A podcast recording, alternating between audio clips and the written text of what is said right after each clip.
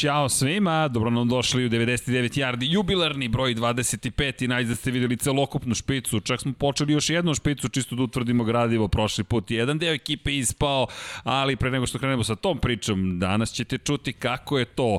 Ekipa Cleveland Brownsa pobedila Steelers u sred Pittsburgha i zabeležila prvu pobedu od 1994. u play-offu, kako su Billsi slavili prvi put od 1995. kako su Ramsi iznenadili, iznenadili valjda, Seattle Seahawks, prva pobeda Tampa Bay od 2002. one šampionske sezone i naravno preostale dve utakmice u kojima smo mogli da gledamo pa e, neke situacije koje smo i očekivali, Saintsi koji su uspeli da se probiju dalje i naravno za kraj cele ove priče šesta utakmica koju ćemo predstaviti večeras, a koju će predstaviti koja ekipa, pa naravno standardna, Jimmy, šalim se naravno, Vanja je u pitanju, Vanja, prošli put ste samo Miksa i ti bili u špici, Miksa, Jimmy i moja malenkost. Ljudi, završen je Super Wild Card weekend i to je bilo zabavno. Ostavio sam jednu utakmicu zapravo za Miksu i gledam tebe, osveta je pala, Baltimore je pobedio Titanse, ali ići ćemo utakmicu po utakmicu samo. Ljudi, jeste dobro, jeste uživali u vikendu? Jes, pogotovo u nedelju uveče, svaki sekund Bilo, svaki sekund. Ponedjeljak ujutro. Da, ponedjeljak Bilo je jače, zapravo, da. da, Vanja će imati svoj segment, meni se nekako čini. Vreme je stalo. u tom trenutku bilo je lepo raditi taj meč, samo ćete da kažem. 28-0 u prvoj četvrtini za Brownse u Pittsburghu. Jimmy, ti i ja smo otišli da gledamo utakmicu dok smo stigli do kuće 28-0. Tako je. Dok se sve razbistrilo, što se kaže, već je bilo dvocifrena, dvocifrena razlika za Cleveland. Ali ko što si rekao...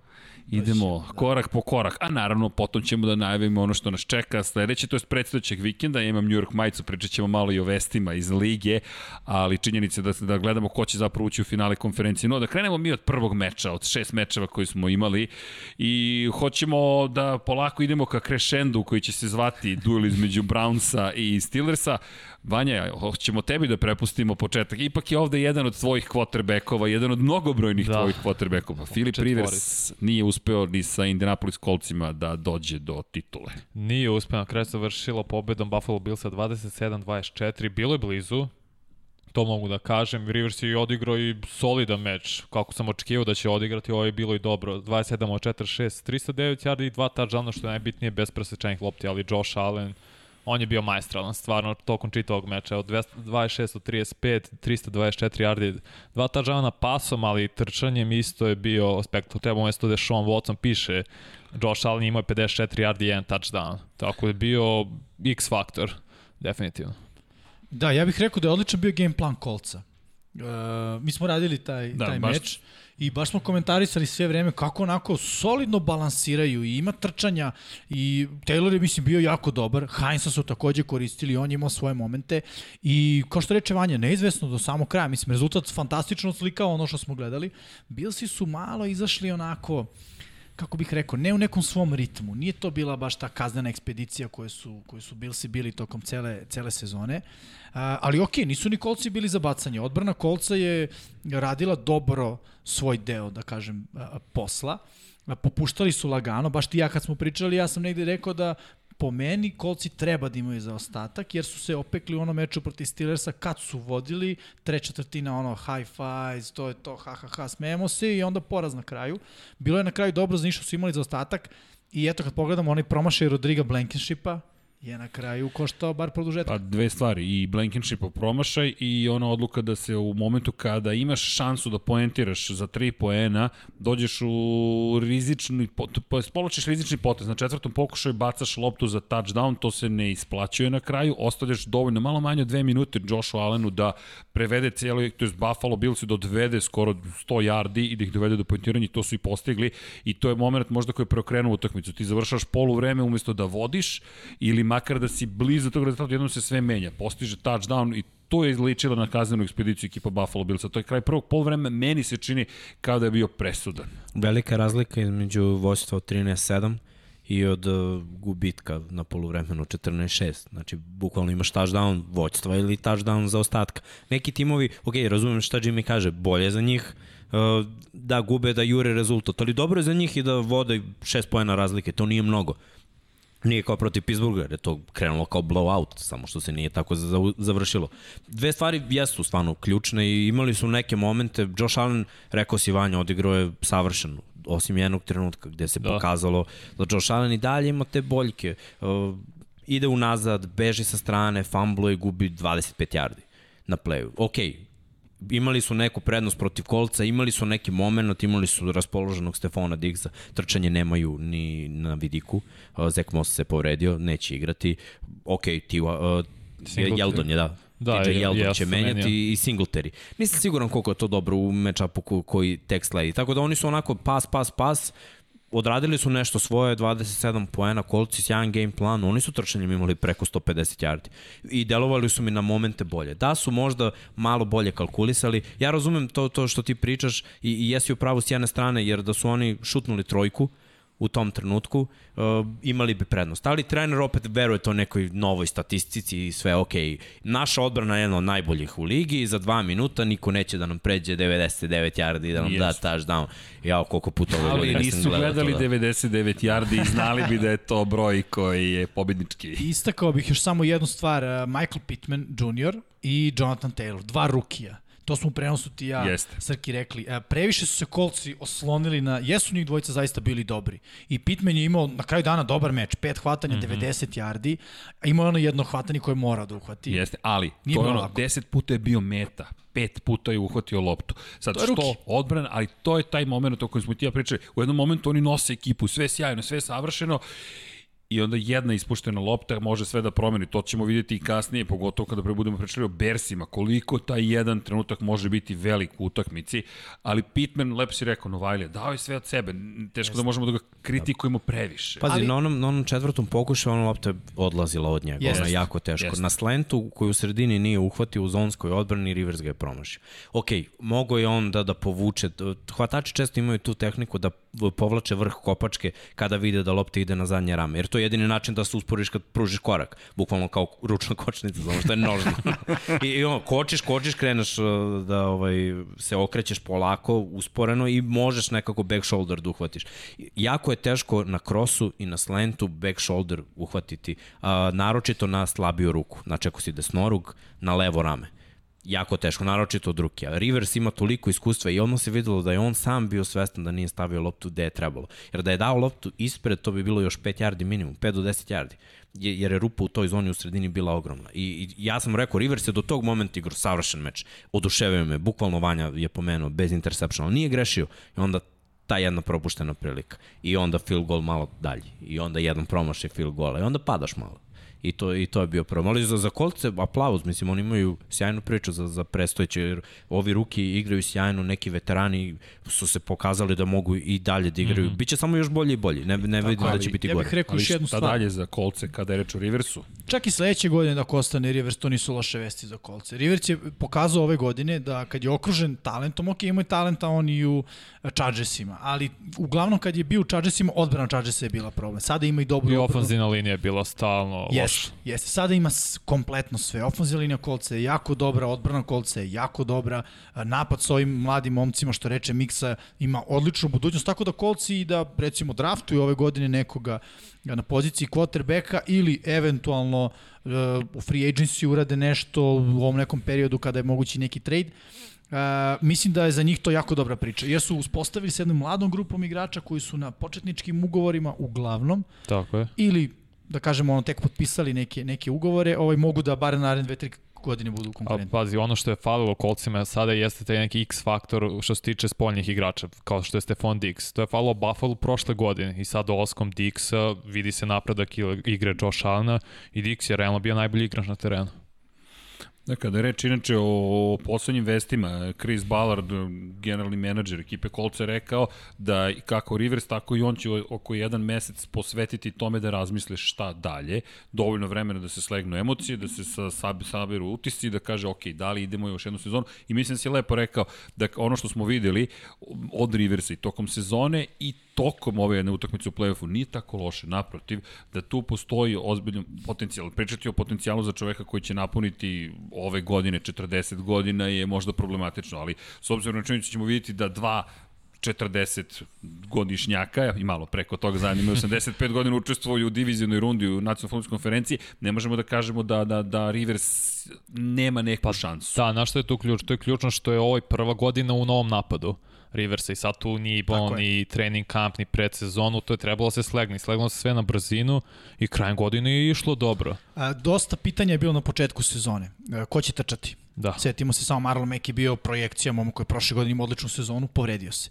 Ok, imaju ruki, ja što kaže Miksa, svake godine na koleđu preko 2000 yardi, ali ruki, ne znaš šta ćeš dobiti. Ispostavilo se da je odličan. Philip Rivers, da li je to onaj Rivers koji može da baci toliko pasava koliko je bacao u svojoj karijeri tokom utakmice, kako će se povezati sa svojim hvatačima? Koji je miks? T.Y. Hilton na nekom zalasku karijere, u nekoj čudnoj fazi svoje mm -hmm. karijere sada ruki u vidu uh, Pitmana, taj tendovi koji kolca koji ranije godina su bili ok, ali su znali da se ne pojave na nekim mečima. I prosto sam početak, kao što Vanja reče, još bez pred, pred sezone, bez nekog dugačkog trening kampa i priprema, sve to bio veliki jedan znak pitanja. I zato mislim da naredna godina može biti dobra za kolce, čak i ako Filip Rivers ostane, jer bit će to tim koji već, već godinu dana igra zajedno. I Reich, mislim, super trener i shvatio da je Riversu život mnogo lakše ako ima trčanje. 100 yardi po utakmici, to ono što nije im u čaržisti. Da, i, i ako pogledamo statistiku meča, ako pogledamo kako izgledala zapravo tr, napad trčanjem, mi smo i pričali o, o, o Tayloru šta bi mogao da učini, Nahim, Nahim Haim je, Skynes je u jednom ključnom momentu prešao, neću reći baš pola terena, nije ni daleko od toga, i pokrenuo ih nekako. Šest nošenja za 75 yardi, to je impresivno, zaista impresivna statistika, ali ključan je taj nekako moment i Taylor je ozbiljan posao odradio za jednog Novajliju u play-offu. Heinz to radi iz meča u meč. On je taj uh, trkačkog kolci koriste uglavnom u pas igri. To protivnici znaju kada ga vide, nije fokus na njemu da se brani trčem. Međutim, Heinz je odličan trkač. Mi ga uvek gledamo kao opciju koja hvata, ono, bek na trećem downu, ali Heinz je ljudi odličan trkač u nekoj malo lošoj ekipi, on bi mogao da bude starter. Recimo u Jacksonu Jaguarsima, po meni on, ok, nije kao Robinson, Robinson je onako što kažu amerikanci workhorse za svaki down, ali ovaj momak bi mogao da bude u tako nekoj ekipi koja nema baš jasno rešenje. Ali ti si baš pozvao praktičnu akciju kada se Heinz pojavio na terenu, ti si rekao ovo može biti opcija za, za, za hvatanje, zapravo za Heinz i to se upravo bilo i dogodilo. Da. I Heinz lepo koristio. Kada pogledamo inače hvatanje, kada je reč o kolcima, ne zaboravimo ni, ni Dojla. Dakle, ekipa je odradila vrlo dobar posao. Malo nedostalo na kraju na sudijska, po našem mišljenju, skromnom greška, je mogla da dovede do toga da odjednom kolci čak i pobede u završnici nije se dogodilo, Bilci su zadržali prednost, ali bilo je neizvesno, 27-24. Da, da, ovo što je Miksa rekao za fumble Josh Allena, što je na krenak te umesto da baci loptu dole ili van igra, on je išao da beži, fumblovo loptu, da su tu pokupili odbrveni igrači kolca, mogli su da odvedu za touchdown. Pa, pao je neko na loptu, da. ali nije, nije uhvatio. Samo je izbio onda na kraju neko od ofenzivne linije došao do lopte. Na I opet pohvalio bih stručni štab, sjajan scouting odbrane Bills, kako da ih napadnu. Ovako se napadaju Bills. Sad, egzekucija nije bila savršena. Jer da jeste pobedili, da li bi 30 poena, ljudi 30 poena u play-offu, to je mnogo. U play-offu se igra na 20 postignutih poena. Znači, e, jedni i drugi su odradili svoj posao ofanzivno, samo su Billsi bili malo efikasniji i to je to. Izvini, osim ako niste Browns i Steelersi, pošto njihov konačni rezultat kada pogledaš pomisliš da li je ovo tačno bila informacija. No, doći ćemo do toga. Samo bih Ali... još jedno ime rekao, izvini, Gabriel Davis iz Jeste. Buffalo. Momak koji onako nije, da kažemo, neka sad spektakularna opcija za njih, ali na ovom meču ok, četiri hvatanja, 84, ajde onako nekako ali, pretpostavlja da su bili big play, ali upravo ovo što ih pokazuje, četiri puta je bio meta. I ne znači samo da to, uhvatio. od ta četiri, tri su bile sideline jest, hvatanja. Jest. jest. I to ključno, mislim, u jako bitnim trenucima. U onom drive na kraju polovremena. I, i, I odigrali su generalno dobro. Dakle, kada pogledaš, pa i Tyler Bass koji je šutnu dva puta, čekaj, to, stoje, to je važno je, on je čovek uradio u jednom važnom momentu je odradio sjajan šut. Pazi, kada pogledamo sad ovako brojke, Kotrbek, Kolca, dva touchdowna, 309 yardi, dobro. Trčanje ukupno preko 150 yardi, dobro. Hvatanje, vidimo već dvojicu igrača koji su blizu 100, gde se pravi jedina razlika između dve ekipe. Blankenship. Pa da, i koliko je bio razlika u poenima? 3. Bes koji je pet puta šutno, tri ekstra poena, dva field gola, svih pet puta siguran, i Blankenship koji je tri puta šutno i jednom promašio. Blankenship je, do, Blankenship je, je dobar šuter, ali bravo, i on je ruki. Prosto da. kolcima mislim da je ove sezone došlo glave uh, kombinacija ono što je Vanja rekao, ta neuigranost, odnosno nedostatak uh, play, uh, predsezone uh. -huh. i duže, duže kampa i to što samim tim imaju toliko, da kažem, Novajlija koji, eto, na kraju se osloniš na njih, da ti šuter pogodi kad treba, da mladi hvatač uhvati kad je bitno. Trkač, ok, kažem, svi su oni dobri i ovo su odlične prve sezone za njih ali nažalost ovo je bio maksimum za kolce. No, bitno je u play-offu koliko imaš uh, utekmica pod kopačkom, to je važno. Pa, Neki da. iskusan igrač i situacije koje ono izgubljena odradi to na iskustvo. O, budućnost je svetla, to, to da. je ono što je važno. Naročito sad kad se Jackson ili Houston raspadaju. Pa da, još sad vidim, Kastonco je otišao u pensiju levi tekla, ali pričali smo Quinton Nelson će se vjerovatno samo se pomeri na poziciju tekla i Mislim da će to biti savršeno. Nisu laki da. te tranzicije u NFL-u, ali Nelson je Kaže Kostanco da je Nelson probao to na treningu i da radi to ovako lagano. Da. Dobro, to su ti vanserijski talenti. I pohvali za Bilce kada pričamo o tome što upravo što si rekao. I zabeležena pobeda, štiklirana, rekli smo prva pobeda u play-offu od 1995. Prvi put da su osvojili diviziju od 1995. I Bilci nastavljaju svoj marš. Možda nije bilo najlepše, ali bez obzira na sve to, zabeležena pobeda i ono što je takođe važno napomenuti, Bilci ostaju kod kuće. Oni da. ostaju na Orchard parku i oni će dočekati, pričat ćemo o tome koga, gledamo, Kaže, gledamo Baltimore. ka Mixi, Baltimore, Baltimore, Baltimore u koji je uglu. u ljubičastom uglu, weighing at 99 yardi. Ostaćemo na yardima. Ali šalno na stranu, Bilsi imaju zabeleženu pobedu, važan moment i, i to je to sad. U divizijnu rundu, sad se igra se menja malo po malo. I Bilsi grade. Iz godine Jeste. u godinu, stepenik po stepenik, sve su dalje i dalje idu i već smo pričali o tome, vidimo i da će dominirati u toj diviziji verovatno narednih nekoliko godina. A, što se play-offa tiče, sigurno, manje više, evo ja sam sigurno da će ulaziti u play-off naredni godina, dok će stići, to će naravno zavisiti od mnogo stvari, ali deluju kao ekipa koja radi prave stvari. Polako to sa dominacijom u diviziji. Za Se, da, za bilo se postoji samo jedno pravo pitanje, da, da. bi ostali na okupu i bili uspešni. Koliko će zadržati Dejbola kao ofenzivnog koordinatora, jer je on u stvari kreator ovog napada i, i on je glavni zasluženi za ovaj uspeh i tranziciju Josh Allena iz godinu u godinu, sve bolje i bolje igra. I, i čitam napad, sve igrače koje, koji su dovedeni u napad, dovedeni su zato što se uklapaju u njegov sistem. Znači, sigurno ofanzivni koordinator i trener učestvuju u tome, aha, treba nam hvatač, ajde da draftujemo u prvoj rundi. Ne. Ajde da uzmemo momka koji je tu svake godine 1000 yardi koji već radio nešto, da, da. treba nam da bi nam quarterback bio još bolji, dovedite Stefana Dixa kada spominješ Brian Dable, on je i bio na spisku New York Jetsa između ostalog, dakle u okviru divizije da ostane, ali da preuzme ulogu glavnog trenera. Pričat ćemo kasnije u vestima ko je preuzeo tu ulogu, ali on je već sada veoma tražen i Tako pitanje je koliko dugo će Bilci moći kako, da ga zadrže. Kako da ne bude tražen? Naravno. Pa koja je tranzicija ovog napada za dve godine? Ajde Preokret. da ne idem na da. treću. Šta je ove godine napad Bills? Jedan od top 5 u ligi. Definitivno. Stvarno sve ima. Pritom, ja da dodamo još jednu činjenicu, a to je da mnogo ima mladih quarterbackova i kako stvari stoje, imaćemo upliv novih mladih startnih quarterbackova i upravo ovo što kaže Miksa, treba ti trener koji zna da radi sa mladim igračima na poziciji quarterbacka i koji zna formulu kako da kroz tri, da kažemo do četiri sezone od njih napravi playoff quarterback. Ja bih volao njegu Chargersima sa Chelsea Head. Čekaj, čekaj. Mogu bi ti volao Ali polako. Ali da pohvalimo još jednu stvar. Kada govorimo, već rekao si 30 pojena u play-offu je mnogo. 28 su imali na kraju. 27. 7, 7. 27. Ali činjenice da, da je to ozbiljan broj poena i to protiv ne tako loše odbrane. Naprotiv, Dobre. kolci su do prve, u prvom polovini sezone bili najbolja odbrana. Malo su popustili kasnije, ali opet to nije loša odbrana. Malo se pojačao raspored. Yes. Nisu oni mnogo propustili. To je takva odbrana kakva je, kao što je sada igrala. Bilo, bilo je timova koji su im davali ovoliko pojena. Da, Tenis pa, im je dao više. Pričat ćemo i o tome kako je izgledao drugi deo sezone i kako su timovi izgledali drugačije posle prvog dela i tu će biti Vanja i tekako glavna zvezda. Obuko se u Brown, Brown kaste boje. Da. Nedostaje samo kačket, ali dobro. To ćemo kasnije pričati. Nećemo kačket. No, Buffalo Billsima, Buffalo Billsima pohvale. Ljudi, zabeležena pobeda, ostaju kod kuće u divizijnoj rundi, igraju na svom terenu, bit će publika prisutna. Pričat ćemo malo kasnije u najavi tog meča kako šta očekujemo, ali Samo da kažem, velika. šta god da se desi, ova sezona istorijska za Bills. Jeste. Već smo dve stvari rekli koje su istorijske za njih, te osvajanje divizije nakon 25 godina, evo sad imamo i pobedu, tako da to su velik, velika sezona za Bills. Posle četvrt veka dve velike stvari i ne možemo reći da iznenađenje naprotiv, ovo bila očekivana pobeda. Kolci došli, izgubili, Buffalo Bills idu dalje. Iznenađujuća pobjeda, rekao bih, je ona koja je usledila, koju ćemo sada pogledati, a to su zapravo LA Ramsey koji su pobedili Seahawks u Sijetlu. Bez obzira na pikove koje smo napravili, sad bih mogao da istaknem da, da, tip na Remse, ali činjenica da ovo ipak iznenađenje. Da, ali pazi, koliko smo rekli u procentima? Da nije, rekli? tako je, tako je. 51-49. Zašto smo rekli tako? Zato što nam nije bilo jasno ko će igrati na poziciji quarterback. Nije mala stvar. Quarterback ima loptu u svakoj ofanzivnoj akciji. Iako ti je quarterback momak koji ima jedan start u svojoj karijeri, mislim, iskreno ja ne više verujem Goffu nego što verujem Wolfordu.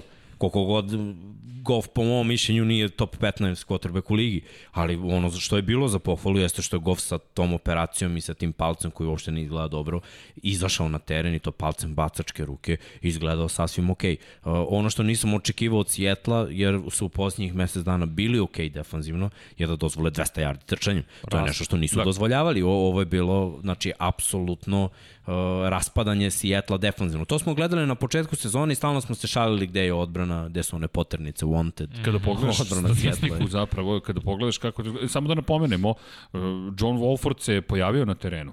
Dakle, pojavio se čovjek, samo je povređen. Da. I on je povređen, on je dobio za povredu vrata, za dobio povredu vrata i bilo je zabrinjavajuće kada smo videli. Međutim, Goff se podigao, ušao na teren i doveo ekipu do velike pobede, ogromna pobeda. Seattle nije pretrpeo poraz kod kuće 15 godina. I još jedna vrlo bitna stvar, a to je Sean McVay. Pogledaj, 25 pokušaja kroz vazduh. On zna, imam kvotrbeka, da kažem glavnog, koji ima ili nema palac.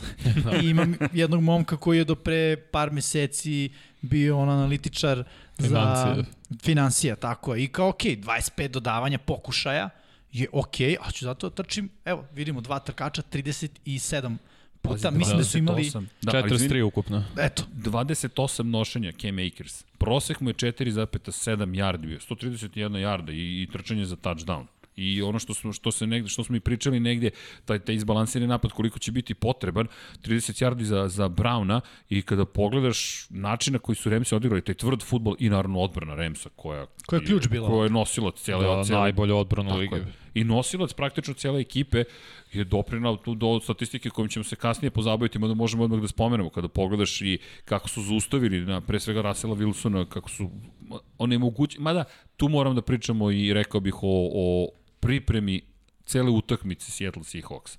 Meni nije bila adekvatna. Prosto ono što su pokazali ponovo u play-offu mi je delovalo kao da pričamo stalno jednu te istu priču, Seattle, Seattle, Seattle može mnogo toga, onda se vratimo na to da praktično uvek vidimo manje više istu situaciju. I dođemo do ovako nekih situacija u kojima pa sledeće godine biće bolje. Sledeće godine biće bolja ofazina linija. Desit će se ovo, desit će se ono i onda će Russell Wilson pokazati najzad šta mogu kao tim. To se opet nije dogodilo. Ja bih rekao da plaćaju cenu toga što neće da plati igrače. Mislim, iskreno, oni su platili svega nekoliko igrača, sve ostalo je po nekoj logici, meni barem deluje skrpićemo se. Ne možeš da uđeš u play-off sa, sa pristupom skrpićemo se. Čak ni Beliček ni ulazi u play-off sa tim pristupom. Pa da, ovo što je Srki rekao, ključna reč, to jest reč jeste ofanzivna linija, koja je godinama loša.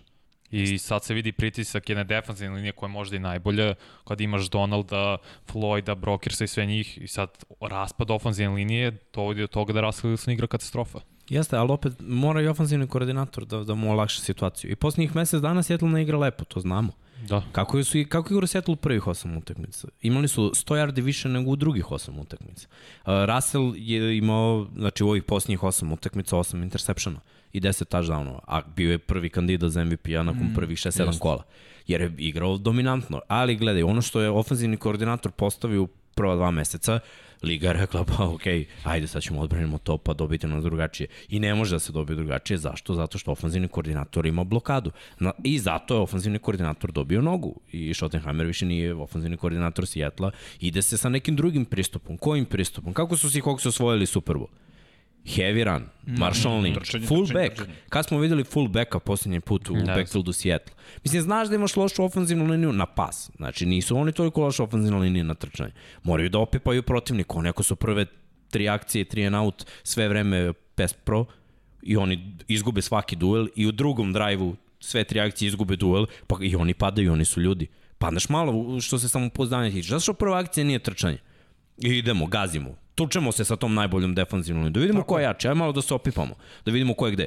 I, I tako se nekako dobija samopouzdanje. Ja znam uvek kad sam ulazio u hadl ofanzivna linija posle prve akcije koja nam je uvek bila trčanje, ofanzivna linija uđe, ko, imamo i vrete mekanisam, mekanisam, ajmo, i onda krene naš druga ili šta, ali oni žive od toga. Jeste. O, to je takva grupa Dobro, ljudi. Moral ti se podiže, hraniš se da. time, video si šta možeš da uradiš, ošćeš se bolje. Glavna filozofija treniranja ofenzivne linije je ono da se hraniš kada pomeraš čoveka od tačke A do tačke B protiv njegove volje. I ovo što kaže Mikse, stvarno tačno. Zamisli još po, pomeraš najboljeg defanzivca u ligi, Aaron Donalda jednog. Da, Kako je to znao, to to sam poznanje. Bude Da, double, staviš ga u da. double team, mislim, možeš da imaš neki sistem i onda, znaš, moraš da se osloniš na si, ok, najbolji cornerback u ligi, ti je zaključio tvog najbolje hvata, najdominantnije hvatača u timu, kome najviše veruješ.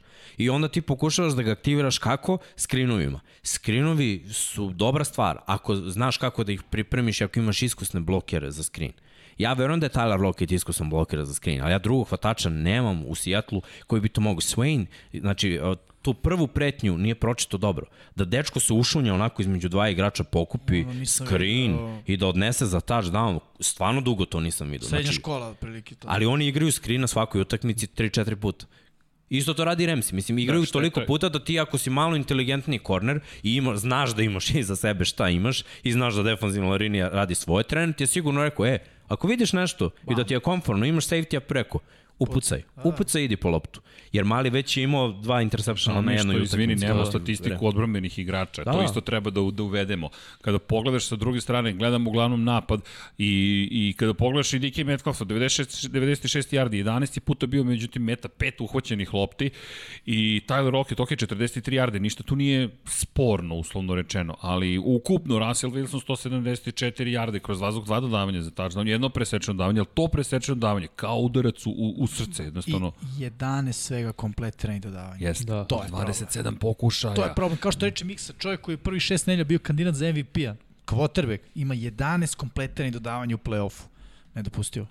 vidi, s druge strane imamo Goffa koji imao 9 od 19, ali ono što smo rekli na početku, ali Akers sa 131 jarda, drugačije si igrao i drugo povređenje čoveka, ali uradio je dovoljno, ono što se od njega očekao, ono što je potrebno, 30 poena su, posle, u druga četvrtina 17, 10, utakmica koja znali smo će biti teška, ipak su to divizioni rivali, treća utakmica, treći njihov susret ove godine, bilo je 1-1 i ono što si rekao, 51-49, ovo je svačija utakmica otprilike. Pa da, i Sve, ovo, sve do game plana, izvini Vanja, sve do game plana, jer ajde od ovih 30, skini 7 na defanzivni touchdown. Mislim, i ekstra point. 23-20. To, to, to, je, To je drugačije. To je field goal razlike. Znači, Seattle samo nije bio spreman. I u tom momentu kada se desio taj interception, on je bio šamar. Jeste. Bukvalno je poko po Seattle. Raspali su se. Ja sam radio tu utakmicu u tom trenutku, znači kad, kad se to desilo, uprko s oduševljenju zbog ovog poteza koji stvarno dugo nisam video, bilo mi onako, gledam Seattle, gledam napadače, Posrnuli su. gledam odbranu koja nam nakon toga, ono, sva bila onako, ja, pa da li ćemo mi sad da se odbranimo. I napad opet izlazi na teren i opet ćorak, ništa. Da, da. Ništa, tokom čitave uda, oni su nešto možda na kraju malo uhvatili ritma i taj touchdown Metcalfa i taj yardaža koja je došla, scramble drill.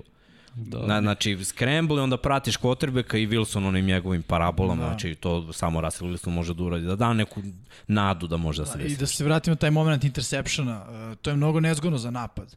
Uh, interception vrati se touchdown, šta se dešava posle toga? Opet izlaziš na teren. I treba da prevaziđeš prepreku vrlo brzo, mentalnu, koja se zove, ovo je ono, na, najgora stvar moguća, znači to nije bio interception u sredini terena, pa dobar potez, korišćenje blokera, smo ga. tako je, nego ovo je baciš čoveku da kad is, on uzme loptu, samo je end zona ispred njega. Da, bio u punom zaletu Williams koji je uradio nevjerojatan scouting i pročito prosto akciju. A možda i to je bio potez meča i ono Wilsonovo bacanje, da, bilo je spektakularno za Metcalf. Ono iz, iz šake bacio čovjek, nikada ono nisam video sad. Ali na kraju dana Seattle ponovo pretrpeo poraz u Pa play-off. da, da. A Ramsey odošao u divizijnu rundu. Ramsey koji, ali tako je cijela, cijela ta divizija zapadna na, na nacionalnoj futbolskoj konferenciji izgledala cijele sezone. Prvo vode jedni, pa drugi, pa treći, pa četvrti, koji ima šansu, na kraju samo 49ersi nisu imali šansu, Ramsey otišli dalje, Arizona ispalo u poslednjem kolu, upravo Ramsey i Arizona su igrali taj meč i jednom Ramsey sada pobeđuju Seattle Seahawks, pazite, sve su divizijone utakmice u završnici i idu, i to, o tome ćemo pričati, idu u Green Bay, bit će to zanimljiva utakmica. Da. Taj, su, taj duel zapravo između ove sjajne odbrane i napada Green Bay, ali o tome ćemo još pričati. Idemo mi dalje kada reč o analizi onoga što se desilo iza nas, pregled super wild card vikenda, ne može ni da stane. Tampa Bay, Buccaneersi, ba ne može, ne, ne mora SVC, da, da. Dakle, Buccaneersi dočekali, to jest otišli u Washington protiv futbolskog tima, kako se zvanično zove ekipa, koliko god nam je teško to da kažemo, i zabeležila ekipa prvu pobedu od 2002. godine. Pričamo o tim istorijskim momentima. Da, kada dođe Tom Brady u vaš tim, očekujete da se ovo desi. Mada, nisu svi za ovim stolom očekivali yes. da se to desi, pa bih ja dao reč Jimmyu, ako se vi slažete. Oh, Okay. Uh, oh, oh. Ajde ovako, ja, ja ću, da, ja ću da, da budem, e, sad će ljudi reći koji prate nas stalno reći, ja Jimmy rekao si Tampa da uđe u playoff pa da im vidimo leđa što pre. Rekao sam, da, ali je Tampa mene, ovaj, e, kako da kažem, Uh, Kupila? Pa, jeste, jeste, upravo si, to je dobra reč. Kupili su me, pogotovo poslednjim uh, utakmicama u regularnom delu sezone.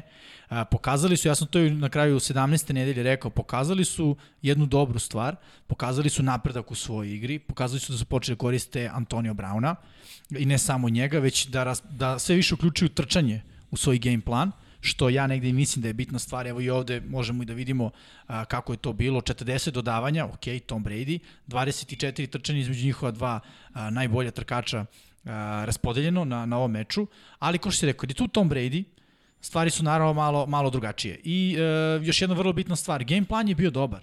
Ofenzivna linija je stvarno uradila svoj posao protiv Vašingtona, neutralisali taj pritisak defanzivne linije Vašingtona koji je jako dobra. Brady isto nije trošio, nije zapravo trošio puno vremena, ostaje u džepu koliko je bilo neophodno, oslobađao se lopte relativno brzo. Za NFL standarde nis, nije bio taj podatak, ali meni onako odokativno se činilo da je ispod 3 sekunde. Slično, u, suštini, u većini akcija se oslobađao lopte. Slično kao protiv Chargersa kad je još bio Patriota. Ne možda toliko brzo, ali real, tu je možda par stotinak sad sporije. Da ali Brady, koliko znači Bradyevo iskustvo, se toliko sad prenalo celu ekipu, i njega, i Gronko, i Otonija Brown, koji su bili u play-offu, ostali nisu, ali se to sve prenalo i neko Tampa izgledala lagano, lagano čitav meč. Pa pazi, s druge strane nisu imali neki adekvatan odgovor, mm -hmm. tako da su mogli malo da, da pa se da, više igraju da. u napadu. Ni jednom trenutku se nije postavljalo pitanje. Upravo to. To je ono, vr, vrlo važno kad, kad igraš utakmicu. Je, jeste bilo neizvesno, ali ni jednom trenutku se nije postavljalo pitanje. E sad, statistika malo ovde ume da prevari. Ako gledamo koliko je Brady puta dodao, 22 kompletirano 40. od 40. Ali imaš Krisa Gadvina koji je prehodne sezone bio pro ball hvatač, koji je četiri lopte ispustio koji idu u šake. Da. To je nešto što Chris Godwin ne radi. Mnogo ispuštenih lopte je bilo od ovih nekompletnih dodavanja Brady-a, a on je opet završio sa 381 yard i dva touchdowna. Uh, Brown je imao prvu utakmicu posle pet da ima manje od sedam targeta ali jedan od targeta koliko ima od tri, jedno hvatanje je bilo za touchdown i to hvatanje gde, gde je prepoznao pravi mismeči i dao mu loptu koja je bila potrebna. Trčanje ono što stalno kritikujemo Bakanirsa i što sad moraju te kako da obrate pažnju jer idu na senice, čak i da ne ide, trči. Nemoj da budeš na terenu 3 minuta dok oni budu 20. To, to nikako ne smeš sebi da dozvoliš. A, ne treba zaboraviti, iako ovde ne može, ne može sve da stane, da. ali iako je Fornet skoro 100 yardi izneo, Von koji ima 21, ne treba zaboraviti ni Brauna koji imao jedno trčanje takođe, da. i to za 22 20, yarde. Ja. To, to Brauna su baš lepo iskoristili kao napadačko oružje i to što kažeš sa strane, to hvatanje njegovo za touchdown kako je prošao, to je to ono što kažeš, nijednog momenta se ne postavlja pitanje, toliko imaš opcija i kad pogledaš statistiku Evansa, to je, šta više da očekuješ od suhatača, 119 yardi, 10 puta bio meta, da, 6 prijema opte, to može da se popravi, ali lepo si rekao za Brady, 381 yard, to, to je opet bilo dosta impresivno. Sakop je napravio jednu grešku na, na šutu za dodatni poen, a ni jedan poen ne smete da izgubite u play-off. Tako je, i još jednu stvar bih dodao, ako se ne varam, mislim da su trčanjem imali preko 30 pokušaja. 29. Ok, Oko 30. Da, da, Poređenju sa 40 dodavanja, da imaš Toma Brady-a i ove hvatače, mislim da je Tampa krenula pravim putem da. i ole onako ravnomernu distribucije, odnosno distribuiranja a, igre što kroz vazu, što po zemlji. Pa da, s druge strane odbrana Tampe opet uradila 7% protiv trčanja. Washington i nema sad neke trka, trkače, Gibson nije 100% spreman, zato i quarterback, pričat ćemo o Heineke bio najbolji sa 4-6. Pričaj odmah, može. A, da, Heineke je bio maestral. Ne, bio da je, odigrao sjajno Heineke. Za njega sam navio tokom celu utakmicu. Da. Jako me ono za srcu i Alex Smith nije igrao. U isto, da, isto. ajmo krenemo od toga. Alex Smith prosto Ma to je to. Nije mogao da izađe na teren. Nije, to je to. Znaš, odradio je svoje. On je dokazao. Mislim, dokazuje sebi, dokazuje svima. Yes. Vratio se. Mislim, šta ima više da dokazuje? Šta opet da prolazi kroz agoniju godinu dana operacija ako pukne to malo mešića što ima? Pa onda opet odakle skidaju, odakle prepakuju. Mislim, što to da radi? Čovjek ima decu, ima život, ima, mislim, možda bude, analiz, možda bude šta hoće, možda bude trener. On je, na neki način on je najbolji... si ponovo na vrh. Da. Došao si, ti si bio čovek koji je 49ers se vodio ka Super Bowlu, pa te skinuo klinac, pa si Kansas City zajedno sa jednim ridom preokrenuo jednu ozbiljniju franšizu, pa te skinuo neki klinac, pa si došao u Washington, pa ti se desi povreda vratiš se posle dve godine, treći put sa trećom ekipom uđeš u play-off, dokažeš, ljudi, ja znam ovo. Imao je 5-1. Da, da. To je do mene dovoljan dokaz. Nema više šta. Ža, žao mi je što jednostavno, mislim, ono, neke karijere ne idu u smeru kao i neke druge. Znaš, Prosto se ne ne desi. neko nema sreće, ne, zvezde se ne poklopu, sudbina nije takva, ali svaka čast za, za ovo što nam je Jeste. dokazao svima. I, I hajde da kažemo Tom Brady koji mu na kraju meča prilazi i kaže ti si velika inspiracija za sve nas, svaka čast. Pazi, to kaže čovek koji ima šest Super Bowl titula. Mislim, Brady mu je to rekao sa neke ljudske strane, ne Da, sa ali- strane sporta i Ne, iz ne, futbala, ali, ali, kažem, ostvaren čovek, čovek koji je toliko, koji se vratio posle jedne povrede, priđe ti neko ko je takva veličina konačno i kaže, hej, ti inspirišeš mene, da. Okej. Da, mislim, Alex Smith, uh, kao što reče Miksa, uradio stvarno veliku stvar. On je uveo Washington u play-off, Yes. tu nema govora. Ali treba pričamo o Heinekiju. Jeste, jeste, Taylor stvarno Heineke. Polomio. Ček, imamo i publiku, dakle, ograničene, limitirane, ipak su mere bezbednosti takve, ali imamo jednog navijača ovde, pored Don Pabla, navijač Packersa, ja bih rekao, na osnovu kape, Definitivno, da, da, da, da. da. naš dragi prijatelj, ali da ne otkrivamo ko je, a tribine ćemo napraviti, to su bilo pitanja Lab 76, bit će tribine za 99 yardi, kada situacija bude dozvolila, bez brige. Ali Taylor Heineken, da se vratim mi na njega, ljudi, odigrao je fenomenalno. Jeste. Lej, on, ona smelost u trenucima kada prvi rid nije tu, drugi rid nije tu, izbegneš jedan sek i shvatiš, ej, flet je prazan. Idem ja na touchdown. Idem ja na touchdown. Lansiraš se sa, sa ono 5 yardi, odskočiš od 4 i u Superman stilu srušiš pilon. Uh, Chase Young koji je dotrčao da, da, Da, je- pokaže ono, to je moj quarterback. Iskreno, mislim da bi on trebao da bude nečiji quarterback. Ako Da. ne, možda i Washingtonov quarterback, a ako ne Washingtonov, nečiji quarterback bi da. trebao da bude. Jer da ga baciš ovako u vatru, nije startovao ni jednom, igrao je u dve utakmice, ali nije startovao. Baciš Da, baciš u play-offu, kao ajde, momak, uzmi, počne startni. I, i, i dečko se pokaže, ovo nije uopšte bila loša partija, on nije ne. mnogo grešio, a igra je protiv odbrane koja je na papiru jaka na svim, znači i defanzivna linija, i linebackeri, i defanzivni bekovi. I ne, mislim da su svi pocenili Washington i da su mislili da će Washington odavde ofanzivno izaći kao Bersi, jer smo za Bersi isto mislili da će se pomučiti protiv Senica, jer su odbrane slične. Mm -hmm. uh, ne da se pokazao bolje od Trubiskovog, nego on, da. ne, nemam reći, odezu stajem. I da dodamo još jednu samo stvar, igraš preko puta ti je Tom Brady. Ti igraš protiv tog čoveka, protiv one ekipe i ti nosiš svoj tim koji nema ni ime i koji je u potpuno... Ne, nema ime. Tim nema, nema ime. Nije imao trenera. Sad je dobio novog trenera. Ko je quarterback? Jedan se povredio, drugi, se, po, drugi je dobio otkaz u sred sezone, to jest na kraju sezone. Neslavno se završila njegova karijera. Treći se povredio. Treći je povređen, došao da igra, uveo se u play-off, pa se i on povredio i ti sada dolaziš kao četvrti quarterback u prvoj utakmici u kojoj startuješ u play-offu protiv one ekipe. Pazi sad ovu izjavu. On je sad bio četvrti quarterback, ali vidjet ćemo ko će biti Da, prvi quarterback 2021. Ja sam siguran da će to biti Heineke, pogotovo zato što, ako se ne varam, on je bio u Karolini kad je... Jest, jest. Da, kad Ne, je... zaslužuje da se bori da bude startni, to, to, to mora da mu se da ta šansa. Tako je. Tako Bilo je. bi fair. I nema razloga da ga ne potpišu za sledeću sezonu. Da ga ne zadrže prosto u A ekipi. Ron Pa Rivera da. deluje kao čovek koji, koji zna šta, šta radi po tom pitanju makar. I, i Ron Rivera sve pohvale za Ron Riveru. Ljudi došao u Washington, on bolestan došao, lečio se bio na terapiji od kancera, pr, prva utakmica dramatična i čovek dovede ekipu u play-off. Nema veze kakva je divizija, ušao je u play-off, svaka čast. Pa da, čovjek koji postavlja kulturu, kao što je radio u Karolini. Tako, tako vi trenere vole svi da imaju, naravno. A sad za Alex Smitha, da li je ovo kraj karijere? Ja ne znam koliko još ima ugovora, da li mu ovo posljednja sezona ili ne. Ali, Ali- vidiš u kom smeru to ide. Znaš, Pa da, Postoje Da neke stvari koje su veće od futbala, koje su veće od sporta, jer, ok, vratio si, sve, sve je to super, ali mislim, evo, bavili smo se sportom.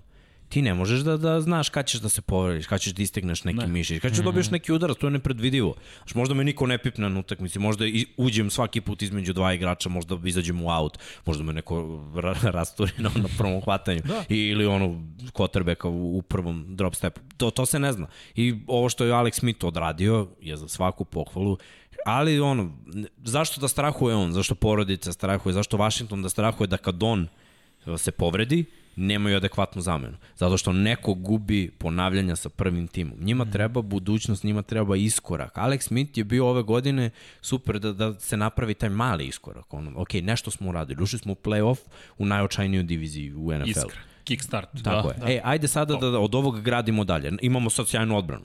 To nismo Tako imali. Da. Sad imamo sjajnu odbranu. Da kažemo, prvi pik koji su imali, prvi pik na draftu, uh, drugi pik na draftu je odličan izbor. Pa da, I to su dobre ja. vesti. Mislim, koliko ekipa ima pik prve runde, pa promaši potpuno. Izvini, meni delo je kao da su dobili, bez obzira što je on Novajlija, lidera u odbrani. Nekog ja, ko će, timu, koji će, da, u timu, koji će da ti drži slačionicu na okupu. To ti treba, svakome to treba. I, I Tom Brady kada se pojavio je morao da se oslone nekoga ko drži slačionicu i drži je na, njegovom, na njegovoj strani praktično. To treba bilo kome ko dođe u Washington da neko kaže, ej, i to je ono što si lepo rekao, Young je došao i rekao ovo je... Da, mada nije baš bilo tako da je on došao i rekao, nego je on došao i stavio iza Kerrigana Pokazao. i onda je počeo da uči Znaš, da uči od nekoga ko je već lider u toj slačionici, neko koji je da, da. ubica da. na poziciji godinama.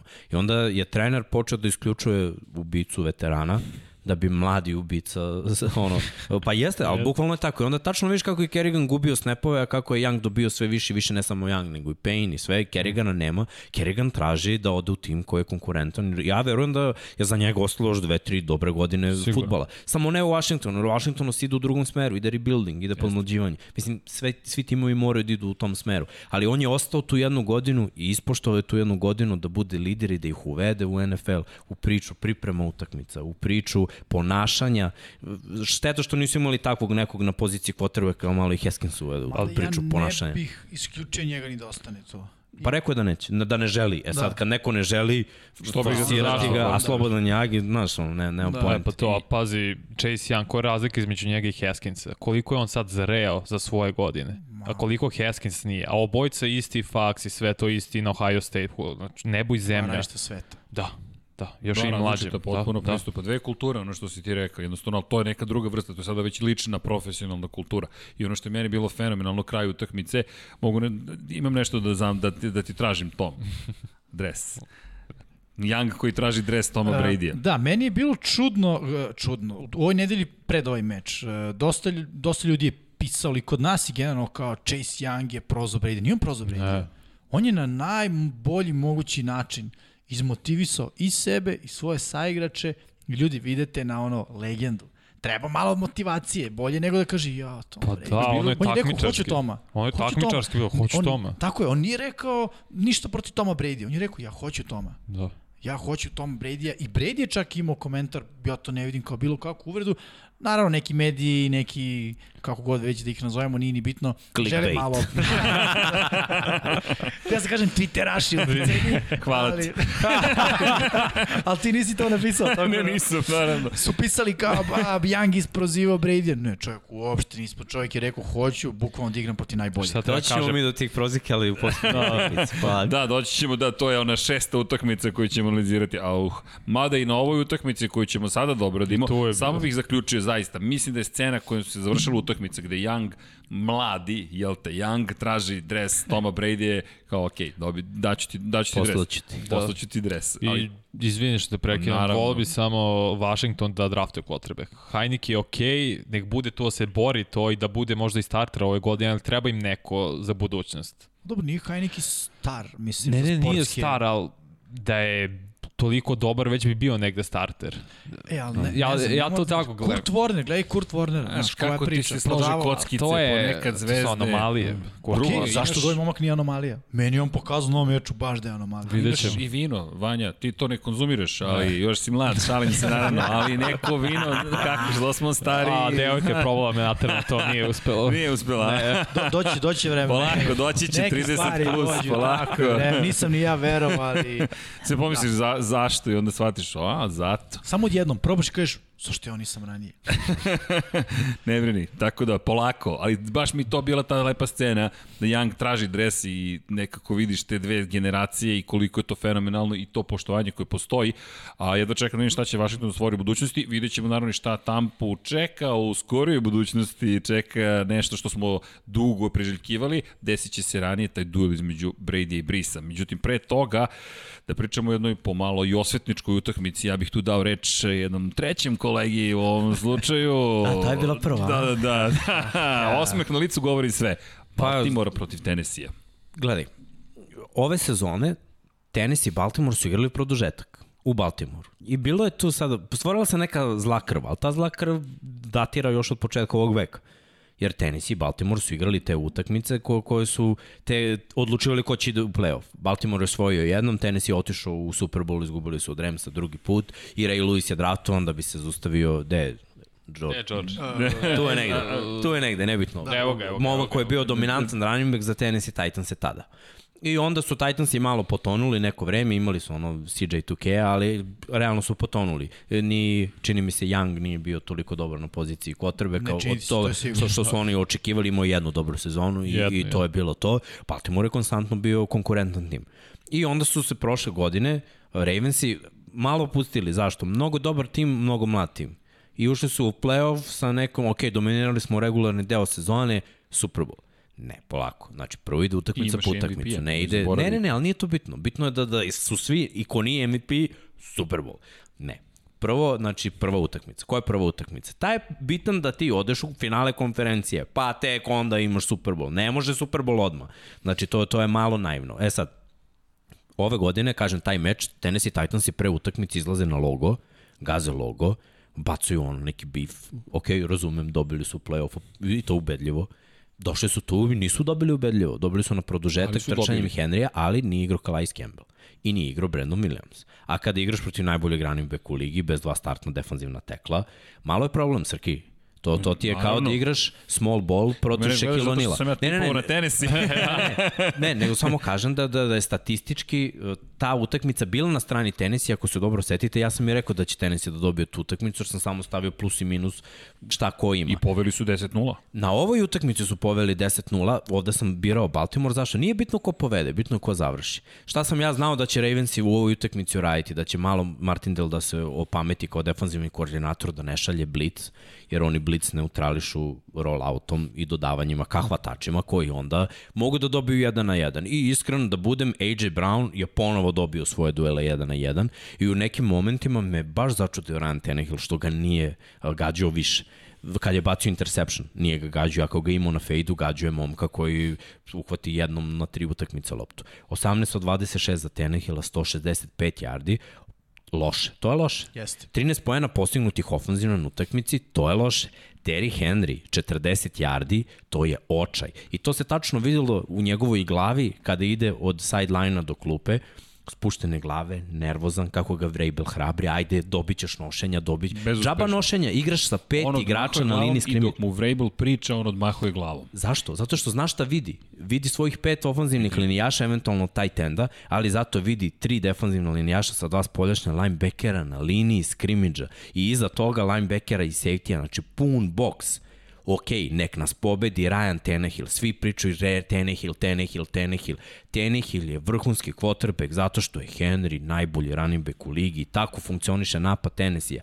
Jesmo videli četiri hvatanja na trećem za dva, na četvrtom e, za tri, na drugom za dva, gde hvatač hvata loptu, dobije udarac i ispušta loptu i onda kreće, ok, pantujemo. Nećemo mi ovo, zato što su sileđije dobile taj sileđijski tretman. Ali, izvini, moram samo jednu stvar. Ne, statistika dve, jedna stvar, ajmo jednu stvar, Lamar Jackson, i neću pričati samo o statistici, 136 yardi, ljudi, mi pričamo o quarterbacku koji je trčao, prvi quarterback u istoriji koji ima da sezonu za sezonu sa preko 1000 yardi trčanjem u regularnom delu sezone, ali na stranu 136 yardi, presudni moment, Lamar Jackson koji u momentu kada su se sve akcije raspale kroz sredinu, Jest. desno, na touchdown, kojom brzinom I stalno pričate o brzini, ali ljudi, ono je bilo bukvalno munjevito. To je bio trenutak koji je bila iskra za Ravense.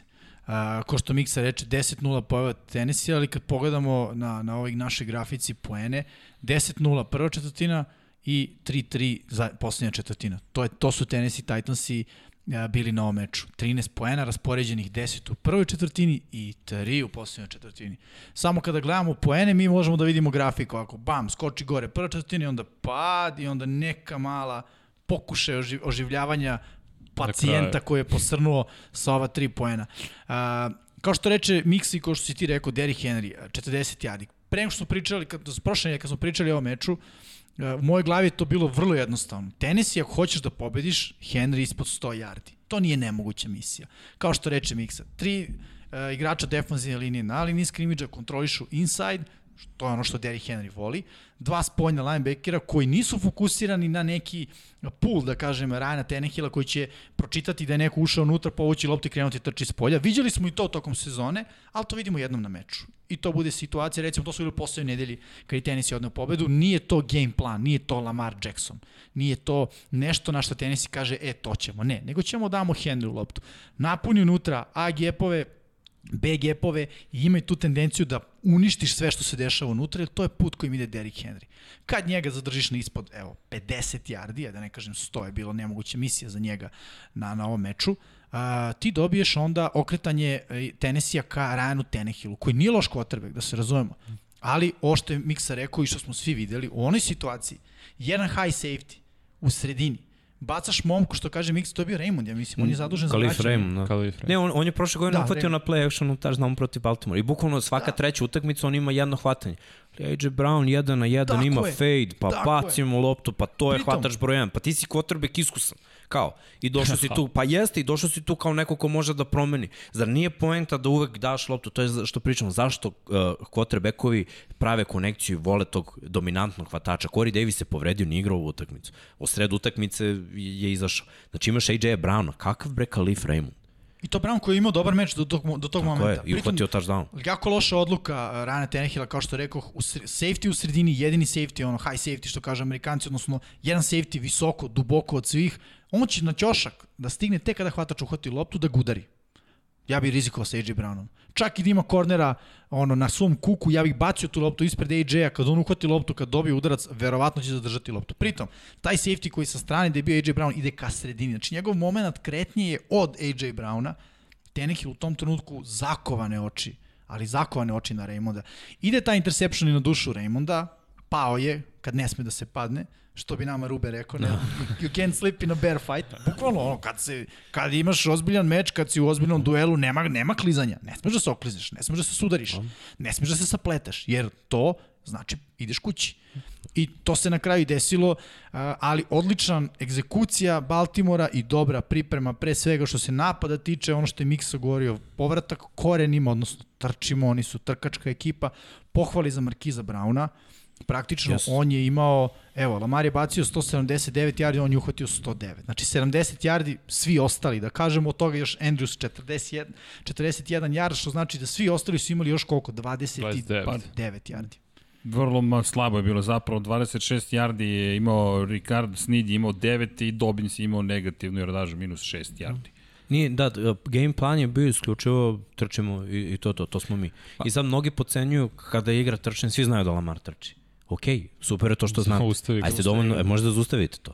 Jer mislim, džaba meni što ti znaš nešto ako ti to ne možeš da, is, da zaustaviš. Ali pazi, rekli smo da ovo odbrana tenis je stvarno loš. Ali ovo je bila kako najbolja, su- iskreno, hoću da ti kažem, ovo je bila najbolja utakmica tenisija, defanzivno. Imali su pet sekova za celu sezonu. Su ne, 15. Što Četiri u prvom da. polu vremenu. Da, vidi, Iskidali, ja nisam verao, prvo polovreme sam gledao i pa čekaj bre, ko su ovi ljudi i Tako svaki čast kako igraju. Koliko puta su došli do Lamara, ali, ali, i onda, šta mislim da je bila velika greška, su se upustili. I čovek na čoveka. Nisu se postali srke, oni su bili, veruj mi, oni su bili u savršenim pozicijama, imali su savršene uglove. Nisi pokrio Lamara. Pokrio si, imao si, Nisi, nisi mogao ga pokriti. imao si Srki, imao si outside, imao si čoveka u sredini, imao si safety preko Bayer ga je pratio, imao je ugao, ali imao je ugao za, za neku brzinu koju on nije video. Moram da podvučem još jednu stvar. Kako je tenis izgubio od Chiefsa prošle godine u finalu AFC-a? Tako je, Mahomes je Jedan, istračao. jedno trčanje Mahomija. Šta se sada desilo? Pet ljudi ga imalo. Bili su ono dobri uglovi, samo razumeš, To, ali to je brzina o kojem priča. slušaj, ne bih složio, Bayern nije imao dobar ugao. Bayern je imao dubinu, ali njegov ugao je bio prilično loš jer je stavio bukvalno iza leđa jednom čini mi se svojih linebackera, ali znam šta hoćeš da kažeš.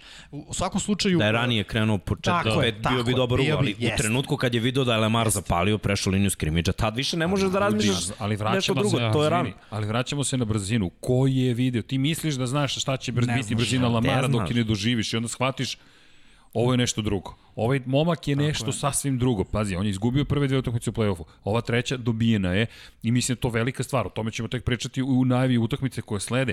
Ali Lamar je pokazao ono što jeste Lamar. A to je, taj, to je da je on zaista pravi izuzetak. Ovo nikada, ni, ja ne znam da li je iko video nešto slično ovome. Pa, Brzina u NFL-u, ali to je kao da je NFL igrač ušao u koleđ, to je tako Ja izgledalo. bih rekao da se brzina videla, Michael Vick je bio jako brz, ali Vick nije imao u promenu pravca.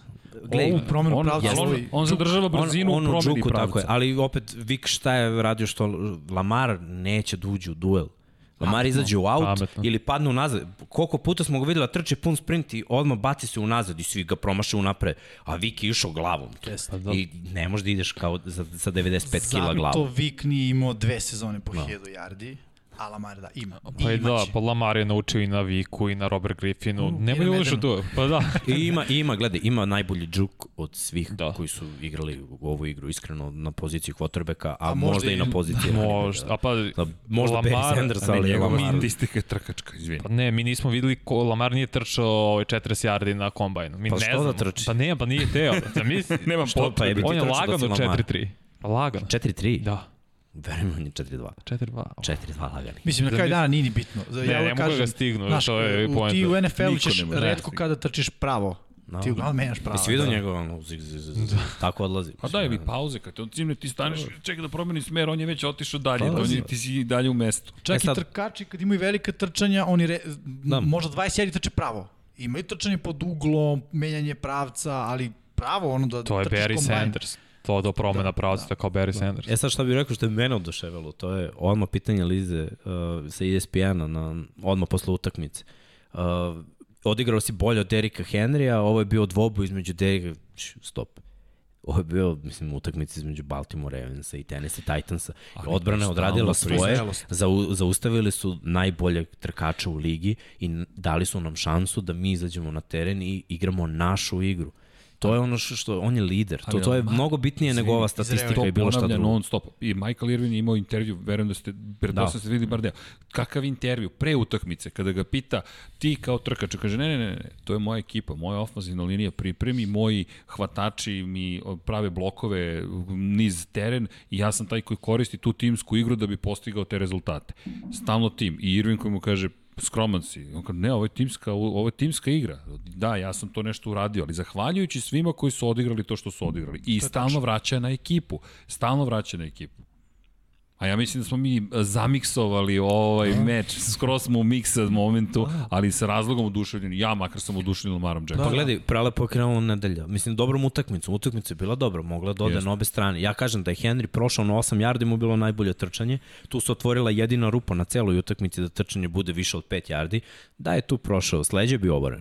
Livada je bila, livadica, jedna Jeste. za Henrya, do još dva koraka i doviđenja, Ćao. jedan Steve Farm ili dva, Ali vidi, to nikoga je ne bio bi stigao. rizik game plan, Da, da, znaš. da. Da. Bijevi zaključani na hvatačima, a linebackeri i defanzivna linija fokus na, na, na Henrya. Ako prođe prvu i drugu liniju, verovatno će biti veliki problem. E sad što kažeš, nakon 8 yardi, mislim da je safety ga je oborio, možda čak i... Ne, ne, devet. linebacker, linebacker. Linebacker, okej. Ali U ono svakom s leđa slučaju, u- Da, da, da, tako bacanje. je. Je McPhee bio, čini mi se. Ne, ne, McPhee nije, nego, nego board bio. Bor. Ali, Mikse, mislim da si mi dao savršeni uvod za sledeću utakmicu. Nedelja, dan nedelja je lepo počela.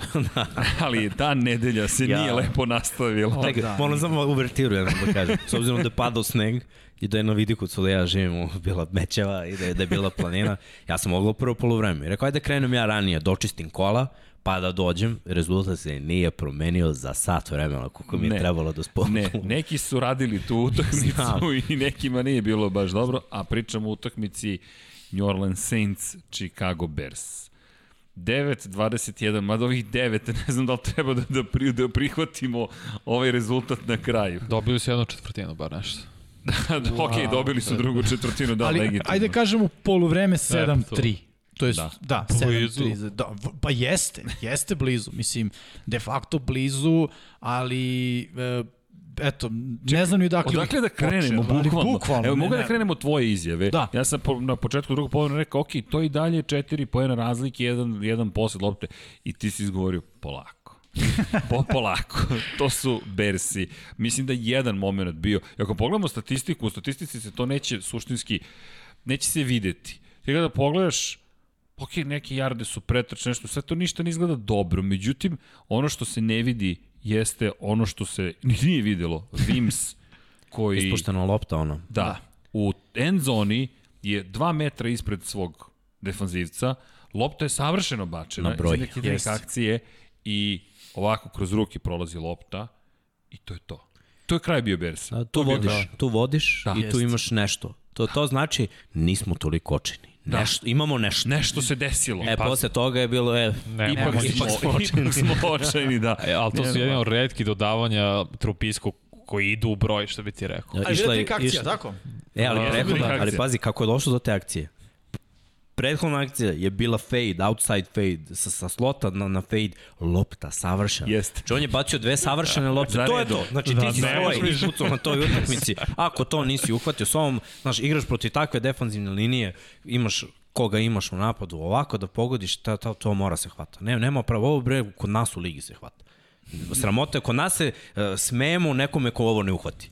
Je, znaš, u našoj ligi. A zamisli u NFL-u da je neko profesionalac. Isti profesionalac koji je bacio jedan kroš i bio isključen na utakmici prethodnoj koju su igrali Bersi i Saints. Profesionalac? Da, da. To, to, to profesionalac. Ovako, Vims, jedno hvatanje za 28 yardi, četiri puta je bio meta i to nekako kad statistika vara, niko neće u statistici moći da vidi ovo, ali to je moment koji je okončao bilo kakvu nadu Bersa da mogu bilo šta da učine u play-offu koji su i onako ušli neću reći srećno, ali... Presrećno. ok, moj dragi kolega je bio surovi. Arizona izgubili kao idemo u play-off. Da, Mislim, da. to ti je kao što kažu, bili smo vice šampioni, izgubio si. Mislim, drugo mesto se gubi. Izgubio si, ali si ušao u play-off. Da. I onda smo videli šta u play-offu. Zaista nemam, ne znam kako da opišemo ovu igru Bersa, to je bila agonija. Na Bravo, kraju jesu postavili touchdown, ali ljudi oni nisu čak ni šutnuli za dodatni poen. Pa nije bilo smisla kraj utakmice. Mislim da je adekvatno, pa bukvalno nije bilo. Pravila NFL ne dozvoljavaju. Pa, ne, nebitan je play. Ne, nevažan je, ali Jimmy Graham koji je uhvatio loptu i napustio stadion i rekao... Mislim da je on poslao naj, najčvršću poruku. Da, ali pazi, poruku. za, za njega taj stadion mnogo emocija. Jest. On je, Jest. pazi, on je bio na onoj lošoj strani trejda sa Seattle. Jer on je dominirao u Saintsima, on je bio najbolji taj ten u ligi. U ravno zrame sa Gronkom možda i bolji. Statistika mu je bila bolja jer ga je druga eksploatisao do maksimuma. I pokazuje da on košarkaš može da igra komotno u NFL-u. Stvarno, stvarno je igrao van svakih, iz, iznad svakih očekivanja. I onda bam, centar za, za taj da ode čovjek u Seattle, nije Seattle, nije taj tim. On neće dobijati lopte koliko je dobio u Saintsima. Ok, bio u crvenoj zoni meta, ali sve je krenuo ovako. Uf, I, I dalje ide tako. Mislim, yes. ok, on je u crvenoj zoni i ove godine imao neke lepe momente. Imaš 2 metra i 120 kila, pa naravno da si meta u crvenoj zoni, cornerbackovi su u proseku 1,80 m. Mislim, digneš ruku i Koga zagradiš se, baciš rame i evo je lopta ovde i kolj. Pa, Mislim, i ovaj tažan nije uhvatio jednom rukom. Jest. Jest. Je tako? Jest. I to je, ko je radijus? On ima radijus bre 5 metara oko njega, možda baciš loptu, on je čovek kadar da uhvati Pokri to. Pokri studiju. Da, da, bukvalno da. pokro ovde nas mi pokrio sa četvorica. Nećemo ga zvati. ali dobro što tiče Saintsa, dobar, dobar priprema za naredni meč. Je trebalo i Kamari i Michael Thomasu da odigraju jedan meč. Nisu Znaš, igrali. Šta se mm. meni izvinite pekino ne sviđa? Početak. I to je nešto sam, čini mi se, prošle godine e, često isticao da quarterbackovi Srki, koja je korektna reč. Ne kaže se stari, iskusniji. Iskusniji quarterbackovi okay. imaju tendenciju da otvaraju mečeve sporo. Pričat ćemo Jest. u poslednjem meču o jednom isto takvom quarterbacku i jako sporom otvaranju, ali onda se, da kažem, bude kasnije. E, bojim se da modern NFL to baš ne trpi jer upravo meču koji ćemo kasnije pričati, neću da, da sad, da kažem, analiziram to, ali kad se napravi velika razlika u prvom polovremenu, teško se stiže. Saints su sada igrali protiv Bersa koliko mogu Velsi da naprave razliku protiv te u prvom polovremenu, pa jedan defanzivan dobar play, recimo pick 6, što je nekih 7 poena. Tako da ti tu možeš da se vratiš u taj meč. A, to je ono što se meni nije svidelo kod Saints. Ono što mi se s druge strane svidelo je ponovno koliko toliko eksploatisanje Michael Thomasa. I to je bitno za Saints. E, Drugu treba i te kraće rute da se, da kažem, da, da, da, da vrati neku vrstu samopouzdanja u svoju ruku, da se razigra. I u kom trenutku, Tako ni je. na kojoj poziciji na terenu. Jer Tomas je uhvatio hvatanje za touchdown, kako je našao rupu, bukvalno je na, Jest. čovjek je sam, oko pet, pet igrača oko njega, on je potpuno sam i dobio loptu. Ali tu i pohvala za Drew Brisa. Tako je, i jako je teško Tomasa brani. Prvo, Drew Brees je bacio to, to dodavanje, znači, to, to je rupa u zoni, on toliko zna sve moguće zone, da on baca loptu pre nego što hvatač Jest. ima posljednji korak pre brejka. Ne čak ni na brejku, nego korak pre brejka je išla ta lopta, ali koliko oni imaju tu hemiju, Tomas je tu uhvatio, pazi, sa 195 i 100 kg Hila, teško je. Znaš, on tačno zna, neću da uđem u defanzivcu, ću između njih. I dok oni kalkulišu ko će koga da udari, ko će kako da uđu u duel, ti sa 195 se ispružiš i daš touchdown. Deontay Harris je meni ovde priča. Jer tokom čitavog godina imao sam jedno vreme na fantaziju, čisto ono da, da isprobavam te momke koji igraju specijalni tim, i slot, i running backa, i jet sweep, i rade sve. Ajde, volim te gadget igrače, baš su mi zanimljivi. I Bruce Arians je rekao, on se najviše plaši Deontay Harris. Momak može sve. Jer ti ćeš da posvetiš pažnju Sandersu, iskusnom koji će vratno oduhvati nešto ako ga ostaviš. Thomas, ne smeš da ga ostaviš nikako. Imaš dobru igru trčanja, kamera mora da ti bude tu top 2 prioritet. I za, nekako ćeš da staviš u drugi plan Dionta Harrisa, možeš ozbiljno da se opečeš jer je dečko toliko eksplozivan, toliko sve to brzo izgleda i te promene pravca i u novoj utakmici on je bio jedan od ključnih igrača. Sedam puta meta, sedam uhoćenih da. lopti. Sigurne ruke. Da, I rekao bih još jednu stvar, kamera, ja i ti, e, Srki, kad smo radili prenos, ja sam rekao da je bitno za Senice da ga razigraju što pre. Nisu ga baš razigrali, 99 jari trčem, ok, nije malo, 23 nošenja, to je 4,3 uh, prosečno ponošenje, ali nekako su te jarde bile neprimetne. Nisu bile ono karakteristične za kameru, da su u nekom ključnom trenutku ili da je to neko veliko, veliko trčanje. Po meni on inako, iako ima 99 jari, prilično tih. Pa baš nije zato... Nije slučajno da je baš 90. Da, to nije sigurno. pa baš i zato vratio se s COVID liste. E, treba mu još jedna nelja da dođem, čini mi da. se da bude 100% spreman. Mislim, zato i kažem, ovu utakmica njemu pomogla. Malo po Jeste. malo. 4,3, ok, sve preko 4 u proseku je dobro. No, preko 3,5. Da, ludilo. Da, da evo, ali se očekivao više od Mareja. Izvini, prebrojavam mm. ponovo, čisto da, da, da, da li sam dobro zapatio, 10 različitih hvatača je imao Drew Brees. Dobro, to je priča ove sezone za Saints. Setimo se onog jednog meča, ako se ne varam, daj sad da ne lupel 14 hvatača, tipa različitih je uhvatilo loptu, ali kažem, to je negde priča ove sezone, jer kako se Michael Thomas povredio, njima je ostalo, postalo zapravo jasno da uh, mora da se pronađu druge opcije. Uh, druga opcija u vidu jednog čoveka ne postoji, i to je okej, okay, ali postoje druge opcije. Tako Harris, što Miksa ga je mm -hmm. pomenuo, jako dobra sezona za njega, moma koji je ono čovjek koji vraća ispucavanja, odjednom ti je dobar i kao hvatač.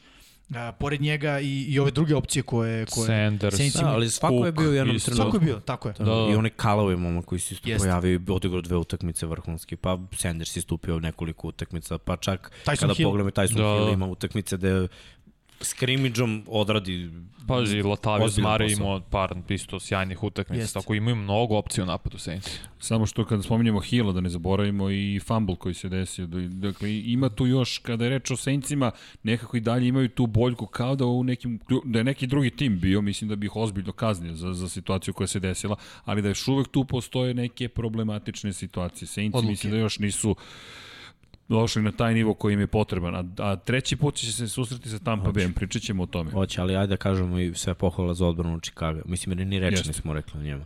Ali sa ovim napadom, ja ne mogu ništa, ja njima ne mogu ništa da zamerim, a cele sezone pričam da kad si sve vreme, ja smo Jimmy videli koliko je bilo to, to je 40 minuta su bili na terenu. Ma da. Yes. Pa šta, odbrana 40 minuta na terenu. Ti treba, znači, još Saints su sigurno u par situacija ušli ono, idemo bez izmena, onda ni odbrana ne može da vrši izmenu, uhvatiš ih da ono su zadihani, da ne znaju gde duše im u grlu i ajmo sada.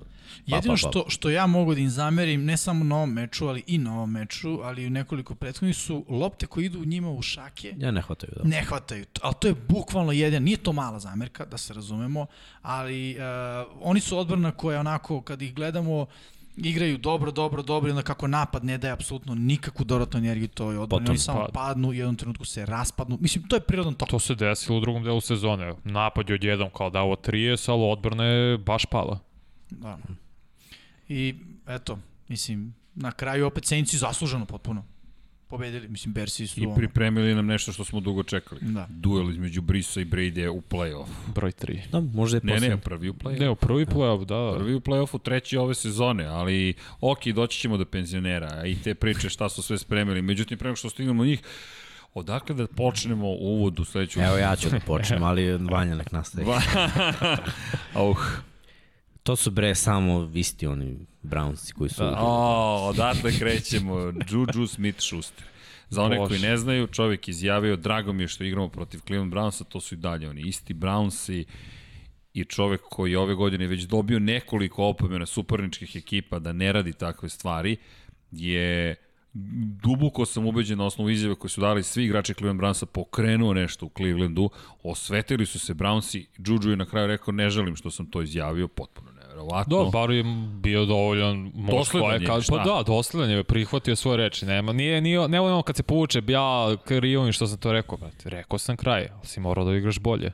Ti si rekao pa, da su... On, on je odigrao super, mislim, ali, ali tim Mislim da ovo vanjenih 5 minuta. Ti si rekao da su pretendersi, od kada si to izjavio, dosta si pretrpeo kritika publike, ali jedna pobeda i pet poraza Steelersa, uključujući poraz kod kuće u play-offu. Stvarno katastrofa. Da se vrati, da se prebaci na kraj meča, to je par dana prvo nakon meča da je Chase Claypool isto njegova izjava mi nije jasna kao pa dobro sve u redu Chiefs će razvaliti Brownce tako da sve je cool kao Šta i pazi, znači? izjava, samo da se nadoveže na to, izjava zato što su kao Brownsi nisu pokazali klasu. Da.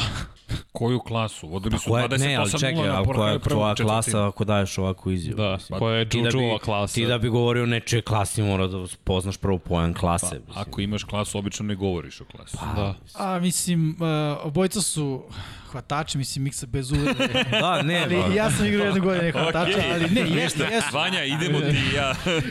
On je postao lično sada. Ne, ne, ne, ne, nije lično, to je de, de facto, znaš. To su preusijene glave i treneri, I treneri to znaju, mislim, ja iz svog iskustva i generalno čitajući stvari koje se pišu na profesionalnom nivou i na koleđ nivou, hvatači imaju taj, uh, uglavnom, da kažem, moment dive.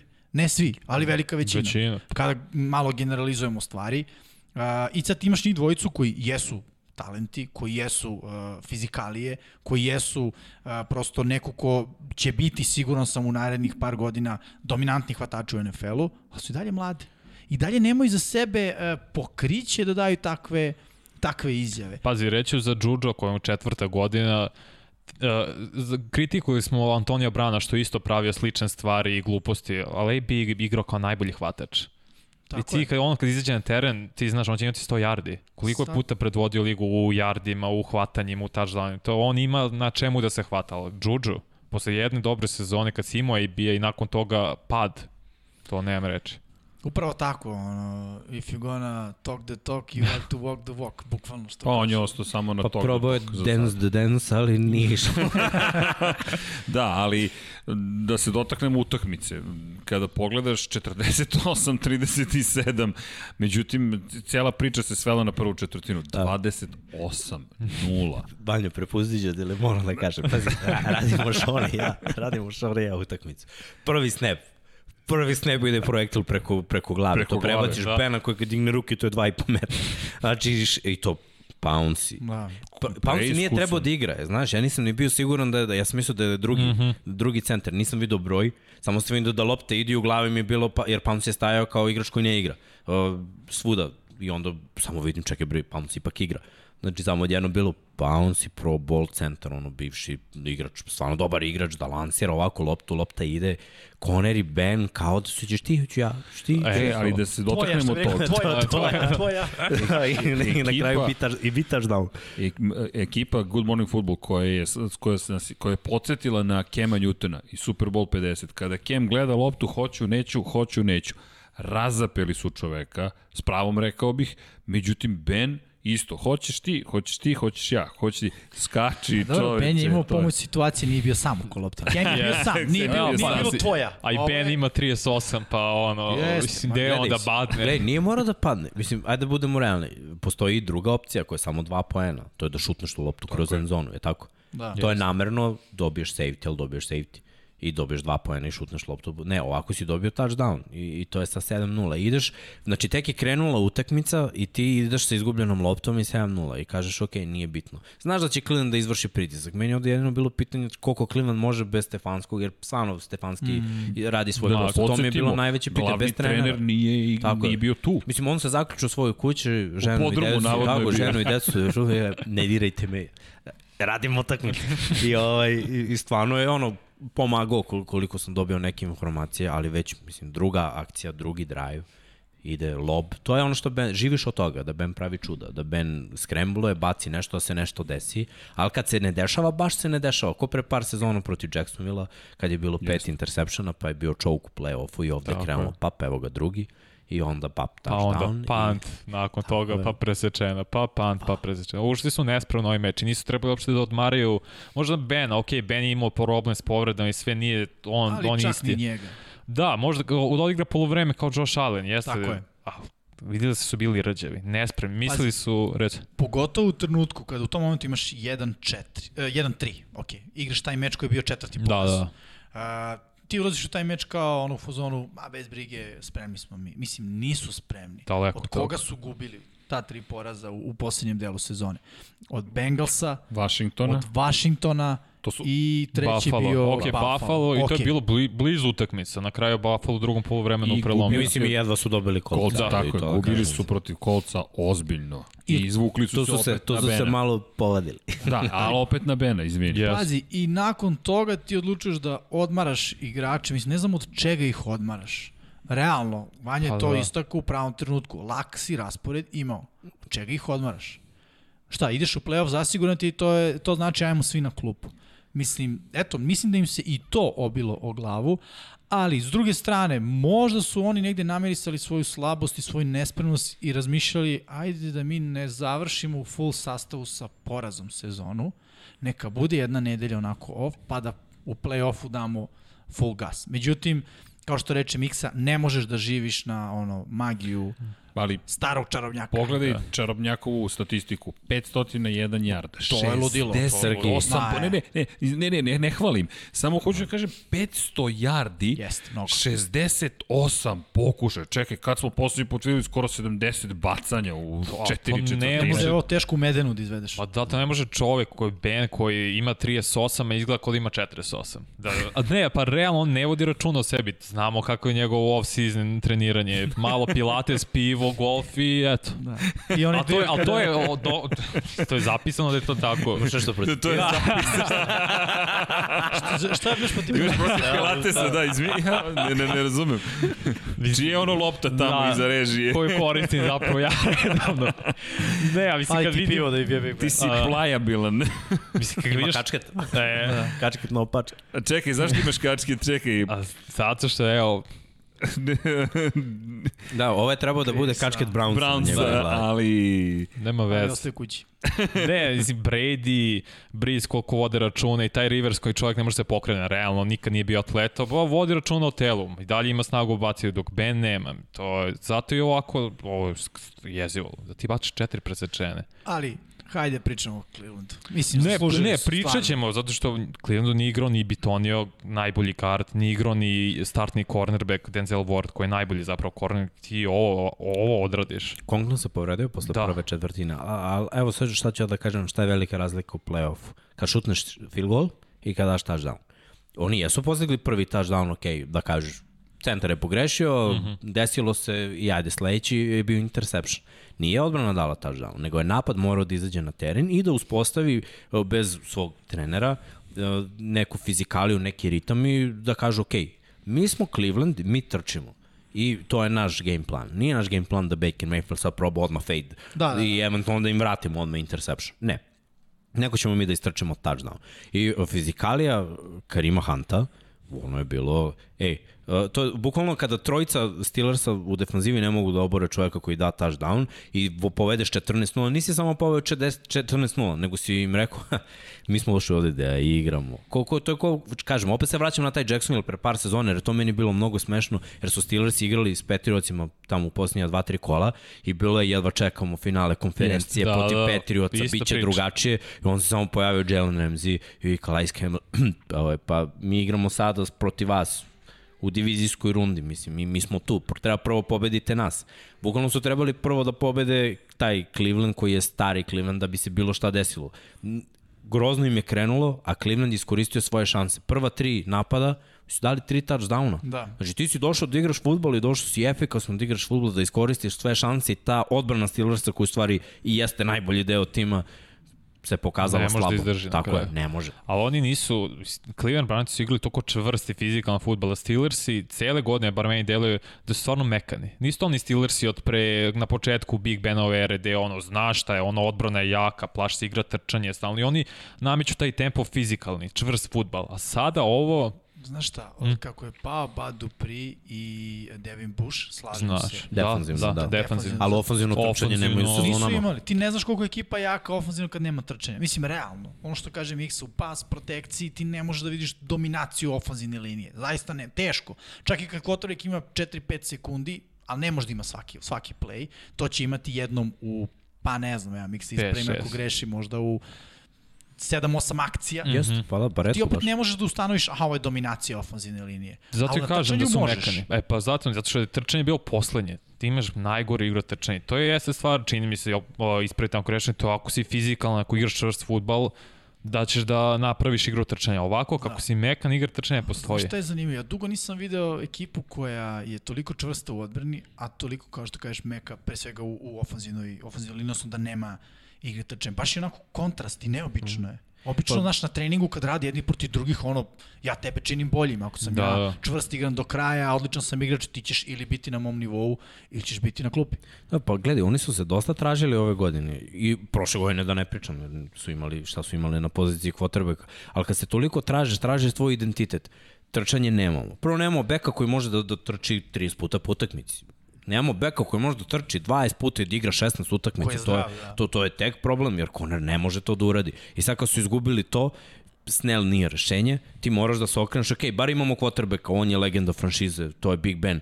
Ajde da vidimo, ok, njegova ruka pa nije više kao što je bila, ali ok, može da baci dalje mnogo, ali kratko. Imamo talentovane hvatače, možda ono, mm -hmm. ako govorimo o klincima, najtalentovaniji korpus. Mm. Imaju pet dobrih hvatača koji su mladi. Znači da. i Washington, i Claypool, i Juju, i uh, Deontay Johnson, i ajde, makar Da, i- jednog Ibrona ću da dodam, Da, ali da, da. Ibron i dalje može da odigra još nekoliko sezona opet pogledaš to šta imaju i kažeš ajde da vidimo. I on i Ray Ray McLeod isto mlad i sasvim solidan da. igrač. Ajde da vidimo koliko to može. I onda, i onda uđeš u game plan gde, gde ti na 7-0 gubiš, ideš samo dodavanjima. Što? Onda gubiš 14-0 i ideš samo dodavanjima. U trenutku kad gubiš 21, nema više dodavanja. Nema više trčanja. Da, Da. da tad baš moraju dodavanja. I ono, 68 puta baciš loptu. Ali ono što si ti rekao, dotaći ćemo se toga još, ali na 7-0 Landry, Mayfield i to što si rekao, idemo na pobedu. Nismo, mi, jeste rekli da smo mi oni stari Browns, sad ćete da vidite neke nove Browns. Bukvalno ćete vidjeti nove Brownsi koji su pritisak u tim momentu izvršili, mislim da si lepo objasnio bukvalno kada je utakmica završena. U jednom momentu, pred kraj utakmice počelo da se na 12 pojena se smanjila razlika da li će se sada Brownsi slomiti i vratiti se one stare navike ili ne, ali ta četvrtina, kada ti koristiš svaku priliku s koju su ti Steelersi dali, da dođeš do toga da je za nezamislivo gotovo da će se vratiti. Čak i Steelersi sa Benom Roethlisbergerom u igru, mislim da to bilo ključno. I, i zato ono što si rekao malo pre, Brownsi sve su iskoristili, lepo si rekao ovo za Steelerse. Nisi, Steelersi su imali samo jednu šansu gde, gde su verovatno tako je moment bio. Oni su postigli tri puta za redom poen. Imali su četvrti pokušaj za nešto malo. To, su- to mora se ide. Jer toliko nemaš momenta tokom celu utakmice, nemaš samopouzdanje, ne diktiraš tempo, ne ide ti trčanje, nisi dobar u odbrani. Ništa nije dobro i u jednom trenutku je nešto dobro, iskoristiš. Pa šta, nema veze. Ne iskoristimo to. Nema veze, odbranit ćemo. Ko ti garantuje da kad pamtuješ loptu da Brownsi neće dati poene? Pa, Da. To je taj, oprosti, taj moment. Bilo je 35-7, pa 35-10, pa 35-16, pa 35-23. Čekaj, neki zalet, nešto postoji. Imaš četvrti down. To. Ajde, ajde da, da, ajde da damo neke poene sad. Ajde da, da ono, idemo na taj četvrti down. 42-23. A, I tu je bio onaj screen, savršen screen za, za, za Čaba koji je ono... Čab, izvini, koji je, hva, koji je uhvatio za 69 yardi. Čab je Čabi je Čab je, baš smo pričali pre početak emisije i Miksa, ono, top 3 trkača u NFL-u. Pa Jeste, Definitivno. jeste. On, He- Derrick Henry, Cook i on. Jeste. A setimo se koliko je bio pocenjen kad je došao u Pa ligu. Sonny Michel je izabran pre njega.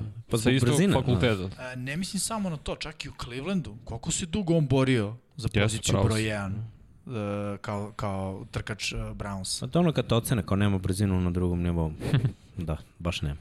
Ovo što sve trči po 6 yardi, daj to znam, to je zato što baš nema brzinu. A pa sad koliko Steelersina zapravo nedostaju i AB i Le'Veon Bell. Možda ne njihova trenutna verzija, ali koliko su njima značili kad imaš najbolje hvatača i najboljeg running backa par godina za redom, taj napad naravno da će biti 30 plus poena. Izvini Vanja, e, ta dva igrača koji su spomenuo, šta rade ove nedelje? Idu dalje. Spremaju se za, za Igraju mečeve. play-off utakmicama. Da.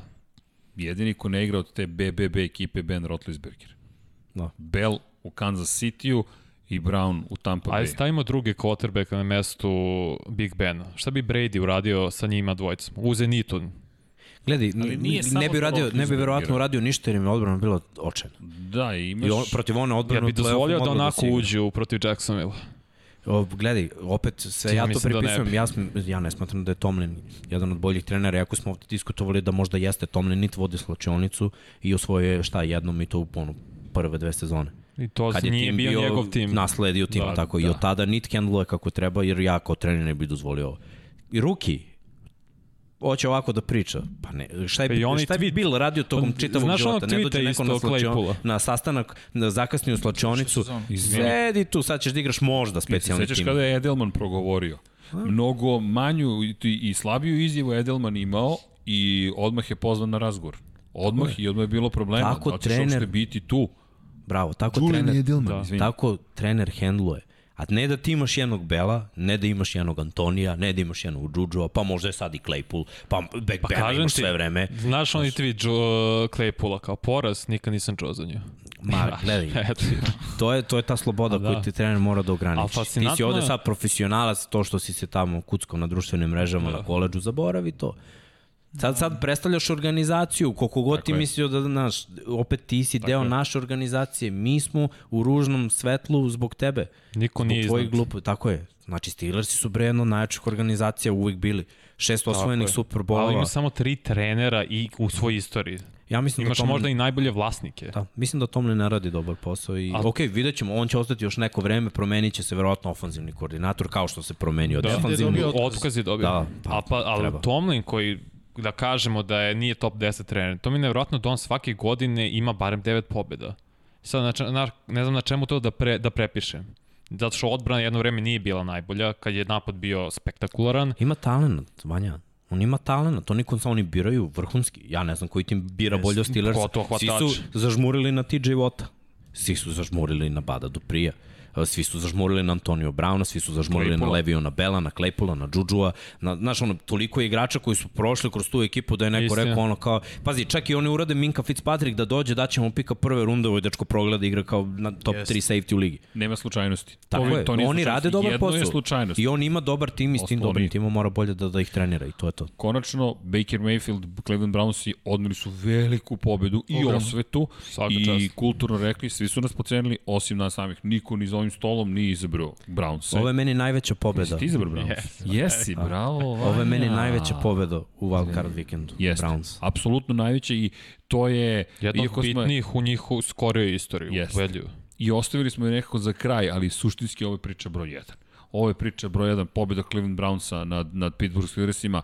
Jedna fenomenalna priča, kompletan taj uvod i treći njihov susret i činjenica da su se ponovo susreli posle 7 dana i da posle koliko, 26 godina Cleveland dolazi do pobjede. Zapravo, kada pogledaš da je 94. je bilo 27 godina od kada su poslednji put pobedili u play-offu. Tamo sam krenuo u školu, osnovno. Nisam se rodio tada. da, da. E, tad sam završavao, tad sam započeo četvrtu godinu srednje škole. Damn. Ali dobro. Pamtim poslednju prethodnu podbedu Cleveland Browns. Cleveland Browns pobedili, najveća pobeda ubedljivo, to je bio šesti meč koji nas naravno dovodi do, do divizijne runde, ali nećemo mi još da završimo sa ovom prvom super wildcard rundom, ipak da bacimo pogled na, na, na to šta je sve donela praktično, šta nam je donio cijel to ovaj vikend Super Wild Carda. Dom Pablo nam je danas glavna zvezda kao i uvek i da krenemo od heroja. Šta kaže Dom Pablo? Ko su naši heroji? Miksa? Pa, odbrana Cleveland Brownsa mora da bude heroj zbog toga što su osvojili pet lopti. Pet osvojenih lopti, to, to je velika stvar. Jedan fumble, četiri interception. Kada osvojiš pet lopti, da bi izgubio, po nekom mom mišljenju, mora da izgubiš bar tri. Jer taj diferencijal između osvojenih i izgubljenih lopti, ako ti je plus 5, ja ne znam šta mora da se desi po zlu da, da ti izgubiš tu utakmicu, jer ti konstantno imaš više poseda. I Brownsi ne samo da su, oni, ok, razmišljali su, trčanje ne dozvolimo nikako i neka Ben kompletira ova dodavanja, ali mi ćemo da pecamo na, nakon jakog pritiska određene rute i određene igrače. A šta znamo da Big Ben voli ove sezone? Mislim, to malo deta koje je gledalo NFL zna cross ruta, slant, screen, deep cross, shallow cross kombinacija, pa opet iz backfielda eventualno nešto kraće, providno, providno jako i onda eventualno pukne neki fade. Prosto ko pasulj. Može da se spremiš za ovo, nisu jedini tim koji se spremio, mislim Bengalsi su se spremili za ovo. Uh, drugice, tako, Washington se spremio za ovo. Tako da ako možeš malo više da gledaš utakmica, shvatio bi da je prilično predvidivo i da možeš da odigraš dobro što su oni odradili na kraju sve izgubljene lopte, napad je uspeo da pretvori poene. Mm. I oni su heroji, samo ja kažem, velika je stvar osvojiti pet lopti. Ne znam ove godine koliko je bilo timova da onako pet lopti osvoje u jednoj utakmici. U play-offu nijednom se nije desilo. Ja, lepo si rekao da je manje bilo osvojenih lopti. Rotlisberg sa svojim jardažom i svim što je učinio na kraju uspeo da preokrene situaciju. Možda bi uspeo da, da dovede Steelers do divizione runde. Tako, eto, prehodne sezone Lamar isto imao 500 yardi skrimidža, ali tri izgubljene lopte koje su na kraju presudila da džaba 500 yardi ako prodaš tri lopte. Jeste. Jimmy, tvoj heroj za ovu nedelju? Moj heroj stari lisac, Tom Brady. Uh, namjerno sam izabrao Brady-a, predstavnika Nirsa. Već biće posle još jedna iz Baksa, zato što prosto nisam suvetan čovjek. pa ne, rekao sam da za mene oni nisu uh, playoff ekipa, ali stvarno pokazuju da uh, imaju napredak u igri i za to najviše onako pripisujem Tomu Bradyu, jer pričali smo svi o tome, ok, Tom Brady je ceo život igrao u jednom sistemu, sad je promenio sistem, nije počelo sjajno, nije počelo bajno, uh, bilo je uspona i padova, tražio se on iz tog sistema kraćih dodavanja, morao da se prebaci na ovaj sistem duži dodavanja, on i dalje, evo na ovom meču, i dalje su da kažemo rute koje on kompletira, koje najviše možemo da vidimo 7 plus yardi, najviše imaju 7 i 10 yardi. Uh, I ono što je meni fascinantno, Tom i dalje to radi za ispod 3 sekunde kao što rekao, čak imaju situacije da onako za oko 2,5 sekunde pronalazi recimo jedan curl koji je duži na neki 10 yardi. Da, ima odlične hvatače, uh, uspostavlja konekciju sa njima i ovi već Bakanirsi sa Tomom Bradyjem kao vođom uh, već liče na ekipu koja u uh, play-offu može da uradi nešto.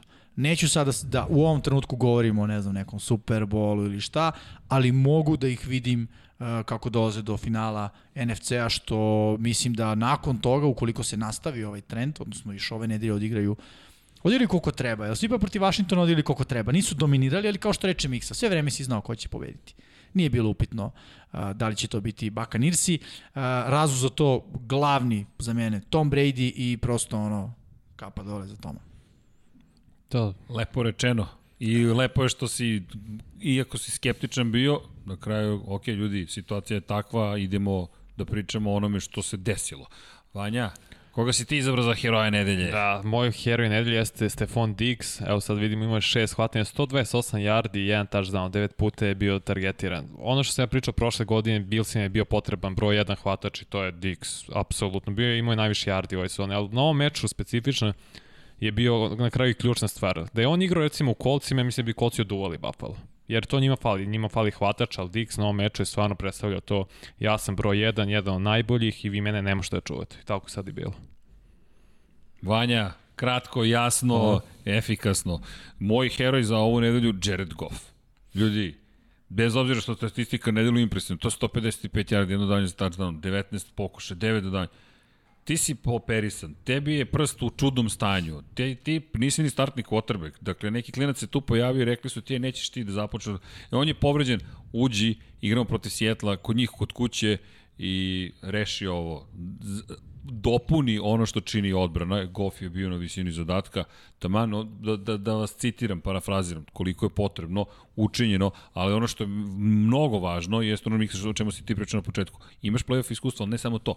Ti ovu utakmicu moraš da dobiješ. Ti si, ako si ti taj quarterback koji je izabran da vodi franšizu, ovo su te situacije. I možemo slobodno da zaboravimo regularni deo sezone. Sad, ako se pokažeš, to je ono što je važno. I Goff na velikoj sceni, u važnom trenutku, predvodio je svoju ekipu do 30 pojena protiv Seattle Seahawksa, za mene heroj nedelje. Baš je herojski to moment kada je potrebno, ti se pojaviš i kažeš ok, tu sam. Da, i štedo je tu svoju desnu ruku s palcem, većinu mm. handoffova levom rukom je uručio. Pa, da. Što je malo teže to da objasnim za nekoga ko nije igrao futbol, ti kao kvotrbe kome je dominantna desna ruka, voliš uvek da handoff daš, a svaki put kada daš handoff, dođeš u kontakt s running backom, jer running back sklopi ruke uvek i uvek te malo zakači po tvojoj ruci. Seti se, izvini, Riversa kada su mu stali na ruku, kada nije mogao da koristi koristi obe ruke, na primjer, ili mora da nekako se snađe kako da. sada da preda. Baš je bilo nezgodno. Ali Goff, Pa da, on je palac, tu palac, desna ruka ima tuplo veći nego na levo. Ja ne znam kako će sad igrati u, protiv Green Bay na onih hladnoći. Ne, za, zato se i dobio ugor, da Hoće. ovakve utakmice rešavaš. Ako si startni quarterback, evo ima. ne reaguju na dostupan je.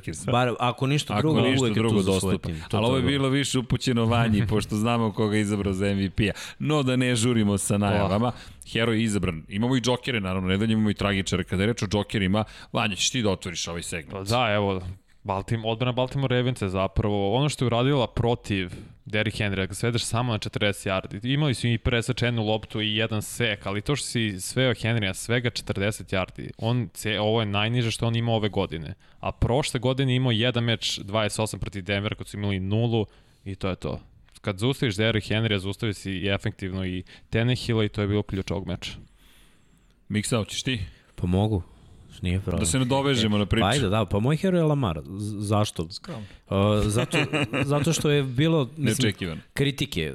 Svi, svi igrači, po mojom mišljenju, koji su veliki igrači na svim, u svim sportovima, uvek moraju da budu ono, iskritikovani. Ja se sećam isto, iako nisam neki fan Lebrona Jamesa, uvek sam poštovao to što on činio, jer opet je da ne osvajaš uh, na kraju prsten, ti si pre svake godine u finalu.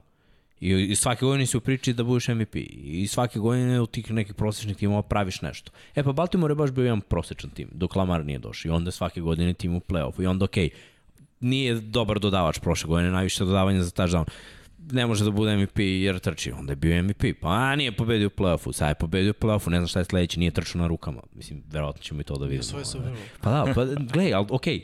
Mislim, prva pobeda u play-offu za Peytona Manninga je bila u njegovoj šestoj igračkoj godini a Peyton Manning je Hall of Fame quarterback. Ne znam kad je Drew Brees prvi put pobedio, ali nije sigurno u prve tri godine. Pa Elvo isto krenuo s 0-2. Tako je, mislim, mnogi dobri quarterbackovi nisu pobeđivali u prvim sezonu. To je sve proces sazrevanja, dečko je napunio 24 godine pre par dana. Da, da. Ali na ovoj utakmici preko 170 yardi dodavanjem, uh, uspostavio konekciju sa Brownom, trčanjem preko 130 i ono trčanje za touchdown jeste piše 48, ali on je sa 40 osvojen zone krenuo. Nazad, da. Tako je, znači 60 yardi, nestao tamo, nikoga nije, nije video. Da, izvini, Joker ne dalje. Ja sam rekao heroj, ali može da bude A. i heroj Joker kako je odigrao, možemo Sve. da izaberemo, ali baš je pravi Joker. Jimmy, hoćemo tebe da ostavimo za kraj, evo da uskočim sa Jarvisom Landryjem. Zašto Landry? 92 yarde, ok, jedan touchdown, 8 puta je bio met, samo pet hvatanja. Međutim, Jarvis Landry u ključnim momentima je vukao brance kada je bilo potrebno, i to je ono što je Joker, može i budi heroj, ali nekako mi je Joker bio pravi, u smislu upotrebili su ga baš kad je bilo potrebno. Jarvis, Mayfield, ta kombinacija, pričali smo o tome, evo, sad je tu Landry, Odell Beckham junior na početku godine, međutim, baš kad im je bilo potrebno, i na trećim pokušajima, i to na 7-0, ti dobiješ loptu 40 yardi i povedete sa 14-0, 7-0 je već ozbiljno. Međutim, ok, to se desi, to možeš nekako da napraviš, možda da napraviš preokret. Pravi grešku ponovo ekipa Svrste, to je dobra je odbrana Brownsa i ti kažeš, ok, sad ću ja da vam pokažem da ja mogu ono što se takođe od mene očekuje. Zato mi je Joker, mislim da kada je bilo kritično, Jarvis Landry bio na, na, na tom jednom visokom nivou i da je, da je pokazao da je kom, kom, ne kom, komplementar bilo, da je kompletan taj tim bio i da su se baš pojavili Brownsi u, ono, u onom najlepšem mogućem izdanju. Tako da Jarvis Landry za mene Joker nedelje. Da, došli smo do, do mog džokera. Moj džoker je Leonard Fournette. Napravit ću samo kratak uvod. Uh, u Jacksonville je bio bog. Znači, da. momak koji je ono, ti si Felicia Predodređeni. Tako je, bukvalno, the chosen one.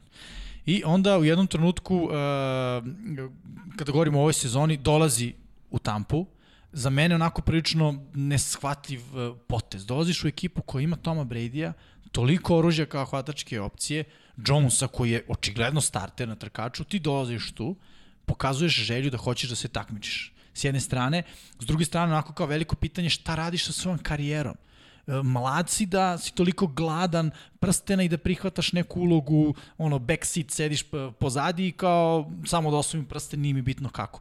Međutim, momak koji u ovom trenutku, kad je bilo bitno, Jones nije igrao, on je praktično jedina, da kažemo, ok, bio tu i ruki von, ali jedina prava trkačka opcija, on odigra odličan meč. Videli smo malo pre brojke, 19 nošenja, Imao je, e, čini mi se, da, evo ga, 93 jarda, jedan touchdown, trčanje 4,9 jardi po, po nošenju. Bio uključen u igru kroz vazduh, četiri hvatanja za 39 jardi, četiri puta bio meta, praktično uhvatio sve što je bačeno za njega i domislam se ovde zapravo troumio sam se. E, Hajniki ja sam hteo da ispoštujem, ali moram, eto, za njega vi volio da imamo neku kategoriju, ono, srce nedelje, to je bio Hajniki.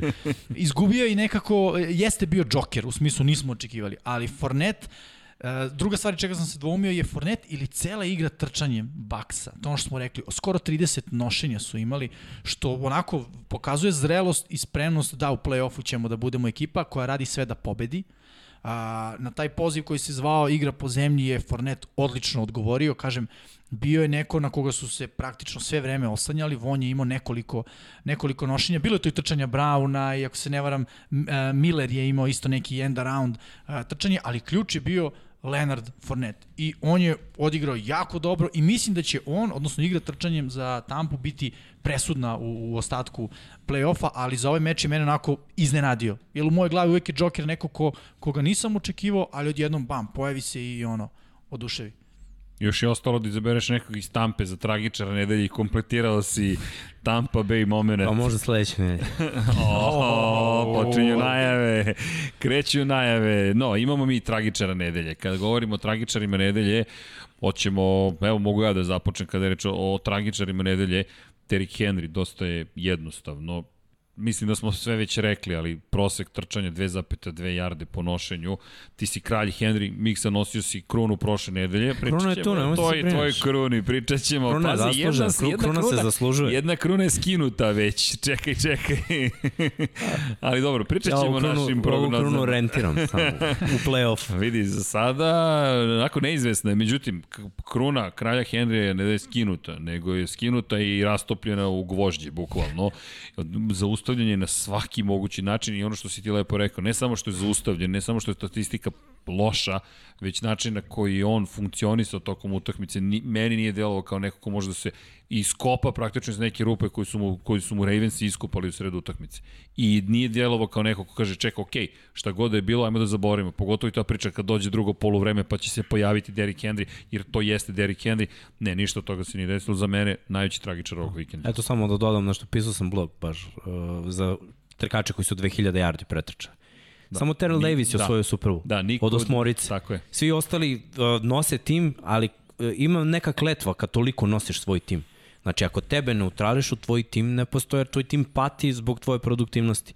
I Adrian Peterson je bio najbolji igrač u ligi yes. i ništa. I Barry Sanders Što je bio najbolji igrač da. u ligi i ništa. I CJ2K imao 2000 yardi i ništa. Znaš, I Dickerson imao i tako dalje. Znaš kako kažu inženjeri? Single point of failure. Da. Imaš jednu slabu tačku, slomiš to je kraj. A znamo koga Davis ima, mislim kad imaš quarterback koji je Elway i Shannon Sharp na poziciji tight end, ti imaš koga ima neko drugi. Davis je tu nosio, ne, nosio sa roletnom ali... taj napad, nije video čovjek, nije znao gde se nalazi, trču kroz zid za touchdown. No, u svakom slučaju, moj tragičan nedelja. Vanja, Moj, tvoj... moj je Russell Wilson koji obično i nije na ovom mestu tragičara, 11 od 27, to je svega 40% imao kompletiranih dodavanja, samo 174 yardi, da imao je dva touchdowna, jedan spektakularan, jednu presečenu, četiri puta bio sekovan, ali ono što je fascinantno, od kad se raspao Legion of Boom, Russell Wilson ima 3-5 u play-offu, što je loše, stvarno loše. I neko mislim da je on odigrao najgore na poziciji quarterbacka, bar u ovom sad super wild cardu i on je glavni razlog zašto je Seattle izgubio. Jeste i ofazin linija loša i sve to, ali opet uvek kažemo, ma Russell Wilson, kao što je bilo prvih 6-7 utakmica, bio MVP, sve to, rešit će. Ali vidimo u play-offu od kad nema te od, neverovatne odbrane da ne ide to tako lako. Na napad dobije utakmice, ali da. odbrane dobiju prvenstvo. Championship. Championship. Jamie. A, da, moj tragičar, da, za Exakar, teo sam da kažem za mojicu za grafiku. Juju, Juju Smith-Schuster, nema brojki, brojke su bile dobre, ali sve ono što smo već pomenuli negde ranije, samo ću da dodatno istaknem, previše mlad da toliko priča. Uh, mnogo priča, njegov tim nije tu da podrži celu tu priču. On ne priča o sebi u smislu ja ću ovo, ja ću ne, mi smo ovo, igramo protiv ovakvih, ovi su smešni.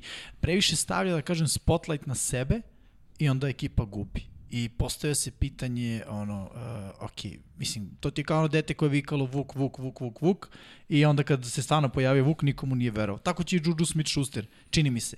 Mnogo priča o sebi, mnogo priča o sebi, mnogo priča o sebi, odjednom nema pobjeda u play-offu, nema prstena, vidjet ćemo što je, pazi, njegova situacija u Pittsburghu je sada jako problematična. Ko je novi quarterback Pittsburgha? On nema ugovor. On nema ni ugovor, godine. to je tek problem. Da. Ok. Nisu uzeli opciju. Tako ne, da. Nema opcije, da on da pik druge runde, pik druge runde, da. to od četiri godine, sad. Ko? Eto, da, stvar bude gora, ali ajde da se fokusiram na ovu nedelju. Mnogo priče, a ovaj, ekipa njegova, tako je, nije uradila to što je on pretio, na kraju pretiš iz prazne puške i naravno ispaneš smešan. Možda uradiš njegov ples. Ne umem. Mi ne pleš, ma niggas not da. dancing, just pull up the pants. Lean back. I došli smo do Mikse. Pa, napad Chicago, pa nema go, gorek tragičar od njih, jer ovo je stvarno tragično. Da postigneš tri poena i da te Saintsi puste da, daju još jedan da daš još jedan touchdown, čisto ono kao, ajde, dali ste neke poene. Ništa nije bilo dobro. Ništa nije bilo dobro. Cele sezone, znači krenulo je dobro, pa je bilo katastrofalno, pa na kraju protiv nekih loših ekipa delovalo ok. Ali mislim da je reality check bio protiv Green Bay u tom posljednjem koli. Kad srećno uđeš u playoff, mislim da nemaš ti tu šta ni da tražiš, naročito protiv ovakve ekipe Saintsa, nikakav ritam. I, i sramota je bilo gledati. Ja da sam navio Chicago, smorio bi se jako da ih gledam u ovakvom izdanju. Kad su bili one godine u Superbolu, imali ovako odbranu, taj napad isto bio loš, ali je bio za 10 klasa bolji od ovog. Kad je to bilo? 2006. Na kraju su Super Bowl izgubili od Colts. Da. ne. E, osnovna. Tad sam Treći kre... razred. Opa! neko 96, neko 2006. Treći razred. Jel treba da prokomentariš? Ne, ne, ne. ne, ne neko. A neko je pevao 30. su noge, 20. i slično, ali okej. Okay. Šta nam je doneo Super Wild Card Weekend? Svašta nam je doneo. Donao mi, donao mi priču nedelje. Priča nedelje, negde smo je započeli već tokom meča, to je priče o meču između Steelersa i Cleveland Brownsa. Pitali smo se šta da bude priča ove nedelje. Na kraju smo nekako došli do toga da mora da bude Ben Roethlisberger. To jest Roethlisberger i Steelers. budućnost, budućnost mm -hmm. Pittsburgh Steelersa kada je reč o Benu Roethlisbergeru. Ljudi, osvojio je dve titule od šest.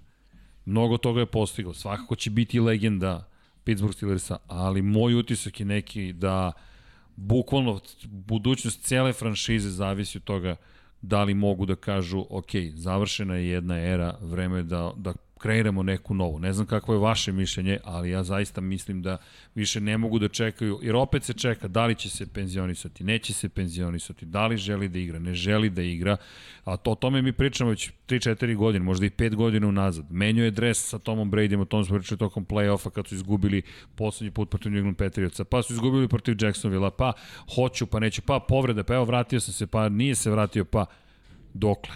Dokle da imamo ovakve Steelerse koji će ući u play-off, nekako ili impresivno kako god i onda izgubiti. I ajde da dodamo još jednu stvar, koji će ući u play zbog njega. Da, zbog njega. I onda će. propasti zbog njega. Mislim, da. zbog njega. Da, videli smo 500 yardi, ali ono, ceo game plan je Ben i ako Ben ima dan kakav je imao, četiri interseptiona, Uh, ne možeš da se prosto oslanjaš i ti si rekao da Ben Roethlisberger u Steelersima, ali cela budućnost Steelersa u smislu narednih par godina. Onako, čini mi se da mogu da postanu ekipa koja će samo, recimo da njihov ono, grafikon uspeha izgleda ovako, ovako, pa neka ravna linija, pa neki mali, pa da će sad samo jednom, postoji bojazan da samo ovako, pam, padnu. Ako se Ben penzioniše, ko je quarterback te ekipe? To Šta će se tu desiti? Trčanje ne postoji, videli smo. To, to toliko, znači sad oni u jednoj sezoni može da im se desi. Nemaju trkača, praktično, nemaju kvotrbeka, već imaju neki problem u ofenzivnoj liniji da se uspostavi trčanje, jedino što im ostaje odbrana. I onda će, na, bojim se, početi da liče na Berse. Moguće, vrlo moguće. Još Ben ako igra sledeće godine, to je 41 milion. On ide na cap. To je najviše jednog quarterbacka u ligi. To je mnogo. Ali nemaš bolje opcije, jer ako, ne, ako ode u penziju, opet 22 miliona ide na cap, svakako.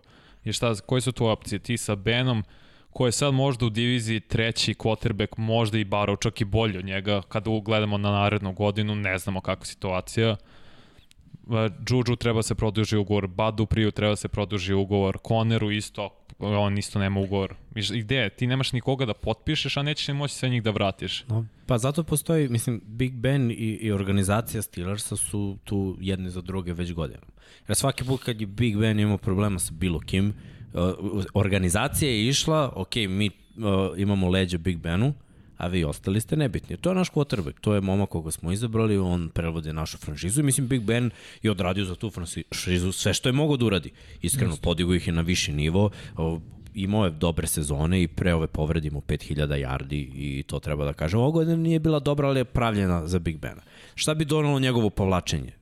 Propast, to je što Jimmy kaže. Jer nemaš trčanje, nemaš najjaču ofenzivnu liniju i sad ostaješ i bez quarterback. Ali opet nemaš ni mnogo pikova. Ove godine nisi imao prvog pika, jer si doveo Fitzpatricka, dao si tog prvog pika Majamiju. Sad idemo sledeća godina. Ne možeš da izabereš vrhunskog running backa i ne možeš da izabereš vrhunskog quarterbacka u istom draftu sa pozicije sa koje bira Pittsburgh. Znači, ove godine je najpametnije da quarterbacka preskočiš, da se dogovoriš sa Benom da malo rekonstruiše taj ugovor, da umesto 40 milki bar bude... Pa dobro, glej, to, to je nešto uzajamno poštovanje. Zašto 40? Zašto ne bi bilo 30? 30 je isto dosta. Mislim, Besi se nazarađivo u, kari, u karijeri, nije da. to baš ono kao sad mala, mala svota, 30 pa miliona, da se ne lažemo. Ali izabereš najboljeg running backa i malo pojačaš ofanzivnu liniju. Dovedeš ofanzivnog koordinatora koji će da olakša život Benu kao što drugim quarterbackovima u njegovim godinama se olakšava život. Ne može on da bude quarterback koji baca 70 puta po utakmici. Ne može o, niko da bude quarterback koji baca 70 Znaš puta po utakmici. Možda Mahomes. I to je... Ali nije dobro to. Nije. To baš nije dobro. Steelersi naroče to što pričaš, ta, ta, ta neka fizikalija, to da budu sileđije. To su Steelersi. Ne mogu da budu Steelers sa 50 dodavanja po utakmici. To nikad nisu bili Steelersi. A pazi, ovo, Steelersi imaju pika u prvoj rundi ove godine, 24. I sad da, ja bi izabrao quarterback kako im padne, tipa Mac Jones, tipa ne znam, Jeste, man, imaš gledaj, par. Stoji, i taj quarterback koga ti zapravo, da li će Jones izaći na... Hoće. Hoće, okej. Okay uzmeš to, neka izađe i potpišeš Bena i taj Jones je na klupi. Taj Jones nikako ne treba da bude gurnut u vatru ne. protiv odbrane Baltimora, protiv odbrane Clevelanda i ono, da kažemo ne, da su Ben da se vrati, da je. ovaj sedi godinu dana. Sad... I šta ćeš onda running backa, da gađaš u drugoj rundi prosek, kao što uvek gađaju u drugoj rundi prosek, to ti ne dovodi do pravog. Još jednu stvar koja ide u prilog i priči, šta si rešio? Produžio si ovaj isti sistem koji očigledno je sad pročitan, i sledeće sezone po meni, bar u diviziji, će biti veliki problem da pobede Absolut. čak i Bengalse. Jer uh, to je to, svi znamo da ideš kroz vazduh, naći ćemo način da te zaustavimo. Imamo 16 utakmica plus playoff, 15, 17, 16 plus Da možda bude 17. Ne, 17 utakmice. Ove godine imaš 17 utakmica videa plana koji Steelersi su imali ove godine. Ako to nastave da rade, bez trkača i sledeće godine. A piće prop, ali ne, ali on odlažeš samo godinu zapravo. Ti ako sad ne uzmeš quarterback, odlažem za sledeću godinu. Odlažeš, da, i nije ali, problem da odložiš za sledeću nije, godinu. Ali nisi Jer imaš Masona Rudolfa kao rezervistu. Slušaj, kao rezervistu, tebi samo treba rezervista i moraš da popuniš druge rupe, a drugih rupa ima.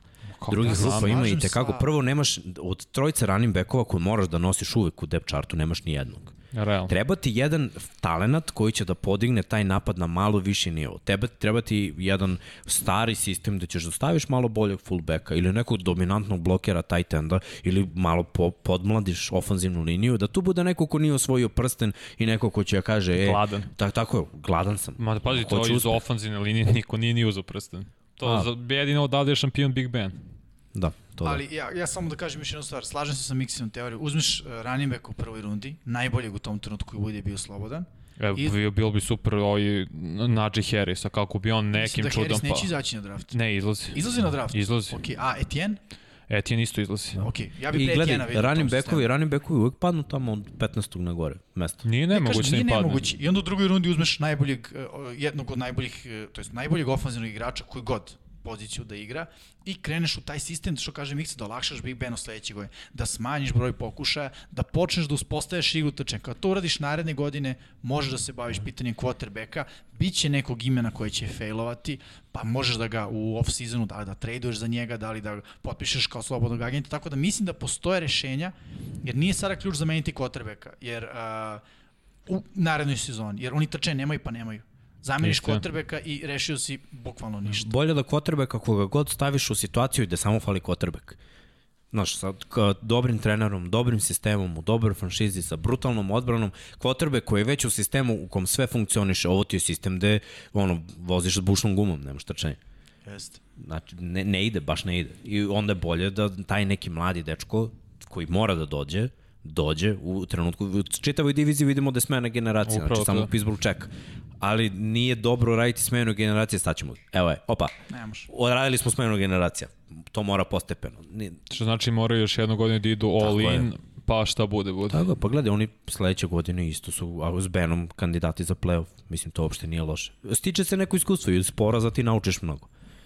U svakom slučaju velika priča. Ali ja mislim I- da će Ben da se vrati. Ja Mi- imam mislim utisak da je Ben- da Ben ima mora još da se jednu vrati. sezonu. Nekako kao On da ne može ovo da hoće bude da oproštaj. A, Da, ali iz- godine u godinu imaš probleme. Mada i Mike Tomlin juče izjavio da je logično da Ben razmišlja čak i o tome da se penzioniše. No, ljudi, nije prvi put, u svakom slučaju velika priča, velika franšiza je u pitanju, ne znamo šta će se desiti, gledamo i ka Tomlinu, kao što si rekao, Steelersi ne redko, nego gotovo nikad ne menjaju trener, otprilike dok ne moramo da ga promenimo, nećemo ga promeniti, sve ostalo ćemo menjati, osim trenera i u ovom slučaju quarterbacka, Ok, priča koju, koju vredi pričati i pratiti, ove godine se završava porazom u prvoj rundi u Super Wild Card vikendu za Pittsburgh Steelers i to baš protiv Cleveland Brownsa. Ko zna, možda to bude neka dodatna motivacija, jer kao što ste rekli, divizija je sve ozbiljnije i ozbiljnije i Steelers ima sve teži i teži posao. Idemo mi dalje, čeka nas još puno posla, vesti, najnovi vesti pre nego što uđemo u najavu Da. divizijne runde, ljudi mnogo vesti Dosta. koji imaju pre svega opet nekako veze sa ovim što smo pričali. Krenut ćemo od glavnih trenera, od, od kog Ćemo glav... od opuštanja, od puštanja ili Otpuštanje, od... pa, pa jedno se nadovezuje na drugo praktično. Birajte, hoćemo otpuštanje Evo, ili ja, bih, angažma, ja bih počeo od otpuštanja meni najbližih trenera, to je Doug Peterson. Pe, Pederson, izvinjam se. Uvijek imam problem da Da, izgovorim. glavni prezime. trener Philadelphia Eagles. Glavni trener Bivši. Philadelphia Eaglesa, bivši, tako je. Uh, više nije tu. Uh, Eaglesi su se odlučili, ja bih rekao da ono između Venca i Pedersona ode Pederson. Koja je logika iza svega, ne znam, nisam siguran. Da je Pederson imao dobru postavu koje godine, ne mogu da kažem. Da kriza uh, na relaciji glavni trener quarterback je postojala, jeste. Uh, očigledno su ljudi u Eaglesima rekli da je Vance, po meni je to bila jasna poruka, stajamo iza Venca po cenu svega. Prvo su Folsa koji je osvojio Super Bowl i dobio statu rekli ćao, mi smo uz Venca. Onda je Vence krenuo da grca, pa je onda bilo, vidjet ćemo sledeće godine, pa je onda neko draftovao uh, Hrca. Nije neko, nego Howie. Howie. Dobro, okej. Okay. Da, Ha- mislim, Howie ga je želao, Howie ga je draftao. ok, Pederson na kraju ispao žrtva u, u, u celoj priči i on Jeste. poruka i dalje poslata Carsonu Vencu, ti si naš čovjek. Da, da, i gledaj, dali su mu pare da bude njihov čovjek, iz te strane je u redu, ali ono što se meni mnogo ne sviđa, je što oni sada postaju Dallas Cowboys i da se vlasnik meša u sve. I, i gledaj. Da, da, Jeffrey Lurie. Luri, znači sad, nje, prvo on je lobirao da Howie draftuje Arsegu Whiteside-a, zato što je, ne znam, tamo neki porodični. Je li on lobirao ili ha... Uh, mi, Ne, Ne, on ne. je lobirao za Arsegu Whiteside-a baš. Dobro. Vlasnik. Mislim, opet, tim treba da bira ovako. GM je plaćen da izabere talenat, ali bez odobrenja trenera. Trener mora da mu kaže, ej, super je on igrač, a ja ne znam šta on radi u mom sistemu. Moram ga sklopiti. Tako je, mo, tako da ono, to mora da bude neka konsultacija. Ovde Howie radi jedno, uh, Lauri hoće drugo i priča sa Howiem i njih dvojica su dobri, a Dagi je na klupi i prvo bu, biti, bude kritikovan zato što nije ubacio Hrca, zašto nije benchao Venca, pa onda kad benchao Venca, zašto ne vraća Venca u igru, pa mislim ti ako mora da budeš trener koji će da se bavi futbolom, koji će da se bavi GM-om, koji će da se bavi uh, problemima Carsona Venca koji mislim ono, ako si naš čovek, mislim, ono, man up, bukvalno man up, to, to ono što bi mu ja rekao, malo, malo skupi neke hrabrosti, jer ti ono, neću ovde, neću da igram ovako. Ne osjećam se konforno kad imam Folsa u ekipi. Ne znam zašto Hertz igra, mislim da Nesigurno. narušilo se to između mene i trenera. Sad i trenera šutnite. I šta ako oni sledeće sezone s novim trenerom i sve pokaže da nije to što su oni mislili da, da treba da bude za te silne pare koje zarađuju. Pa koliko je zapravo ovo sad poželjan posao? Jer ti prethodno tri trenera koji su bili Andy Reid, Chip Kelly i sada Doug Pederson, oni su imali pozitivan skor. Ja, Svake godine. Chip Kelly upropastio ekipu. Ne, tu- nema tu- veze, je više ali- pobjeda od poraza, ali uvek koji ostaje Howie Roseman koji je mnogo blizak sa vlasnikom. Mnogo i mnogo moći ima. I to je sad, ti je, ne želiš... guja. Da. ti ne želiš kao trener, kao pa da li idem u Eaglese. Imam Ro- Howie koji, ima, koji će uvijek imati više od moći od mene. Ofazijna linija je katastrofa, quarterback je Ko zna ko. Da. Znak pitanja. Odbrana je sve starija, defensivna linija jeste super, ali secondary Fila je loš. Fila ide je u rebuilding, ali u, u lošem smeru. U smeru gde će se diktirati bam, onako kako ne treba. Izabraće verovatno, jako ko sam načuo nešto, da su njima mladi treneri iz koleđa ili treneri koji se nisu oprobali u NFL-u da su oni broj 1, naročito iz Oklahoma. Gde, Lincoln Riley da, nema gde, gde, će da se proba, ok, taj neki sistem sa, sa Hertzom, sa Wentzom koji mogu da izađu iz džepa, ali neko ko može, predsednik, i da, da mu kaže to. A, pa, To je to. samo Lincoln Riley ima punu moć na Oklahoma. Ima. I ozbiljno je dobro plaća. Dobro, da On, priča zašto ozbiljno. bi on to dao? Prestiž, znaš, Ne. ne. već je prestiž da treniraš NFL ekipu nego koleđ. Nick Saban nikad se više nije vratio NFL. Ok. A dobro, ali Saban je, znaš, u tom trenutku već bio, da kažeš, i, i postavljen. Pa jeste, ali malo trenera sa koleđa kad odu u NFL imaju uspeh. Vrlo, vrlo malo. Pete Carroll je bio u NFL-u, pa je bio na koleđu. On Mm. mm. imao neko iskustvo pre toga, ali ja sam Lincoln Riley, ostao bi Oklahoma. Taman da, da započnemo i drugu priču. Ajmo kad pričamo o otkazima, ćemo pričamo o Urbanu Majeru, kada pričamo o angažmanu, Pogled. dobio angažmanu. Pa kreni tako od prvog pika na draft. Pa vidi, pa 100 miliona, prvi pik. pš, I novi trener. I novi, novi trener. trener. Pa ne, ako pričamo već o tome šta ti još nedostaje u karijeri, kada je reč o Urbanu Majeru. Sad si pričao upravo o ljudima koji su imali uspeha u college futbolu, i, ali obično, znaš, college futbol jeste college futbol, ovo je NFL, ovo je ta velika liga i Urban Meyer je potpisao ugovor sa Jacksonville Jaguarsima. Jacksonville Jaguarsima imaju prvi pik na draftu, verovatno i... Lawrence. da, tako Da, vi- vi- vidjet Jacksonville je krcat pikova, nemaju Da. da. Jeste, ne Mi samo imaju njega, da, da, da. 11 pikova. Dva pika u prvoj rundi. Da, da, ali 11 ukupno, čini mi se. Da, da i imaju. još su na Ngaku ja dobili. Mam, Da. da. Krcat ispikujem. Pa ne, ovo je super mesto. Pola tima mogu da skupe. Pa Da. da. Urban Bayer, Mayer uvek gde je išao je preokrenuo ekipe. Utah, osvoje sa Floridom, ovaj, nacionalno prvenstvo, naravno i sa, o, kako zove, sa Ohio Stateom. On je uvek iskoristio svoje šanse i on je ovo ozbiljno, ozbiljno trener. Mislim da je ovo On je savršen. tri titule osvojio. Da. I sa Ohio Stateom je jednu osvojio na kraju. Ali... Dolazimo mladi igrači, znaš, Da. to je dobro, jer velika tranzicija za trenera može da bude problem, jer ovamo treniraš momke za školarinu, momke koji se ono bore dve, tri godine da uđu u NFL, odu svi profesionalci. I ume tu, redko koji trener ume tu da se postavi kako treba da razumeš, ovo su odrasli ljudi. Ako dođeš u ekipu veterana, sad ne možeš s njima kao ovim momcima na koleđa, znaš, nešto ne uradi dobro i kao... Jacksi nemaju baš veterane. Da, Pa to- nemaju uopšte, to je to je, super. dobro. I sad će da bira još 15 igrača na draftu koji su uh, momci koji ga gledaju, ti momci koji ulaze u NFL njega gledaju kao ikonu uh, college futbola. I on ih je super sada trener u poznaje. NFL-u. Tako Igrao je, je poznaje. protiv njih i toliko ih je skautovao i sve zna. To je, to je poenta Jeste. što sam rekao. ovo Tako da je je pa- super stvar. Ali ovo mu je prvi posao takođe u NFL-u, tako da vidit ćemo šta će, kako, kako će to sve da ispadne, ali opet veliko ime koje dolazi iz college futbola, ulazi u NFL i kao što ste rekli, Jacksonville ima čemu da se raduje. Međutim, nije jedini koji je potpisao za tren... Drugi pik na draftu. Drugi, Drugi pik, pik na na draftu, draftu. ali pazi sad ovo iznenađenje. Ofazivni koordinator Titansa ili bivši ofazivni koordinator Titansa Arthur Smith je potpisao ugovor da bude novi glavni trener Atlanta Falconsa. Dobro, to se očekivalo, bilo je Očekivalo nekoliko... se, ali je potvrđeno. Bilo je intervjua, da. Tokom svega ovoga, iznenadio sam vas, očekivali ste Ja sam ne... očekio Da. priču o piku broj 2 na draftu, to je neki hoće, ima hoće polama, spotlight odlaz, na Tako kraju. je, odlažem, ali šalno stranu, ok, potvrđen još jedan glavni trener, Atlanta je dobila, dakle, Artura Smitha, vratit ćemo se malo i, na, i donekli na Titanse, ofenzivni koordinator odlazi, I bivši glavni trener Atlante je sada defanzivni koordinator Cowboysa, ako se ne Da. Dan Quinn. Da, Dan je defanzivni koordinator Cowboysa, eto i to je još... pa da spomenu Dana Campbella, koga sada kažu da će biti najvjerojatniji glavni trener Detroit Lions. Da, tako za sada idu priče. Za sada idu priče. Mada za Smitha je to da kažemo, Smith sad ima novi veliki izazov ispred sebe, jer mora totalno drugačije da sklopi kockicu u Atlanti. Atlanta ne može da bude ono što je bio Tennessee. Ne može. Nemaju ni na jednoj poziciji taj talent. I opet se postavlja veliko pitanje u kom smeru će vlasnik i GM da ga gurnu, jer su oni otpustili GM-a. Tako da sad Ko je dolaze... novi GM? Tako je, novi GM i pri, priča da li da se nastavi sa ovom generacijom koja ništa nije uradila ili da se draftuje nova pa da on ima odrešene ruke i malo da... Da. u novu izgradnju To. svega. Ajde da, da, da opet preskočim drugi pik na draftu kad već spominjete ovo, pa ne pričamo o vlasnicima, ovde Don Pablo se sme, ali Ka- Cal McNair je rekao, pričao je navodno sa Deshaonom Watsonom, inače vlasnik Houston mm -hmm. Texansa, i da želi da Deshaun Watson, iako je quarterback, učestvuje u izboru glavnog trenera ekipe. I zakazali su intervju, tako? Da. Da. I to ono, Bijenem je. Koga baš Watson hoće. I to je ono, uh, ma, malo je James Harden fazon, što se meni baš ne sviđa, a to ono, uh, treniramo kad uh, ja bih hteo, putujemo tako kako meni odgovara, okružit ćemo mene talentima koji meni odgovaraju. Nije to nijednom tražio da, Watson, ne. Po, ej, Nis. Okay. Nis, prvi ne, put, nis. daj vamo kameru, prvi put ste čuli ovde.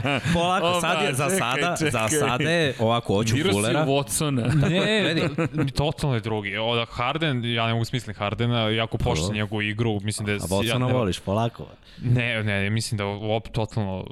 Gledaj, Dru, sjene, drugi tip čoveka. Jeste drugi Ali tip da li je to čoveka, ali... franšizu? ali, Ti si rekao quarterbacku, ok, ti, ti, ti upravljaj. Nije mu rekao pre, ti imaš, Nije, ne, da. oni su A njemu, mu ne, ne, rekao, ne, oni su ali- njemu obećali, to rečeno mu je da će, ne, ne, samo se, rečeno mu je, ok, uh, daj nam tvoje mišljenje koga treba zaposlimo kao GM-a. Nije bila odluka kao, e, koga ćeš ti, mi ćemo njega. Pa dobro, ali, ali, ali Vanja, to je opet, po mom mišljenju, to je da ti rušiš, to je hirarhijska struktura, vrlo jasna, nema tu matrične strukture. Svi smo u liniji i sad jeste da ti vodiš, ali ovi što stoje pored tebe, oni su ti ravnopravni, ali ti odgovaraju pa ćemo kroz dobru komunikaciju da, da dođemo do rešenja. To lepo zvuči, ali ovo je američki futbol, ovo ti kao vojska. Mora da postoji jasna hirarhija. Ovo je šef, on spušta dalje. Mi to vidimo i u drugim sportovima, u Formuli 1, na primjer. Matrična struktura, komitetom ćemo odlučiti koga da dovedemo. Komiteti su vrlo neefikasni. U nekom drugom sistemu, kada govorimo o društvima, da moraš da vodiš računa, ali ovde nema milosti. Ovde govorimo... Šta je ta struktura uradila za Houston Texans-e? Tradeo si pikove silne, tradeo Pa, to sad je i pitanje Hopkinsa. ko ti je na kojoj poziciji strukture, nije to Ali pitanje znaš- strukture. Pogledaj šta je radila Patriotama ili bilo kome drugom. Hierarhijska struktura je Ne, sistem koji sad za funkcioniše. Houston Texans nije funkcionisalo. Ali vidi, Vanja, ne, ne, ne, ne funkcionisalo, jesi znao ko je kriv. I on je otišao.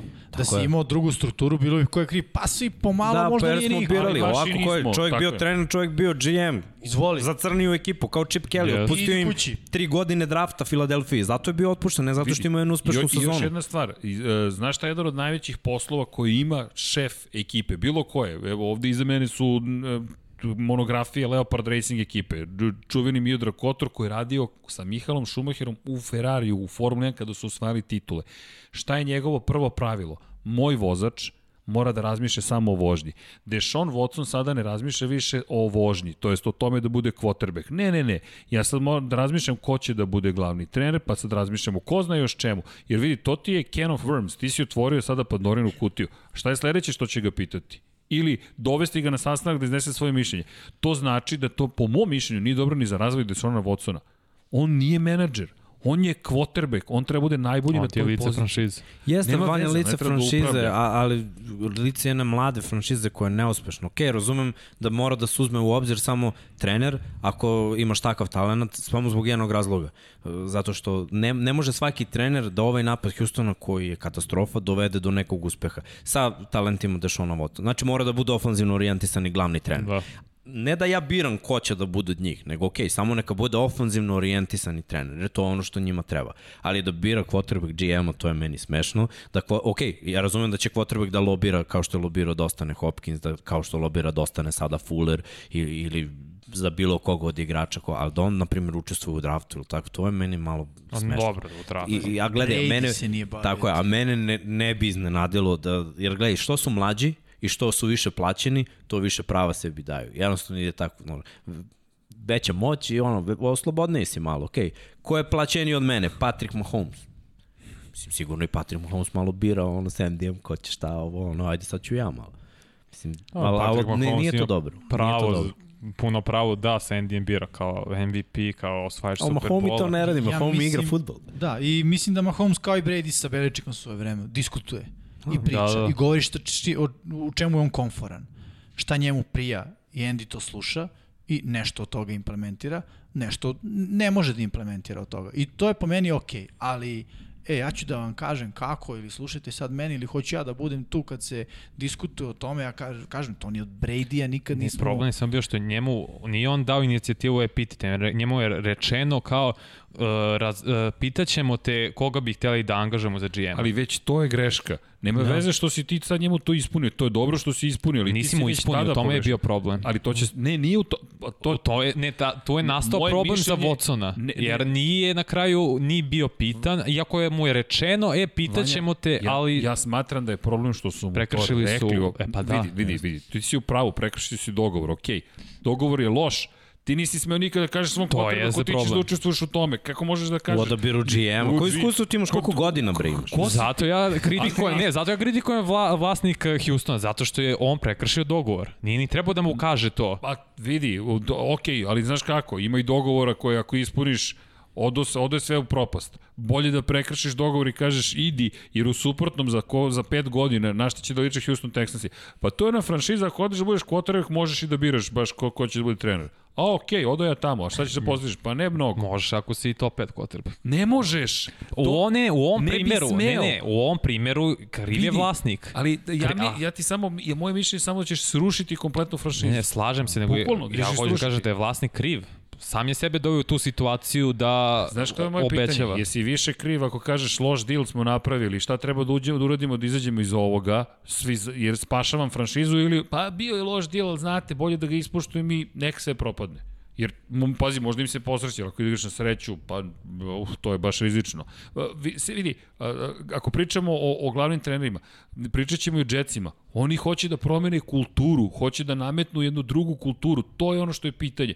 Kada pričamo o, o, o igračima, ne znam, evo sad na Netflixu sam gledao poslednji šut, Tony Parker priča o njemu.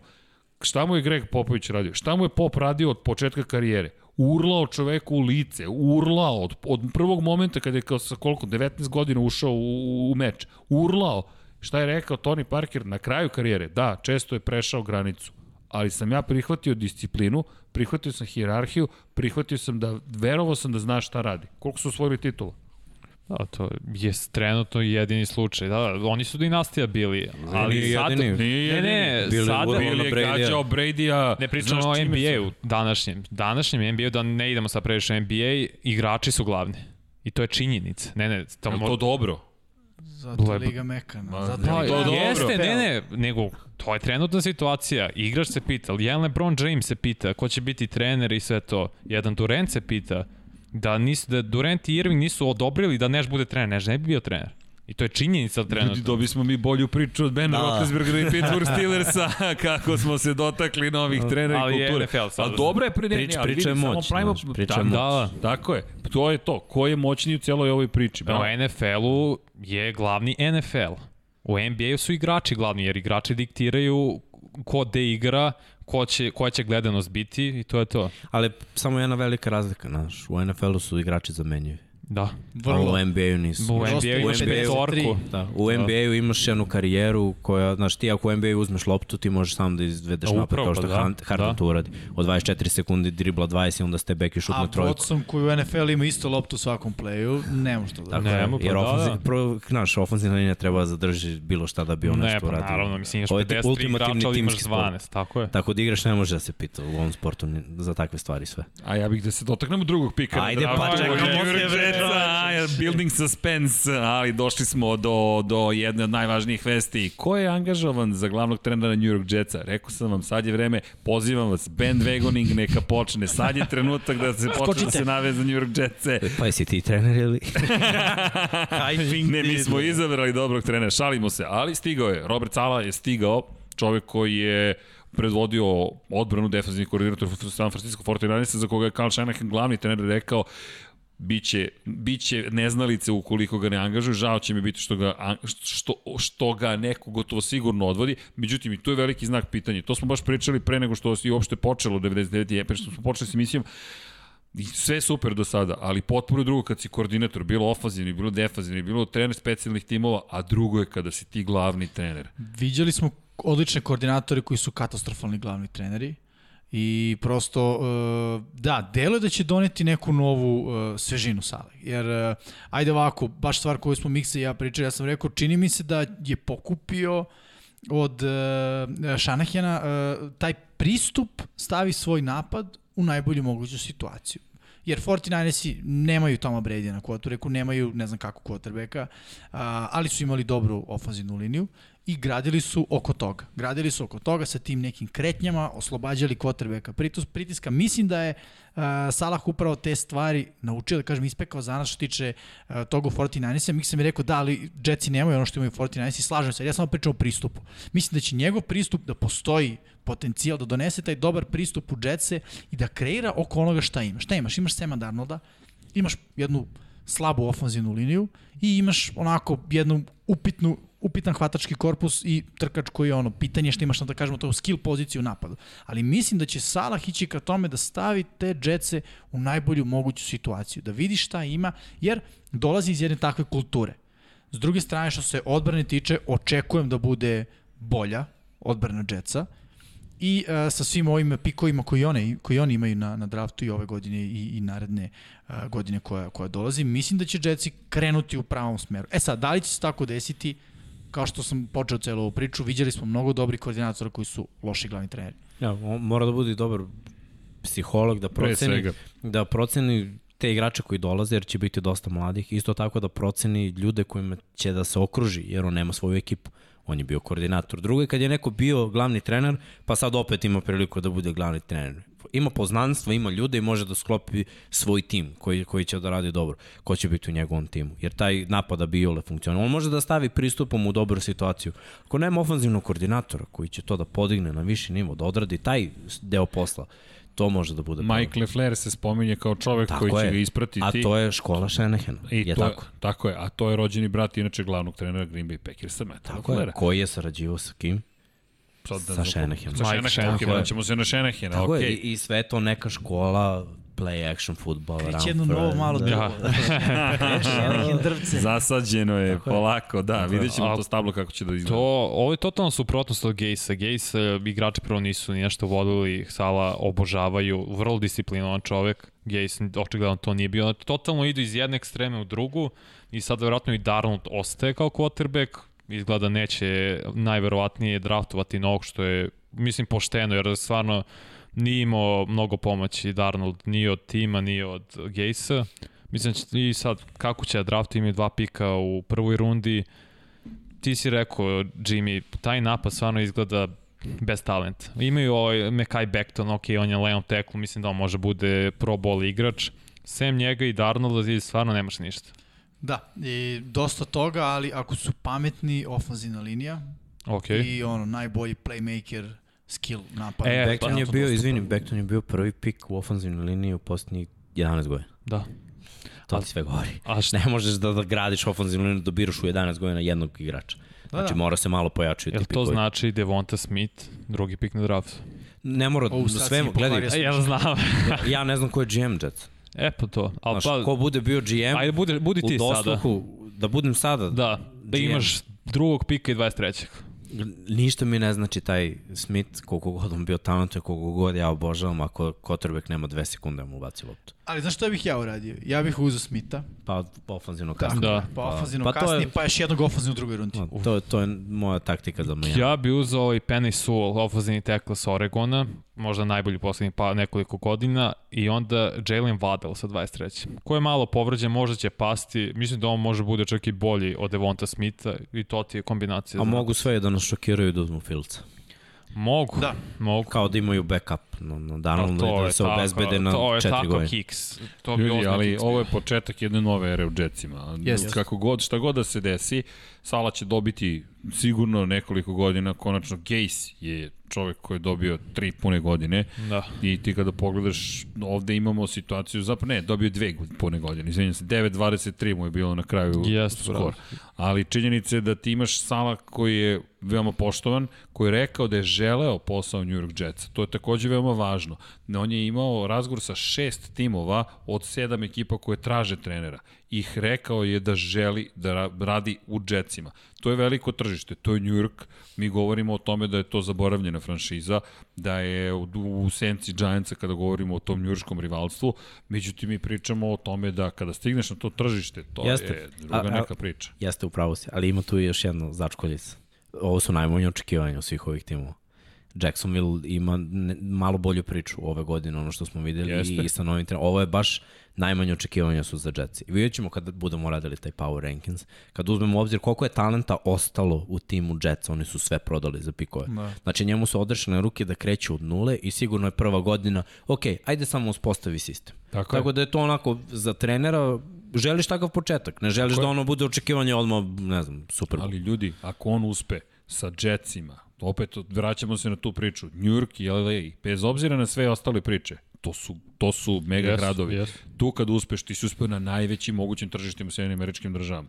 Jeste. Samo bih editovao svoj prethodni pik da sam ja sad GM sa Salahom. Pošto je negde karakteristika def, uh, glavni trenera koji su defanzivno orijentisani, ono što Miksa ja pričam, ustanovi igru trčanja, no. pre svega.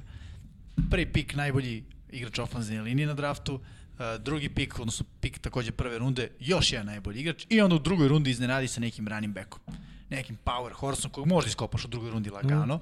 i onda počneš sa uh, Bektonom, dva nova ofanzivna linijaša koji su najbolji u klasi ove godine i dvojicom koji ćeš da skrpiš i trkačem, rasteretiš Darnolda, onda uzmeš možda nekog hvatača koji preostane, bit će tu talenta, siguran sam. Kepa imaš, bro, možeš potpišeš ako Imaš Koga drugo hoćeš. najviše iza Jacksona. Tako, i odjednom taj trener Sala, koji kažem učio je od Shanahana, Glavu gore bazira- Srki, tako je. Evo ga, smeje se. Ponosno. Pusti ga da, da Kucamo vidi. da kažem, koji bazira uh, Shanahan svoju igru na trčanju pre svega, uh, uh, Salah ako je uhvatio malo pelcer te škole, po meni još je defanzivno orijentisani trener koji je ono run first, kad ustanovimo trčanje, onda znamo koliko to odbranu boli, jer ja to ne želim da moja odbrana trpi.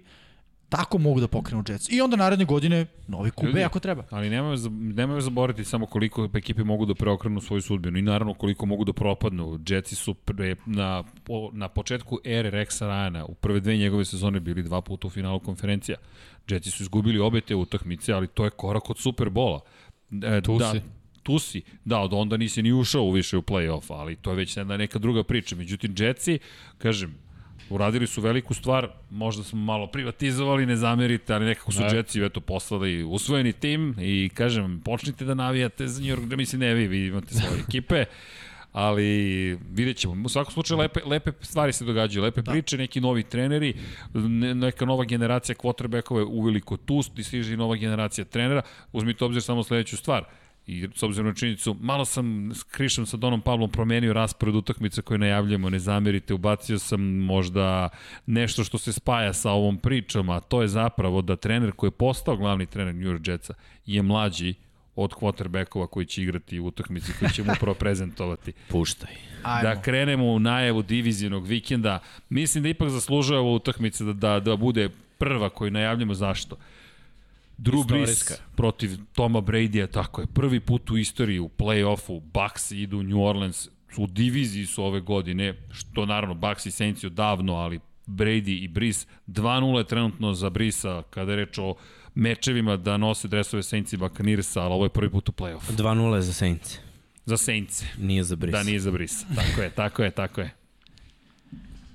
Hoćeš ja? Ajde. Hajde, Mogu uzeo da si. Počeo si. Vidi, krenuo si. Pa ne, pa... A morao sam da kažem da nije za Brice. A, ali, ali ovako, da, da krenemo. Prvo utakmica koja će biti sigurno drugačija od prethodne dve. Prvi meč ti si Srki radio, ne znam je- jesi ti ili možda sa Žuletom. E, žule. Sa Žuletom. Žule, Prvi Žule. meč i- je bio neizvesniji, ali opet je otišao u korist Saintsa jer je Brady pravio neke greške koje inače ne pravi. Drugi meč sam ja radio i bio je blowout, jedan od najgori koji sam gledao. Znači, uh, Tampa nije postojala.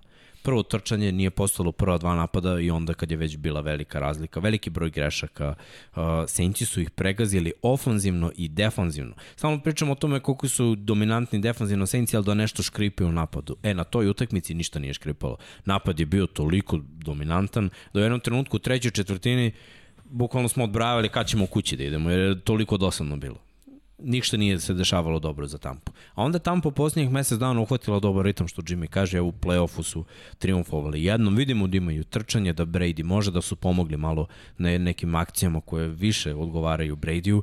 I opet ono što ja želim da vidim na ovoj utakmici, Drew Brees i Tom Brady, okej, oni su velike imena, ali neće biti ključni na ovoj utakmici. Hoću da vidim Michaela Thomasa, s jedne strane protiv odbrane Buccaneersa. Mnogo želim da vidim Evansa protiv uh, Latimora, jer Evans zvani Krompirić u duelu sa Latimorom. Ta, tako se to dešava u posljednje dve godine. Latimor ga je spakovao u gotovo svakoj utakmici. Ako oduzmete Tomu Brady u Evansa, koji ima najviše yardi u ovom play-offu, ostavljate ga sa Gadvinom, Antonijom Brownom, koji isto ima onako, imaju dobre defanzivne bekove, imaju sa Rush sa četiri igrača, ofanzivna linija mora da uradi svoj posao, mora da se uspostavi protekcija, Mari i Kamera moraju nekako da trče uh, protiv odbrane Buccaneersa s druge strane. Ja mislim da samo Fournette ostaje. Von mi se nije pokazao. Ne znam koliko je Jones sposoban da igra na, nakon one operacije. On je bio u shoulder padu, sedeo je na, na klupi, ali igra trčanjem na obe strane. Jaka odbrana na obe strane i quarterbackovi uh, mali broj yardi, visok procenat kompletiranih dodavanja bez greške. To, to, to je ono što bi trebalo da se desi. Ako uzmemo sve, videli smo i od jednih i od drugih da rade to ove sezone i pogledajte skor, mislim 11-5, 12-4. Jedina razlika je to što su Saintsi oduvali Buccaneers. Da. Ja bih boja. rekao da od ovog meča očekujemo ono što smo očekivali od prva dva se nije desilo. To je neizvesnost. Mislim da će ovaj meč biti uh, drugačiji u odnosu na, na ta prva dva koje smo videli. Jer, kao što reče Miksa i što sam ja već pomenuo, to je da Tampa, trenutno mi se više sviđa zalet Tampe nego kvazi zalet Saintsa. Saintsa. Zašto kažem kvazi? Pa nisu me ubedili protiv Bersa, moram priznati. Uh, jeste ta odbrana Bersa uh, dobra, pričali smo već o tome, ali prosto uh, nije smelo da se ode na, sa 7-3 na polovreme. To je nešto što me onako baš me ostavilo kao, ok, ako igraš meč sa... malo. Pa da, igraš meč uzbulji sa Bersima u play-offu, hm, ko si ti? Uh, s druge strane, Tampa mi se, da, nisu ni oni oduvali Washington, ali Washington ekipa koja onako više može da te povredi nego nego što su to mogli Bersi. Ali da se vratim na onu inicijalnu tezu, to je da, da očekujem da ovaj meč bude interesantni. Kao što Miksa reče, jeste biće, biće ključno. Ja se ne bi složio da baš neće Brady i, i Breeze da budu, uh, da budu uh, ključni igrači. Mislim da uh, će u porazu kogod da izgubi, baš jedan od njih dva, ako izgube Tampa, Brady će biti uh, ključ tog poraza. S druge strane, ako izgube Saintsi, Breeze će biti ključ tog poraza. Možda ne nužno ključ za pobedu, ali mm -hmm. ključ za poraz e, čini mi se da će, da će biti igra jednog odnosno drugog. Ne očekujem da jedan i drugi imaju fantastičan dan. Očekujem da jedan ima bolji dan nego drugi. Tako je bilo u prva dva meča. Brady je izašao kao taj koji nije imao dobar dan. Ali sada, ko što rekoh, bolje izgledaju. I jeste vrlo interesantno kako će da izgleda Brady kad mu Latimore realno uzme uh, Mike Evansa, pošto očekujem da ga on zaključa, to nije samo ove godine, Evans imao problem od kako je došao uh, praktično u ligu da igra protiv uh, Letimor, od kako je mhm. došao Letimor, tu ima problem da igra protiv njega, Letimor zna kako da igra, agresivan je, da ima tu još oružja, ali ukoliko Tampa ne zagrize taj mamac koji se zove ajde igrate pas protiv nas, Saintsa, Dobro. ako budu igrali trčanje, mislim da će biti u meču. Jer mogu da trče. Ljudi, Fornet, ozbiljan trkač. Jest, pa nekada že četvrti pik na draftu je bio baš taj Leonard Fornet. Meni je više ključ sa druge strane Tampe, odbrana. Sad, White se vraća, vrlo bitno, ta, taj front seven je stvarno impresivan, ali secondary je slabiji. Sad, a ključ je, mislim da zaustaviš Kamaru.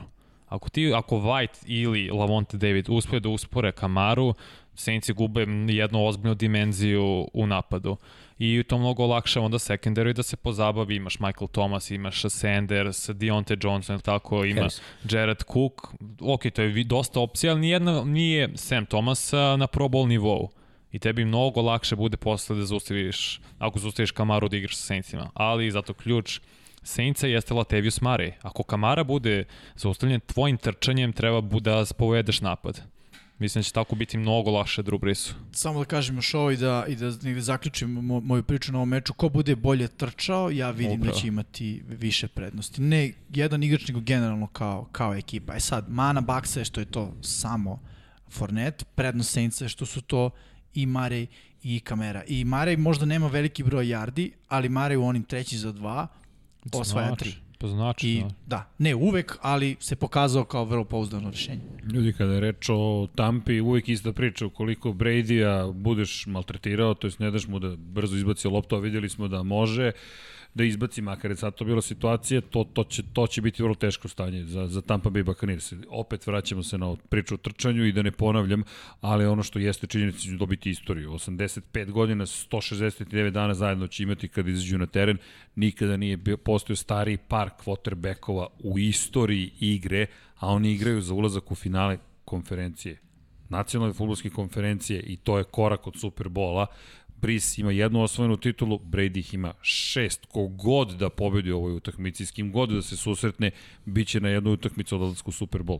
Neverovatno. Fascinantno, bez obzira na sve što se desilo i u pravu ste, ključ poraza su njih dvojica, ključ pobede su kompletne ekipe, ali mi možemo da se nadamo da ćemo dobiti ono čudo, da jedan i drugi budu na nekom neverovatnom nivou. Pa Znam da zvuči, sad ili nikad. Nemoguće. Breeze, real, realno možda, ide u penziju. Bravo, možda posljednji duel. Da. Da. Breeze Brady.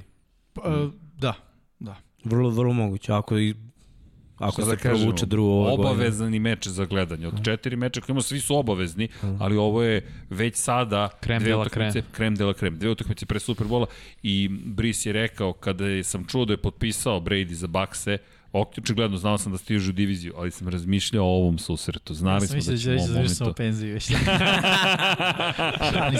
ok, da, bilo je i tweet da isto je History Channel, da ti se tamo da, prikazuju utakmice od da, sada. Da, Brady je to tweet. Da, Brady je to tweetao, jedan s bradom, jedan s naučarima, ali posla Jimmy u istoriju u New Orleans, to je ne druga brisa, vidjet ćemo naravno. Ali to je samo prvi meč, imamo još tri meča i to kakva meča. Ne zna se koji je bolji zapravo. Možda ovo, e, ovo je možda najčudniji meč. Jeste. LA Ramsey odlaze na, u, na duel Green Bay Packersima, prvom nosiocu koji je odmarao ove nedelje, prethodne nedelje. Kako ćemo ovo da najavimo? Ovo je odbrana protiv napada, ja bih rekao. Ti si odlično najavio, čudan meč. Da, čudan, I, čudan. I naj, najčudniji meč od svega. Uh, Remse već e, od, ono, drugog dela sezone ne znamo šta da mislimo o njima, bar ja ne znam šta da mislimo o njima. Gube meče koje ne smiju da izgube, pobeđuju potpuno neočekivano. Goff se pojavi kad niko ne očekuje.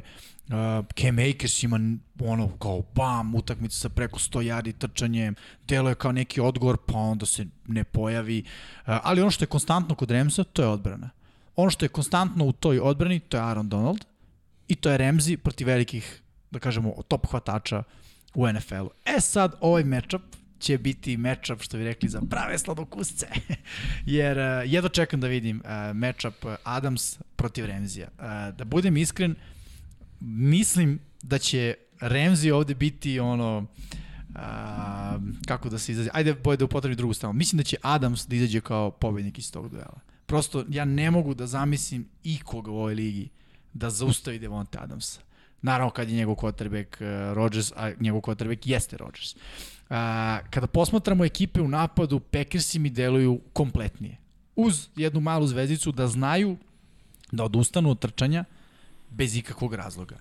Pokazuju trend da to ne rade sad u poslednje vreme, to je ono što je dobro, ali nisu me ubedili da a ukoliko budu imali zaostatak od, recimo, mislim, ne znam kako to može se desiti protiv Remsa, ali okej, okay, može, odbrana može da uradi svašta, da imaju zaostatak od 10 poena, pa čak i na početku meča, bojim se da ne uđu taj panični mod koji se zove ma kakav Aaron Jones, samo Aaron Rodgers, jedan je Aaron u ovoj ekipi i igre kroz vazove. E sad, s druge strane, kad posmatram matchup e, napad Ramsa protiv odbrane Packersa, odbrana Packersa nije elitna odbrana. Ali je dobra. Ali je dobra odbrana, tako je. Međutim, play action zna da uništi dobre odbrane, da ih razmontira.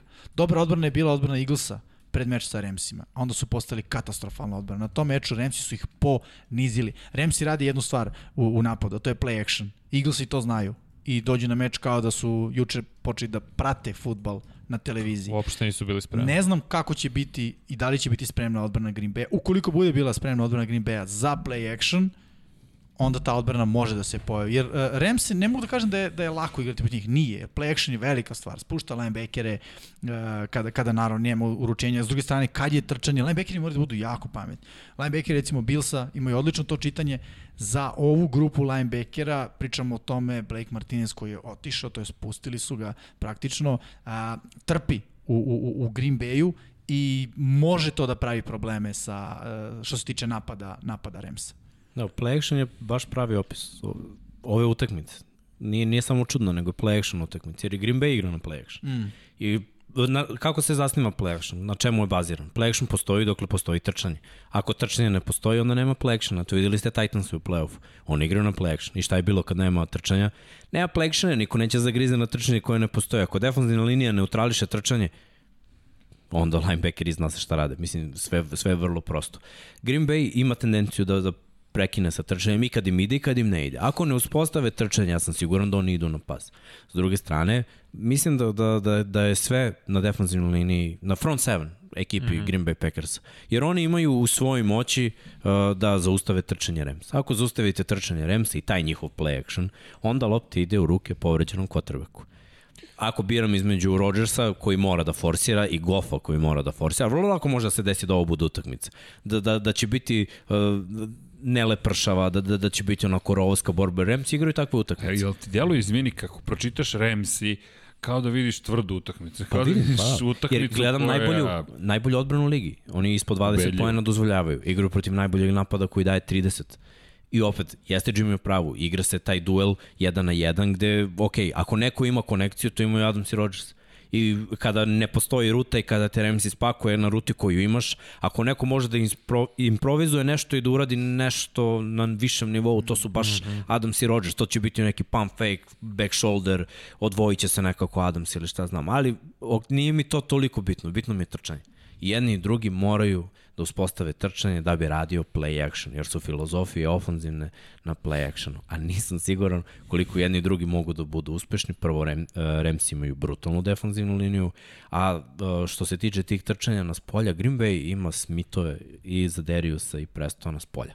Da, da. Tako da, ako se trči, mora kroz sredinu, s polja baš i neće da ide a ne bi ja davao loptu previše, ni Goffu ni Rodgersu, da, da, ako se pretvori utakmicu sa 40 pokušaja jednih i drugih, malo ćemo da se smorimo gledajući ovaj meč. Pa Rodgers su big zato što igra kod kuće. On se, opet pričamo o uslovima, sa onim prstom na onom hladnoću, ti, on, stvarno i Goff neće ostati šapu. Jeste, A, to je dobro.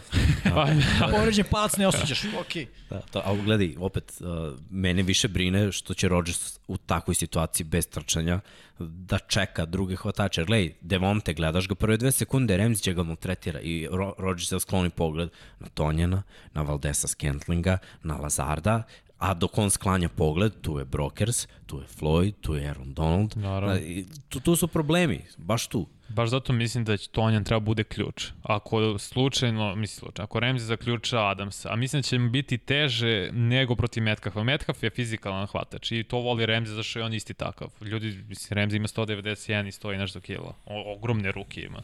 On voli te fizičke duela, dok Adams dosta radi svoje stvari iz slota. I da li će koliko će njega Ramsey da prati i u slotu i sve. I... Ma, Adams radi gde hoćeš, Da. i nije samo U- slot. Još Baš jedna stvar, taj prva dva koraka koji ima Adams, nema Metcalf. Upravo. Nema niko. Nema niko, tako, Tako je. A Metcalf nema. Mislim, Metcalf je što je je fizikalija, ali nema te korake. Da, Da, ali izvini, kada poredimo ove stvari, mene jedino što brine da će utakmica možda biti manje zanimljiva jeste napad Ramsa, najiskrenije.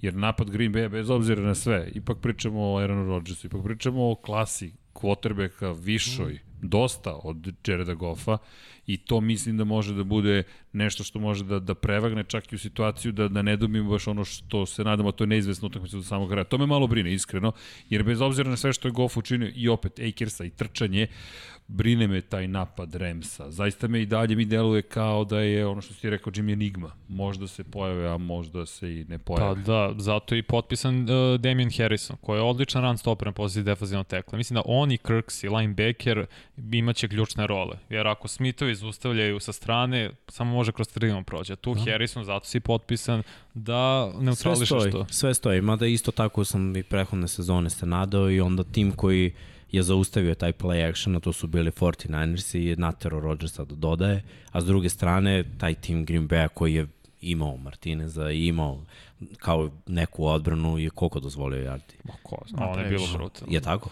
Jest. Tako da ako trčanje prođe i ti Ramsi, no, ne može da ih otpeš, imaju sjajnu ofenzivnu liniju, Ja imaju ne dobre taj ja imaju sjajne hvatače kao blokere.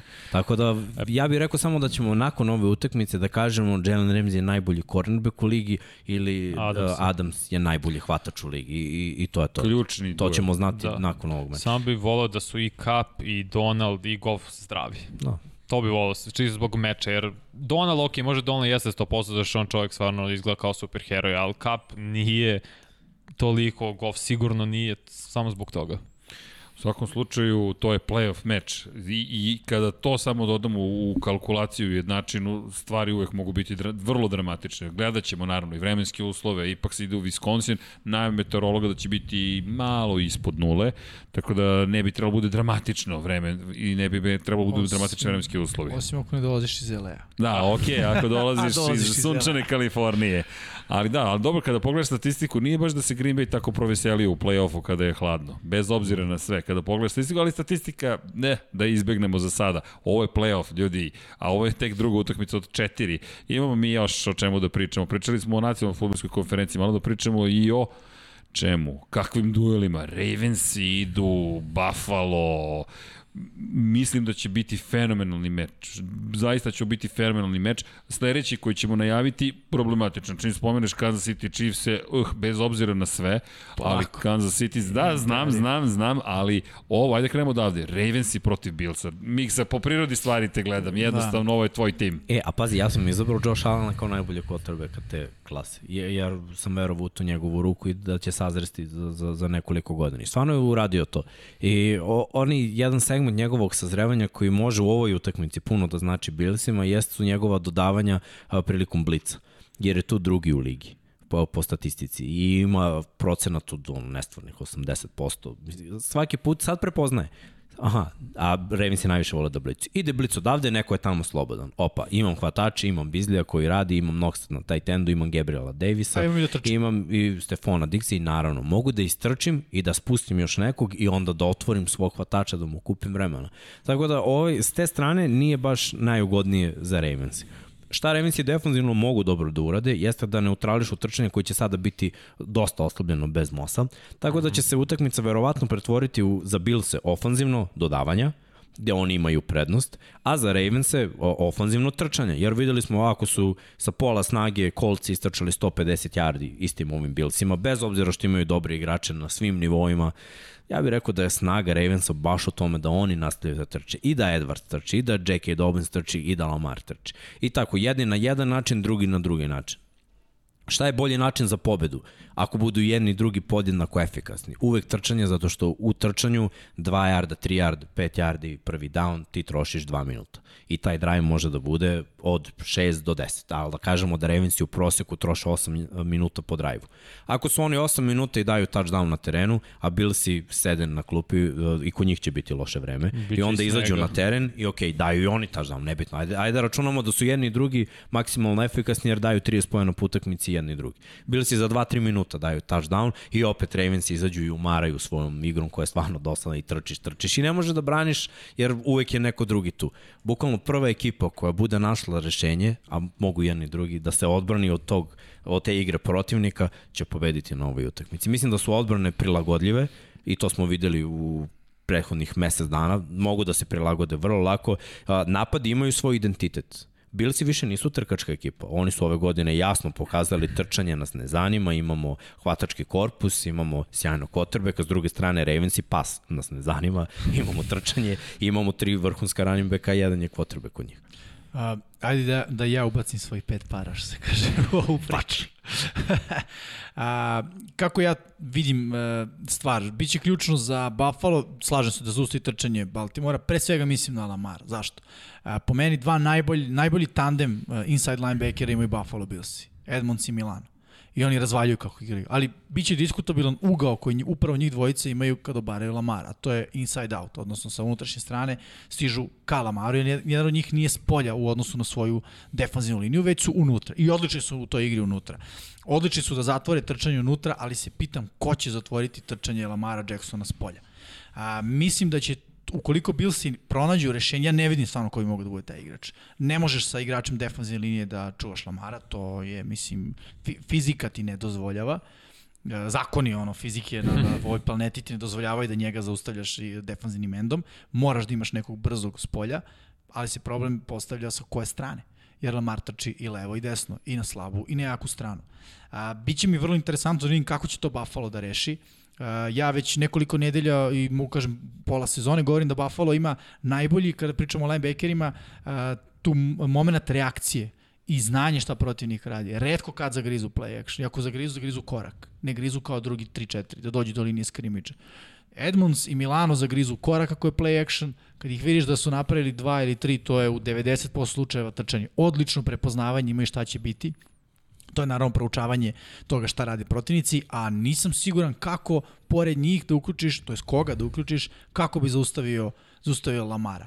A, kao što Miksa reče, pas za Baltimore neće biti ključan, ali će biti bitan. U kom smislu? Pa kada si toliko iz forsira trčanja, onda će da se posle neke play action akcije otvori Brown, to smo već videli na ovom meču protiv Tennessee-a.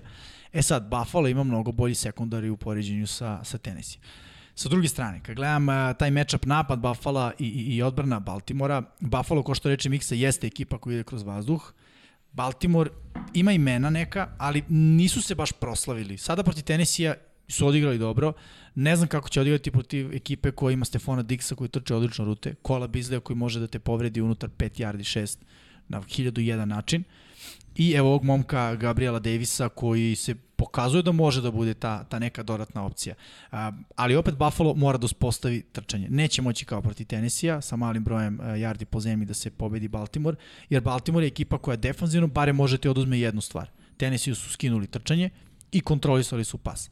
Za, Bal za Buffalo, ukoliko je plan da se oduzme pas, a da se kontroliše trčanje, Buffalo mora da uradi bolji posao u igri po zemlji i mislim da će tu biti ključ, a ne znam koliko može bez Zeka Mosa. Pa upravo si Singletary je imao samo tri nošenja za 21 yard. To mora da se promeniti. Ne može Josh Allen opet da bude najbolji trkač. To mora ravnoteže bude. Mislim da su potpisali Devonte Freemana. Da, Jesu, a, ali će Jeldon igrati pre njega. Ok. Ok, Jeldon je više... Muka je, znaš, da. svakako je muka jer u ovoj postavci što igraju Ravensi da stave tri igrača, znači da, da su i Brandon Williams i Calais Campbell u sredini i eventualno i El, uh, Wolf ili mm. Ellis i onda s polja Ngakvo i Judon, jako je teško. I uh, samo je pitanje koliko će se oni opet će da idu u blic, jer moraš nekako da zaustaviš Alena, da ga obaraš i sekuješ, to Ravensi baš ne rade dobro. A ako ideš u blic, to otvara rute na drugom nivou, a Allen sa 2 metara to vidi, ima ruku da baci to ono što Ravensi najviše povređuje. Zašto ne mogu pobede Mahomes? Zato što ne veruju da kad jure quarterback, on sa zadnje noge može da baci 40 yardi. E pa, a, Allen može. Da. I više od toga. Pazi, Beasley, misli, to što ste rekao, mislim da je on ključ, on i slot ima 1005 yardi ove, ove sezone.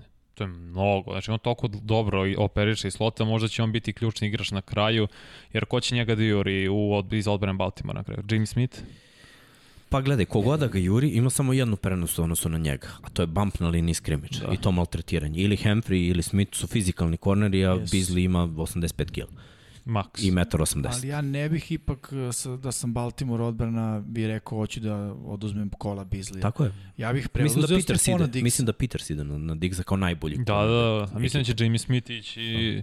Da. Ostaje bi Humphrey za ove vertikalne Bazi, stvari. čak i Humphrey uh, da bude na Bizliju je dobra opcija, zato što. Bizli ima isto odličan prva, prva dva koraka. Prvi korak, ali da kažem prva dva koraka i taj release mu je fantastičan, a Humphrey je odličan u bumpu, mislim, odličan, odličan u bumpu. E sad, Peters na Diggsa, ok, ali nije me Peters toliko oduševio ove godine. On više onako odrađuje posao, ali ok, možda ako zaustavi Diggsa... On igra na instinkt. Tako je, ako zaustavi Diggsa na nekom manjem broju yardi, recimo ispod 100 ili da kažem 90, to je dobar posao. Jer Diggs odlično trči rute i ono što smo rekli, igra kroz vazduh će biti ključno za Buffalo. Ja bih dodao samo za kraj. Mislim da ste sve pokrili, ali ja mislim samo jednu stvar, da će zapravo pobedu odneti, to je doneti quarterback. Da li jedan, da li drugi, za razliku od duela Brady Brees, gde su oni ključ neuspeha, to je poraza, da će ovde ključ uspeha se svesti na ili Lamara ili na Josh. Ovi klinci su postali za tri godine heroji obe franšize. Da. Lamar je heroj i vođa ekipe, Jest. Allen je heroj i vođa svoje ekipe. Zato mislim da, da ćemo prisustovati tom, tom jednom trenutku kada kažeš aha, to je to to je to. I mislim da ćemo se ovih duela nagledati dosta u budućnosti. Kao što smo nekad pričali Manning Brady, da je ovo pogled u budućnost. Ako god od njih da prođe, na koga ide? Na koga ide? Pa ne znam. Na koga ide? Nije ovo tako naivno Nije. kao što je Evo ga, gospodin Browns, izvolite. Nije ja, se ga gospodin Browns. Ali Činjenice... Cleveland Browns i samo da, da, da najavimo, idu u Kansas City na Megdan Chiefsima. Tako, mislim, Chiefsi kad pogledamo poslednjih nekoliko utakmica igraju ispod nivoa, realno. Ok, može se čuvaju, to je glavna priča i tema, oni se čuvaju za play-off i sve to. Ja ne sumnjam to, Mahomes je neverovatan i verujem da može svakom da ubaci 30 pojena ovako. A opet ovi Brownci imaju recept da oduzmu Chiefsima to. Igra trčanja, konstantno, imaš Hanta, imaš Čaba, konstantno tako i trošiš vreme, jer Chiefsi ni jednom do sada u ovoj sezoni, pa sem protiv Baltimore, nisu imali problem sa ovakvim vrstom igra trčanja. Ovo je možda i najbolji duo running back. A Baltimore je odustao od igra trčanja. Upravo. Mogu A ovi, na početku. Ovi moraju da igraju, moraju branci da igraju konstantno trčanje. Jako gubiš 7 od 10 na početku, moraš trčanje tako da uzimaš vreme i posjet Mahomesu. Mislim da će to biti ključ. Sad da li će pobediti ovo što ti rekao, moraš stalno touchdown. Ako si uvek u red zone, ne smeš 3 poena, idi na četvrti za touchdown da konvertuješ za novo 4, pokušaš šta god. Možeš da ideš na touchdown stalno protiv Chiefs. Da. Ono što je ohrabrujuće, ja ću samo ovako, ono što je ohrabrujuće da smo već videli dve utakmice Brownsa vrlo važne da oni daju 40 plus. Jednom protiv Baltimora i sad protiv Pittsburgha u playoffu. Tako da nije ovo kao je Chiefs će daju 40, a jadni Brownsi ne mogu da daju 20. Mogu i Brownsi da daju 40. Ja bih rekao da je, ako neko ima dobar matchup za Chiefs-e, onda je to jedna od ekipa, jesu Cleveland Browns. Jer hajde pogledamo s kim su se Chiefs-i a, realno mučili ove godine. Pri, mislim njihov napad, protiv čije odbrane? Protiv odbrane New Orleans Saintsa. Zašto? Dobar pritisak sva četiri igrača i dobro pokrivanje pozadi. Cleveland ima sličnu situaciju ukoliko budu svi igrali, pošto sam čuo da će biti upitno da li će igrati neki od defanzivnih bekova. Igraće i Ward i Kevin Johnson isto oba starta. E, to su onda fantastične vesti za nas, zato što ćemo gledati jedan dobar futbal.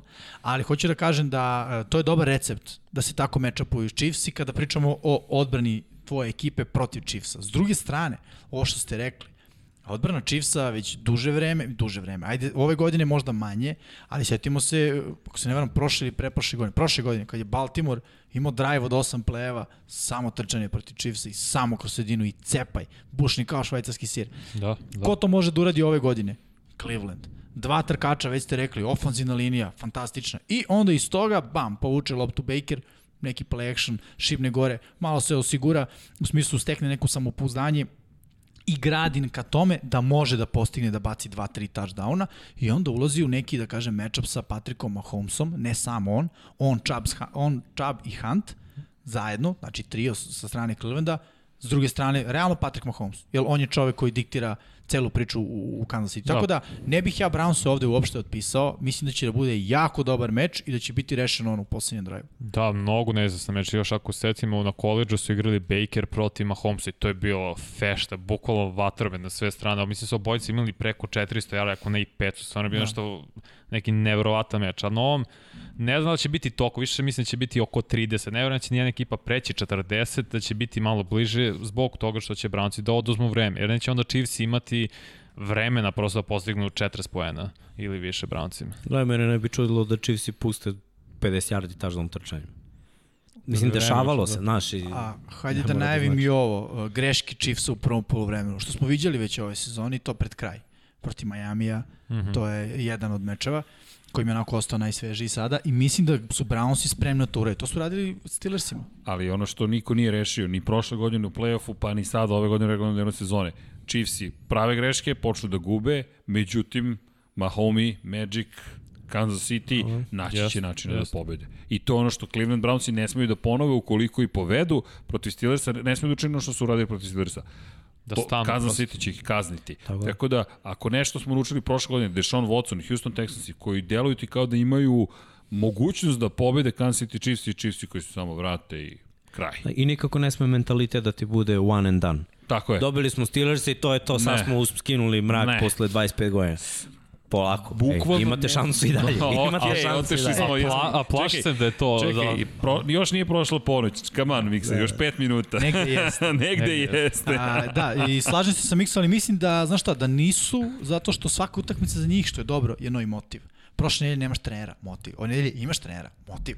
Dobro, Ajmo i motiv ti je ko očekuje, ko realno očekuje da će Browns i baš me zanima kad dođemo sledeći, sledeći segment su prognoze, da vidimo ko je tipovao na Cleveland Browns. Ajde. Ajde, to ćemo vidimo, ali pre nego što vidimo ko je tipovao da vidimo šta smo učinili u Super Wild Card vikendu, kako su prošle naše prognoze i kako izgleda semafor prognoza u ovom trenutku. Dakle, Žule, pet pobjeda, stara to je jedna stara garda, 83-3, pa Vanja, Jimmy, Miksa, Srđan. Ne znam zašto sam ja opet na začelju, kada dama, ljudi, bar jednom da me stavite negde u sredinu, da li je realno. Čuti imaš više od 66%. dobro, vidi, nije, nije loše. Ne, ne, Baltimore, znao sam da treba da izaberem Baltimore, ali dobro da bacimo pogled šta smo mi to birali. Dakle, Indianapolis u posetu Buffalo, posle Buffalo svi smo izabrali Buffalo, svi smo pogodili, nije bilo tu mnogo dileme. LA Ramsey, ja se izvinjam, ja mislim da sam ja izabrao LA Ramsey koliko se sećam prošle nedelje, ali dobro. Ja da, da, okay. da, ja, ja, ja koliko znam, moje, ja sam moje, rekao da Ramsey, da. Ramsey pobeđuju, čekaj, čekaj, Remsi pobeđuju, ja imaš, tako da... Imam, ne, imam ovde crvenu zastavicu, ubacuje se ovde, dobacuju, sufliraju, crven challenge, bacam odmah, ali ok, Žule svakako pogodio. Tampa Bay protiv Washingtona, Vanja, da. ti si izabrao Washington. Očekivao sam Alex Smith, iskreno. Jedin, da. zato sam izabrao da, Washington. Neuspešno u svakom slučaju, kao što sam ja bio sa tenisem, gde sam besmisleno očekivao da mogu treći put da dobiju, ali za redom, ali ok, što kaže Miksa, bilo je to 51-40 na kraju, baš i nije, nije ispalo tako. I Chicago u New Orleansu niko nije hteo da razmišlja uopšte o tome da izabere zapravo New, no, Chicago, izvinjavam se, i Cleveland protiv Pittsburgha, Vanja je izabrao Cleveland, bravo Vanja. To je više bilo hejt prema Pittsburghu. oh, oh, Vanja, ne spušta gas. Ne spušta nogu sa, sa gasa. Ali da mi bacimo pogled na ovu nedelju, to je ono što će biti zanimljivo. Dakle, Dobro, Los Angeles Ramsi protiv Green Bay, ja mislim da sam izabrao ispravno, to jest vidjet ćemo. Ja tipujem na Ramse u celoj ovoj priči. Jel treba da, ukinuli smo lukanje, prosto da ne, logika kaže da će Green Bay da pobedi, ali baš zato, ajmo da nastavimo sa Ramsima, iako je nemoguće dva puta za redom da to tako se desi, ipak verujem. Sad da prisvaja da Ramse ka sebi. Dobro, Jetsi. Dobro, sad Underdog Project. Pa da. Underdog, tako je, pa tako pa, je, vidi. Ti Jetsi su dobili Ramse, pa znaš, to je to, sve, povez, sve povezano. ok, vidi, imam New York majicu, tako da sve je u redu. No, da bacimo mi pogled na drugu utakmicu, Baltimore protiv Buffalo. Zanimljivo. Pa nisi izabrao ekipu iz države New York. Mm, nisam izabrao. ok, ok, nisam. Nisam, ali vidiš mi se ko, ver... merila, ko veruju da? tvoje, ko veruju tvoje. Pazi, Oni ko pobeđuju na kraju. Vanja, Jimmy, Žule, a Baltimore smo izabrali ti i ja. I da pričamo o Clevelandu i Kansas City-u. Čekaj, Biće zanimljivo, ali kc, kc, kc, kc, kc, svi smo izabrali Kansas City. Biće zanimljivo. Zvanične šampione. Mislim, gledaj, kad smo radili one projekcije koja je najjači tim, koja je najbolji kotrbe, koja je najbolji trener, ne, ko će ono verovatno da pobedi ove sezone. rekli smo Chiefs, nismo rekli proti koga igraju Chiefs, samo smo rekli da su Chiefs broj 1 da. time, tako? tako. I šta su nam oni pokazali u regularnom delu da, sezone? Da, jesu. Izgubili jednu utakmicu mislim. Realno jednu. Da, da, pa da. i to protiv divizionog rivala. Računam starteri kad su igrali da, ovo da, posljednje da, kolo puštanje, to, to je bilo. Ne računa. Ali da vidimo mi, o, ovo je, pogledaj staro gardu kako bira. Ako imaš preko 40 godina, moraš da izabereš najstarijeg kvotrbeka. Vi ste izabrali Tampa Bay u posti New Orleansu, Vanja New Orleans, Jimmy New Orleans, Mixa New Orleans, Žule Tampa Bay i moja malenkost Tampa Bay. Ja, ja bih samo rekao za ovaj meč, uh, 51% New Orleans, 49% Tampa. Okay. Znači, baš onako tesno, tesno, već smo analizirali Jesmo, sve. Da, ali bit će zabavno. Da kažem još što se tiče Kansas i Clevelanda, pre toga to mi je bukvalno Kansas 60%. Nije mi Cleveland outsider. Ali, eto, onako, ako, želeo sam samo da napravim neko poređenje. Delo je kao, svi smo Kansas City, ali nije mi to ono kao razvalići. Slažem se. Pa bilo bi sramota u divizijskoj rundi da i bude tako ne, ne, neki meč. Da. zaista ne Ovo su ozbiljne utakmice. Jeste. Uživajte, gledajte, stvarno su ozbiljne meče. Ovo je možda, je. neću da možda i najbolja runda, zato što imamo četiri utakmice da. i sve će biti neizvesne. Gotovo sigurno da neće biti nikakve situacije gde imamo preveliku razliku u završnom rezultatu, što može da se desi češće u Superbolu nego u ovakvim situacijama. Ja toga smo se nagledali, a konferencije, finale konferencije, tu već živci počinju da rade, počinju da rade. U svakom slučaju, najavi, da, dali smo naše prognoze, pa ćemo vidjeti. Naravno, pozivam publiku, dajte vi vaše prognoze, dajte da se igramo, da vidimo, četiri utakmice su pitanje, pa da vidimo ko će to biti naj, najbolji. I naravno, kada je reč o onome što ćete gledati, četiri utakmice, sve staju na jedan ekran. Ramsey protiv Packersa, Subota 22-35 prva utakmica Sport klub 2. Ravensi u posti Billsima suštinski subota na nedelju, nedelja zvanično 2 časa i 15 minuta Sport klub 1. Zatim Sutradan Brownsi posećuju Kansas City Chiefs-e, nedelja 21.05 Sport klub 2. Novi termin, da kažemo. Da, Mislim... novi termin, da skrenemo pažnju, pravo si, treba napomenuti, nemojte da promašite da dođete u pola 11, a dve utakmice uveliko traje. Sa Brownsima se nikad ne zna, možda bude 28-0, iako sumnjam baš da će se to ponoviti. I poslednja utakmica, Bakanirsi protiv Saintsa, Sunday Night Football, iako i tu raniji termin, 0040, Sport klub 1, direktno i ekskluzivno. U, kakav divizijani vikend je pred nama. Naravno, pozivamo vas da se subscribe na YouTube ukoliko već ni, čekajte da nađem, ukoliko niste i da iskoristimo priliku kada je publika već tu i kada ste sa nama već 3 sata, 3 sata trajimo, čisto da se zna, da iskoristimo priliku za evo, pitanja i odgovore. Ukoliko ste raspoloženi, samo postavljajte pitanja, iskoristimo priliku pa da i odgovorimo i negde za 15 minuta ćemo se odjaviti. Dom Pablo je već počeo da skreće pažnju na situaciju da u studiju, da, da, da gasi studiju. Znaš, kada mu ugasi reflektore, to znači, momci, Počeli kraj. smo da trajamo kao NFL utakmice, samo bez da. timeouta i bez Tako je. Bez tehničkog timeouta, bez challenge. I to one utakmice koje ne idu po zemlji. Da. Evo, pas. To duže traje. Evo Boka pita, da li mislite da će zbog dobre igre Taylora Colts i tradeovati Marlona Meka, s obzirom da sad imaju tri odlična running backa? Ima smisla. Ima smisla, uh, jer ovaj momak igra kao da je veteran, mislim na Taylora a postavlja se pitanje, jer Mac nažalost nema malo sreće u karijeri. On i kad je došao i kao ruki je imao dobru sezonu, a nije bio opcija broj 1 pa je onda prošle godine se ne, ovo je ja ne znam koliko, sezona, nisam mislim. siguran da mu je treća. Ili mu je druga sezona. Ne, ne, ne, ja mislim, da je četvrta. Četvrta, da. Okay, da. Ali, Tako da nema kažem, možda trejda, možda samo slobodan agent. Da, ako, da, ne znam kakva je situacija sa njegovim ugovorom. Hoće da kažem da nima baš sreće u kolcima. Nije, A kad god je mu je bila pružena prilika, odigrao je dobro. Pa da, imao je ovu sezonu pre, prethodno preko 1000 yardi, mm. mislim, bio je baš dobar. A mislim da mu ističe sad ugovor pravo Takođe, ja, ja, to mi nešto u glavi jer sam povređio dva puta već da, da. u svojoj karijeri. Da, da. Pavle Popović pita Da li Green Bay osvaja titulu i zašto da? Ok, cenim zašto da. ok, znamo za koga navija. Znamo da je odgovor, evo imamo ovde jedno koji, koji mada... Aaron Rodgers. Ovo je banje, počelo je banje, znaš, da li će biti pobede. Da, šta kažete na ideju da Watson bude tradovan u Miami? Pa, sviđa mi se da je on je izrazio Smisleno. želju kao da bi preferio Miami ili ove San Francisco. Tako da gde god ode u te Blizu plaža, a, da, da. se malo pomuči. Treba da ubegaju na sever. Sad ćemo sa Tuom i Jim, evo, mi ne, pa, ne ga poslao, a mi ne više ne igra napolju. ali Tua uopšte po neki igrači Miami se pitaju zapravo koliko je Tua talentovan pošto on na treningu nije pokazao ništa spektakularno, na utakmicama definitivno nije i pitaju se igrači, jer igrači su, kaže, bili razočarani što nije mogao da igra Fitzpatrick poslednje kola. Nemaju neko Bio poverenje, da, da, da, ali nemaju neko poverenje u tu sada. Da, Branislav pita da li je Mahomes najtalentovaniji quarterback ikada. Trči, skače, baca. Uz Rodgers jeste. Ne, ne, nije eh, subjektivno, stvarno... ne, sve je uz Rodgers. On i Rodgers su dvo, dvojica najtalentovanijih bacača lopta, je tako kažem. Ja bih rekao da je Mahomes uh, onaj koji je najbrže skapirao igru.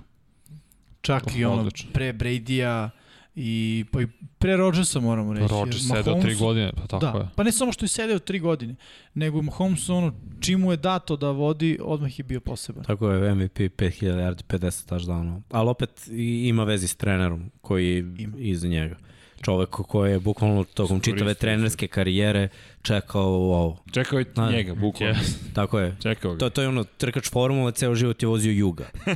to, vi, da, da. I onda je dobio bolid. Iz Williamsa u Mercedes, okej. Okay. Ja, su mi odgovorili na pitanje zašto Green Bay, os, da li Green Bay osvoji, zašto da. Nismo. Pa, ne, rekao sam Rodgers, eto, to je. Zbog Rodgersa, evo Vanja odgovorio, vidimo. Ja ne mislim da osvoja Green Bay, ali mislim da mogu da dođu u Super Bowl. Okej. Okay. Da li ste mišljenje o Zeku Wilsonu? Kotrbe koji sa koleđa, na njega mislim. Da. Pa, mislim, pretpostavljam, ne vidim Podseća malo na Kyler Mare, malo je veći, ali to je ta slična igra. Dosta trčanja, I, atraktivan je, on, sitne građe Zach Wilson generalno. I gledam i dalje ka tebi, pošto ti jedini možeš u koleđ, na ostane nas bi bilo, bilo malo čudno. Pa, projektovan za, pr, za piko prve rundi. Pa, ali, ali kraj prve rundi. Da. da li ste ispratili finale koleđa? Yes. Naravno. Da. da. To, to je. To je. Bože, ono gazi Alabama. Roll Tide. da, da, evo, Vanja, hoćeš ti? Pa ne, stvarno su bili napad, je bio spektaklon kad Devonta Smith imao čovjek preko 200 yardi i 3 touchdowna na polovremenu i izašao zašto se povredio. No isto i Harris imao 3 touchdowna Kotrebek je bio ultra, ultra precizan. Mac Jones, znači stvarno je mnogo je precizan. Baš i zna da... Podigo mi je po meni svoju vrednost na ovom Bravo. draftu koji ide ovim partijama u posljednje tri utakmice. Bukvalno je ono iskočio, bio mi je šesti, sad mi je treći. A, ajde da ne uskočimo u taj voz koji se zove Matt Jones i to je fanova njegovih. Meni on liči na ono, Mark Sanchez karijera. Jedna, jedna dobra godina na koleđu i na osnovu toga. But neko... fumble.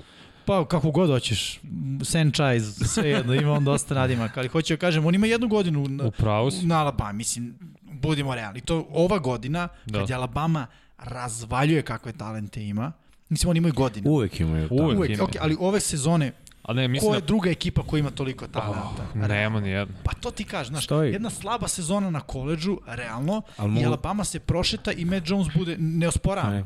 Ima neki kvalitet, Pravo ali ima ga i, i Sanchez. Ali opet, s druge strane, Burrow imao jednu sezonu u nikad krcatoj ekipi LSU s talentom. Jest. Prošle godine. A Pa, pazi, dobro, i imao je Dwayne, bolje. i Dwayne Imao je- Haskins je imao jednu sezonu u Tako. Ohio, pa... Da, ne, mo, je- ne mora da znači. Me, meni se samo sviđa konzervativno njegovo donošenje odluka. Ne divlja nego onako malo po malo. Razmišljam, ako neki pametni ofenzivni koordinator ga uzme pod svoje, pa ga gradi, jer nema iskustva. Jer onako ode, na primjer, u NFL i neko ga gurne da bude starter sutra, to je propast. Ali, mislim, zašto ne kao Herbert, malo sačekaš i, ili kao neki drugi quarterback, presediš kao Mahomes, čitavu da. sezonu. Učiš To je malo. bilo najbolje. Moguće. Evo pitanje, da li prenosimo NFL draft? Uvek. Da, da. Prvu rundu. Bez brige. Prvo, a drugu vidjet ćemo šta Drugu ćemo. ovde live. Vidjet ćemo, tako je, tako je. Inače, ne spavajte s nama. Da, da ne bi bilo loše da po završetku plefa napravite jedan podcast sa detaljnim mišljenja pravila pozivanja akcije ulogama igrača po poziciji tome slično za one koji od skoro prate FF. Polako. Mislim da ćete vidjeti bogatstvo sadržaja na kanalu Infinity Lighthouse, ali idemo korak po korak, nemojte da Da, brinete. ja bih samo rekao, pošto dosta ljudi nam postaje takva pitanja i u komentarima, meni je stvarno drago što to očekujete od nas, i, ali da znate da mi to planiramo, a isto tako želimo da znate da hoćemo da kada ga isporučimo, da bude, Bude kako, kako treba. treba, tako Upravo je. tako. Tako Tako, je. da ono, radimo na tome, jeste malo proces, možda deluje sa druge strane, što se kaže kamere, kao, pa dobro, to je jednostavno, samo uzmeš, crtaš kamera, snimak, ovo, ono, ima tu i nekih i pravnih začkoljica i svega, tako da ovaj, ra- radimo na tome i biće i kad bude bilo, bit ćete srećni. Da, i hvala za podršku. Znači, Definitivno. Apsolutno znači, tako da ne brinite, bukvalno i pravila i priče o tome kako se pravi lopta, istorija timova, priče o pojedincima, kada spomenjemo i, i prava korišćenja snimaka, radimo sa timom pravnika na tome da sve bude legalno, prosto, prosto poštujemo tu, tuđa autorska prava. I, I ono što mnogi pitaju, žele bi da znam sve one termine koje Miksa koristi u prenosu. Miksa će da ih objasni. Da, hoću. Da budemo imali pravo da koristimo snimak. jer, o, jer ovako pričati, sećaš onda kada sam te Da. zbunio. ne može, mora da se snima. Jeste, Da. jeste. Jimmy, daj neki tip što se tiče igrača. Što se tiče igrača, prošle nedelje sam inače dao jedan, jedan lagani tip Don Pavlu i došao je. Samo ko, što bih rekao, šaljem poruku onima koji slušaju, a ne vide. uh, u vidiš, nisam onda razmišljao uh, ove nedelje za, za tip za igrače. Sad ovako, kada, kada razmislim, ja volim uh, Aaron Jones hvatanje jarde. Zato što ga okay. Rodgers koristi uh, poprilično i uglavnom je dobar, a što kaže Miksa grana, to je granica nije neka velika, bude možda 20-30 yardi, mislim da je to za Jonesa sasvim izvodljivo. izvodljivo. Josh Okej. Allen za dodavanje touchdown protiv Da, da, Ravens, plus. Ravens je dozvoljavaju. Tako je, bravo, bravo, bravo. 2 To- plus. Eto, tipovi su stigli. Momci, da li ste možda razmišljali da u prenosima radite neki studiju ili nešto tako? Trenutno, tehnički to je malo teže, ali imamo neke ideje kako da spojimo studiju na kraju univerzuma i studio sport kluba, pošto je ovo Infinity Lighthouse, ali mi smo bratsko-sestrinske eh, priče i ekipe, pa onda pokušavamo, vidjet ćemo šta možemo da uradimo, ali i o tome razmišljamo. Prosto te, tehnički sve bude izvodljivo i nadamo se da ćemo to raditi. Pošto i mi to želimo, neki taj halftime show, da, da, da se ispričamo šta se Evo događa. još jedan tip igrača, eh, Jardi, preko trčanjem. Stižu tipovi, dakle pratite, Dom Pablo piše... Porodični, porodični Da, po- tiket.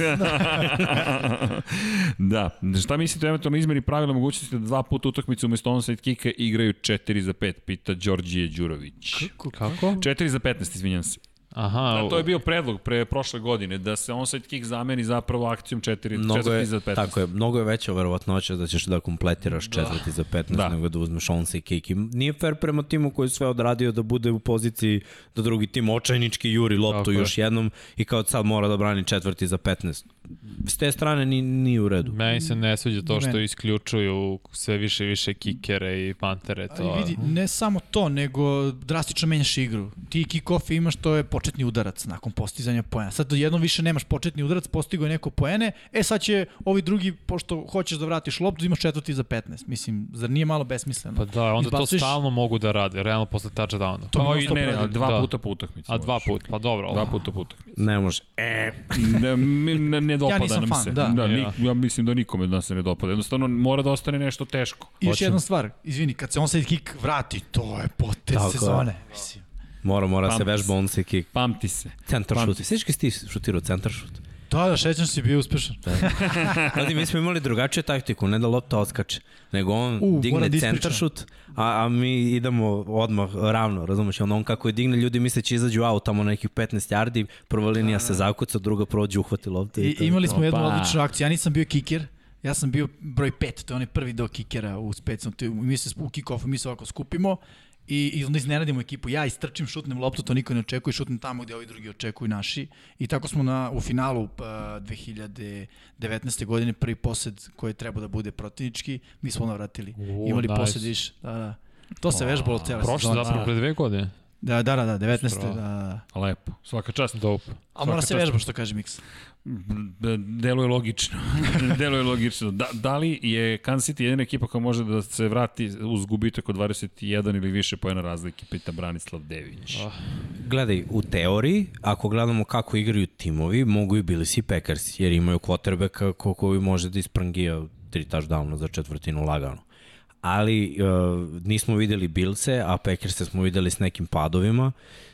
Tako da ono, ono što smo sigurni je da, da ne, da, ne, sigurni smo da su Chiefs, ali da li da. jesu ili nisu, ne znam, vidjet ćemo. Dobro, ali od, po svemu što smo čuli, videli i, i znamo, deluje da je Kansas City jedina ta ekipa na koju možeš da računaš da to može da izvede. Ja bih samo dodao još ovo, Packers igraju katastrofalnu treću četvrtinu a ti ako gubiš, šta smo rekli, 21, 21. razlike, mm -hmm. ti to obično stižeš u drugom polovremenu, a sumnjam kako ćeš da ga stigneš u četvrtoj četvrtini, okay. a Chiefs igraju mnogo bolje drugo polovreme, odnosno na prvo. Da, može Tom Brady isto mi. Da, radio to. Da, ovo je 31. Da, da, Atlantu smo zaboravili, opa. Da. Opa, vidi kako se Tom vratio u, u za 100. Pa sve po 30 pojena u posljednjih nekoliko Jeste. nedelja. Novi glavni trener Atlante, kako je naše mišljenje, pita Konstantin ili Ilić. Pa gledaj, on, je, on isto pa. zasniva svoj uh, game plan. Pazi, to je još jedan ofanzivni još uh, koordinator Tennessee koji ide da bude glavni trener. Yes. Znači, prvo je Lefler otišao u Green Bay, to je play action, Shanahanova škola. Evo ga sad, ovo je otišao u Atlantu, to je Shanahanova škola play action. Da. Ali u Atlanti ja nisam siguran ko ostaje, ko ide, ko je defanzivni koordinator, ko je GM, ko tu dolazi od talenta, da li to može Bići, ili ne može. On ima dobar pristup, ja volim play action pristup, to je moderni NFL, to tako ide. Trčanje, izlazak, touchdown. Da, da, dobra stvar je što napokon Matt Ryan i geno taj napad imaju trenera koji je više ofenzivno orijentisan. Prethodno dvojice su bili defensivno orijentisani, tako da mislim da to može bude pozitivno samo. Mislim, on, oni su najuspešniji bili kada je Shanahan bio tu, a ovo je, je, mislim, manje više to. Pitanje zašto niko nije stavio Kema Akersa za Jokera nedelje, pomenio najveći Joker wildcard runde Igor Ninić. Uh, nema dovoljno mesta ponekada Ligore, vaš Joker nedelje definitivno Cam Akers, mogli smo i Cam Akers. Mogli smo, da, mogli smo, da. bude da. smo Zaslužio bi, ali da.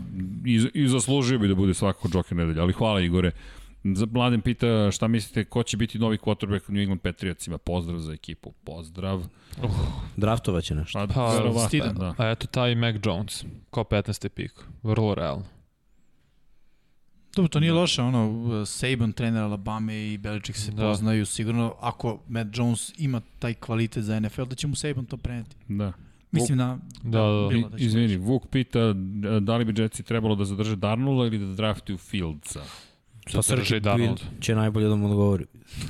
ja? Nema problema. Srki odgovori. Ja ću, ne, ne.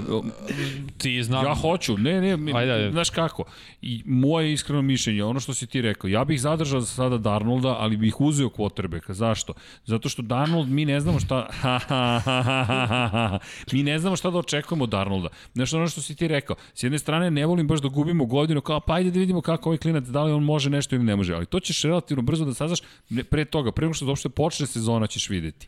Jer to je onaj period koji mi ove godine nismo suštinski imali kako treba, ali uz sve procedure koje imamo sa COVID-om, mislim da ćemo imati mnogo normalniju međusezonu i predsezona i kamp trenažni da će biti da će biti već stvar navike kako god da se da dalje bude razvijela situacija s COVID-19, da će biti drugačije. I da ćeš tu uz, dolah, uz dolazak Salaha doći u priliku da on konkretno vidi da li mu se Darnold dopada ili mu se ne dopada, kad bude vodio prvi razgovor, kad bude vidio prvi trening, kad bude vidio kako se ponaša, disciplinu, to ono što mi ne znamo. Pri čemu ne znamo da li će Salah odmah da krene sa gvozdenom disciplinom, kao Beličik, zakasnio si na trening, čao. Pretpostavljam da će nešto slično krenuti da primenjuje. A ono što znamo da su svi oduševljeni Salahom. Tako da, moj, ja, šta bih ja učinio, ja bih svakako gledao koliko mogu da dobijem quarterbacka, ali to je sad, ako nam se posreći s Darnoldom, da je Darnold ipak bolji nego što smo mislili. Konkretno, oni su pričali do pre dva meseca da je njihov Darnold. Meni Darnold da. malo ne obećava toliko, ali ajde da ga vidimo. A, u nekoj boljoj situaciji. od napada Jetsa play action team i vidjet ćeš Darnolda. Tako, koji ti treba. Ali imat ćeš Jimmy Garoppolo, koji to radi, ono, tako da i, i moje pobede u prvo tim 49ersima, dakle dolazi Salah, tako da ukoliko napravi tu tranziciju, ja sam ubeđen da hoće, meni je to potpuno logično, dobit će i bolje džetce, a tako to je. na draftu znači da ne treba Fields, nego ono što sam već pomenuo, ofanzivna linija i top trkač u tom trenutku. Da, e to, to ja isto mislim, zato što ti Darnold je ovo sad treći trener u četvrtoj godini. To je mnogo za bilo kog Kakav je bio Baker? Isto, isto. Mislim, nije bio takav, ali je bio loš, nije bio, bio na ovom nivou da, sada. Da, da, Treba Darnold, jedan Stefanski. Tako je, Darnold je realno nazad ovo sa Gaysom, to je prosto činjenica. Sada ti dovodiš Fieldsa u napadu koji nema talent, koliko ćemo moći to? Izgleda će malo bolje, zašto je, Dobro, može više ali... trči, ali to opet ništa ne obećava. Treba ti ofenzivni tackle. Talent ti ne možeš da pobediš ako nemaš talent. Vidi mnogo rupa u Jetsima. Tako ti moraš je. sve da, da, da skupiš praktično. Ali i to ono što je pitanje bilo kad smo pričali o Trevor Lorenzu. Da li je Lorenz zaista to rešenje?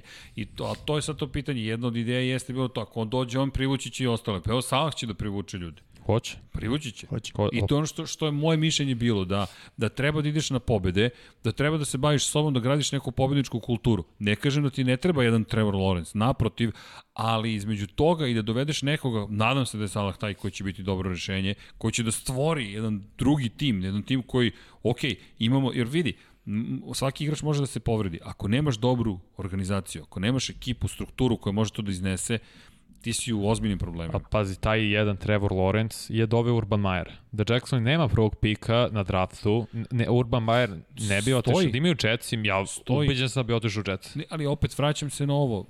Me, po mom mišljenju je važnija organizacija, a to počinje od i naravno GM-a, vlasnik pre svega da prestane da se meša i da imaš glavnog trenera koji može da bude dobar. Ali, da ne idemo previše o Jetsima, jedno nevezano pitanje, što se niste prijavili za kviz rizik ili oprez? A, to je za vas. Da, to je na sport klub komentatori idu protiv kolega iz Hrvatske.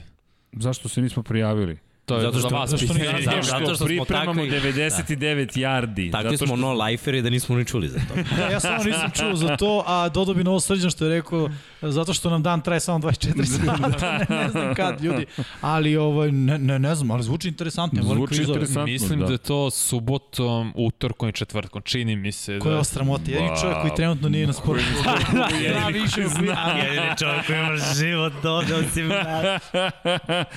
ok, hvala ti Vanja, nemam predstavu, mi se spremamo podcasti, emisije, Tako je, treba produkcija. čitavo kraljevstvo, čovješ pa, koliko ljudi.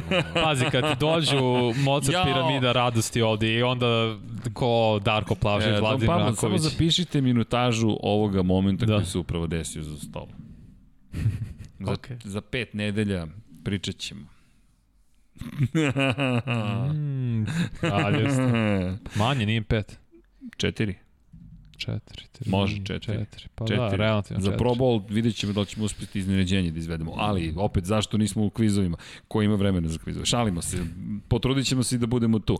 David ima predlog Tua, treći pik, pik prve runde za Watsona. Da, da, to se priča. To, to, to, to je ono čemu se priča, da. Tua pik prve runde, ove pik, godine, znači ove, treći pik, pik. druge runde ove godine da. i pik prve runde sledeće godine. Malo. I još jedan pik da. prve runde. Malo. Slažem se s tobom, ja bih, vredi ja, ja bih rekao samo jednu stvar, da bi to pokrenulo Texans promenilo da, bi. Da. Dalje su na mrtvoj, sad su na mrtvoj tački i ako ništa ne urade, mislim, ne znam, ja volim Watsona, ali ne miriše mi to da će biti dobro, ali mislim da će ostati. Eto mi tri pika ništa neće pobediti. Da. Stevo Kulišić, Brady, sedmi prsten, game over. Pretpostavljam da ste navijač ili Tampe ili Toma Brady-a. Pa Tampe Teško. Dobro. Da, Da, ima, to- imaš, to- to imaš, Brady. imaš, ne, imaš naš, naš kolega Marko je veliki navijač Tampe. Da. Da. I godinama je Plakao. plakao, bukvalno je sad uživa u trenucima play-offa. kad spomenjamo broj prstena, i, i ono, imali smo pitanje za college futbol, ona slika old school Nick uh, Saban koji ovako stoji, slika se i ovde ovako sve prstenje koji, Da. da. pošto on ima šest. Je. Ima šest sa Alabamom Da. i jedan sa LSU-om, sedam ima. Da, sedam, okej, ali mislim da su ovde bili samo Da, prsteni sa. Alabama. Da, da. Ali tako ona stara škola slika, kao, kao za godišnjak ovako. Za Miksu. Šta misliš granicama Mara na bet 365 78,5 yardi? Trčanjem. Da pretpostavljam. Gle, moguće da mu je ta granica iza pas. Da, ja bih rekao da, da je easy money. ok. Pitanje da li Seattle može sledeće godine da uočevo popravi odbranu i šta im tačno treba. Imam jedan zahtev, popite ljudi malo vode. Nema Dom Pablo na ukinuo ukinuo vodu u pokušaju da smanji ispod 4 sata podcast, ali to se neće desiti. Pa Seattle ne treba ofenzivna linija. Odbrana igraće bolje odbrana ako napad bude češći i češći na terenu, da se duže zadrži, to je da potroši više vremena igra, igrom trčanja. Trebaju im koordinatori, ofenzivni i defensivni. Bravo. To je ono prvo što im treba. Prvo čovjek koji će da vodi tu ekipu koja god ekipa bude bila. Neko Lazar ko, ko da Kurtić. lupi šakom o sto. Kaže, moram da branim mog quarterbacka, Tyreek Hill je mislio da je Mahomes trash kada ga je prvi put video na treningu. Pretpostavljam da se odnosi na tu ili nešto slično, ne znam sad ko brani Pa koga. da, to je Tyree Hill, ja sam to rekao sad, ne znam koga on misli da li je njegov tu. Da, ne znam ko je sad to, da. Nije to sporno, mislim, tu je na koleđe pokazuju da ima dobar talent, ali opet bio je okružen takvim igračima da su Pa četiri... može on, gledaj, on može i dalje da bude okružen istim takvim igračima. Da. Sve to, do, ofenzivni koordinator može da ga stavi u situaciju da sledeće godine mi pričamo, wow, tu je opasan igrač. Da. Za Miksu to je to.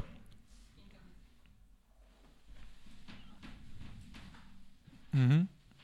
No, Prekidamo program zbog najvažnijih vesti. Zbog najvažnijih vesti. Mislim da imamo prekid u programu, nešto se desilo u ovom trenutku, ali...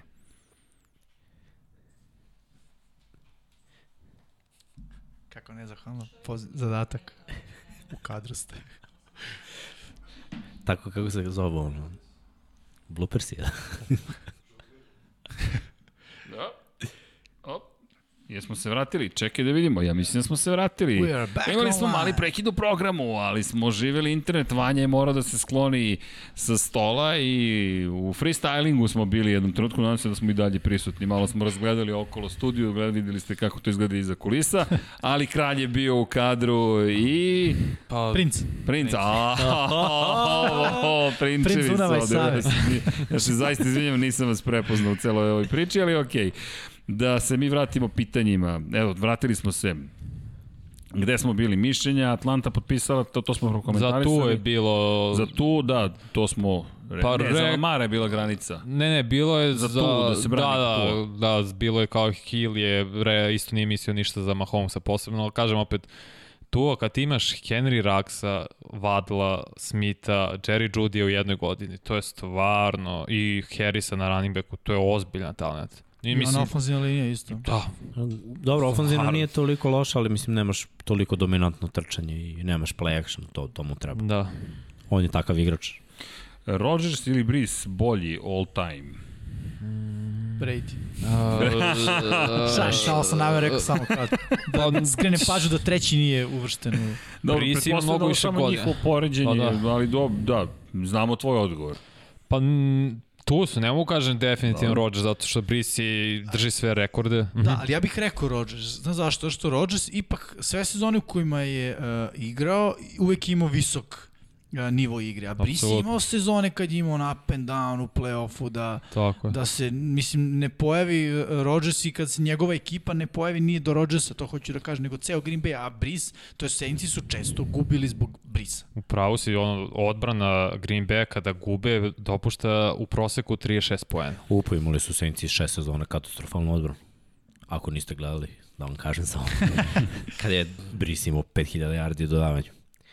Tu su meni da- malo bolji Ne Rodgers, znam, tu su.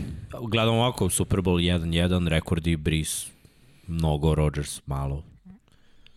Ako tako gledate, ovaj nula, ovaj sad će 3. dobro, stoji. Najbolji pas rating u sezoni ikada. 1-2 Rodgers. Najbolji paser rating u karijeri. Rodgers. Nezahvalno porediti, ali to je bukvalno stvar preferencije. Imamo si kada sam ušao u zonu sumraka. Ne, pa baš je, znaš, ba, baš je ono ako gledaš... Rodgers, da, da, Rodgers, da li gledaš, da, da li gledaš statistiku ili gledaš, ne znam, nešto što je promenio. Šta je drug promenio? Mislim, pet puta šest puta je 5000 Šest yardi. puta, jest. To je baš mnogo. To, to je nešto zbog čega treba da bude ono top 3 E, potrebe svih vremena. Brice, sad, si mi, sad mi nekako kliknuo, razmišljam baš ko mi je. Zato što mislim da je Brice morao više stvari da prevaziđe u svojoj karijeri. I mislim da je to učinio. I da je uprkos nekim stvarima došao do toga da bude jedan od najvećih svih, vremena. To mi je nekako ta snaga volje možda, talenat ruka, to Rodgers na keca, ali kada pogledaš šta je sve prošao u karijeri, kako se izborio i da je realno došao u grad od kojeg se nije baš očekivalo da osvoji titulu, došao sa Seanom. Paytonom titule, mislim da je to velika stvar. Nakon povrede ramena. Nakon povrede ramena. Bacačko. I ajde da uzmemo u obzir ono, najbitnije. Uh, Brice je skraćen. Mislim, ima 1,83 m. Da. On je 6,0. Kažem, Ti uprkos- 6-0 iz ofenzivne linije gde su svi 6-5, 6-6, Uprkos. ti, ti ne vidiš ništa, znači ta lopta zuvi kroz kacige ofenzivnih linijaša. Imali smo jednom da. niskog Pazi. kvotrbeka i ja, znaš, kad trčiš rute, ti loptu ne vidiš, kvotrbeka ne vidiš, samo vidiš između ofenzivnih linijaša kroz njihove kacige, samo tjuh, ovo proleće. Da, s- da se nadovežem, Brice je bio toliko blizu da ode u Miami kad je Nick Saban baš bio izabro za glavnog trenera. Koliko je to moglo da promeni zapravo celu istoriju, da je, da je taj doktor odobrio njegovo rame. Ljudi, uh, Archie Manning je legenda New Orleans Saintsa. Archie Manning je otac Peytona Manninga i Ilaja Manninga, ali nije osvojio titulu sa New Orleans Saintsima. Jedini čovek kao quarterback, jedini trener koji je osvojio titulu s New Orleans Saintsima jeste Drew Brees, to jest Sean Payton. I zato mislim da je to veličina. Green Bay je pobednički tim, to je taj Istorijski tim. tim. Istorijski tim. Ovi su ljudi došli i stvorili nešto novo. Tako da za mene, eto, Drew Brees. Eto, da, našli smo odgovor e, za, za mene, za ne znam za vas. O, gledaj, Rodgers još možda da presti, sustigne, prestigne. ko zna, ej vidi, Tačno, možda igra još pet tri. godina, sigurno. Ko zna. Idemo dalje, Atlanta, to smo spomenuli, Kyle Trask, novi Tom Brady, Aleksandar Ilić. Ne, ne, ne, ne, ne, ne, ne, ne, gledao, gledao sam ga na Floridi, ne, ne, ne.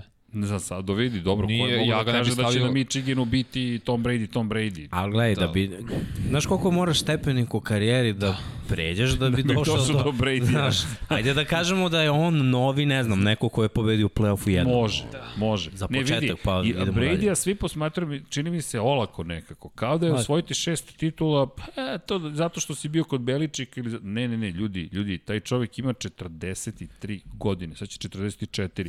Imati karijeru uopšte u kojoj ti dalje igraš je uspeh sam za sebe. Život je karijeru posvetio. Tako, u kojoj ti uđeš u play-off je uspeh. Imati Svake karijeru godine. pobediš. Ne uđeš u Ne, play-off, ne, ne, nego ali uđeš u vidi, play-off korak po svake korak. godine. Uđeš pa pobediš, pa onda ulaziš non stop, pa onda non stop ulaziš u finale konferencije, pa u Super Bowlove ti odeš, ti u prva tri svoja play-offa si osvojio titulu. Nije imao poraz u prva tri svoje ulaska u play-off. Imao i poraze u prva tri ulaska u play-off.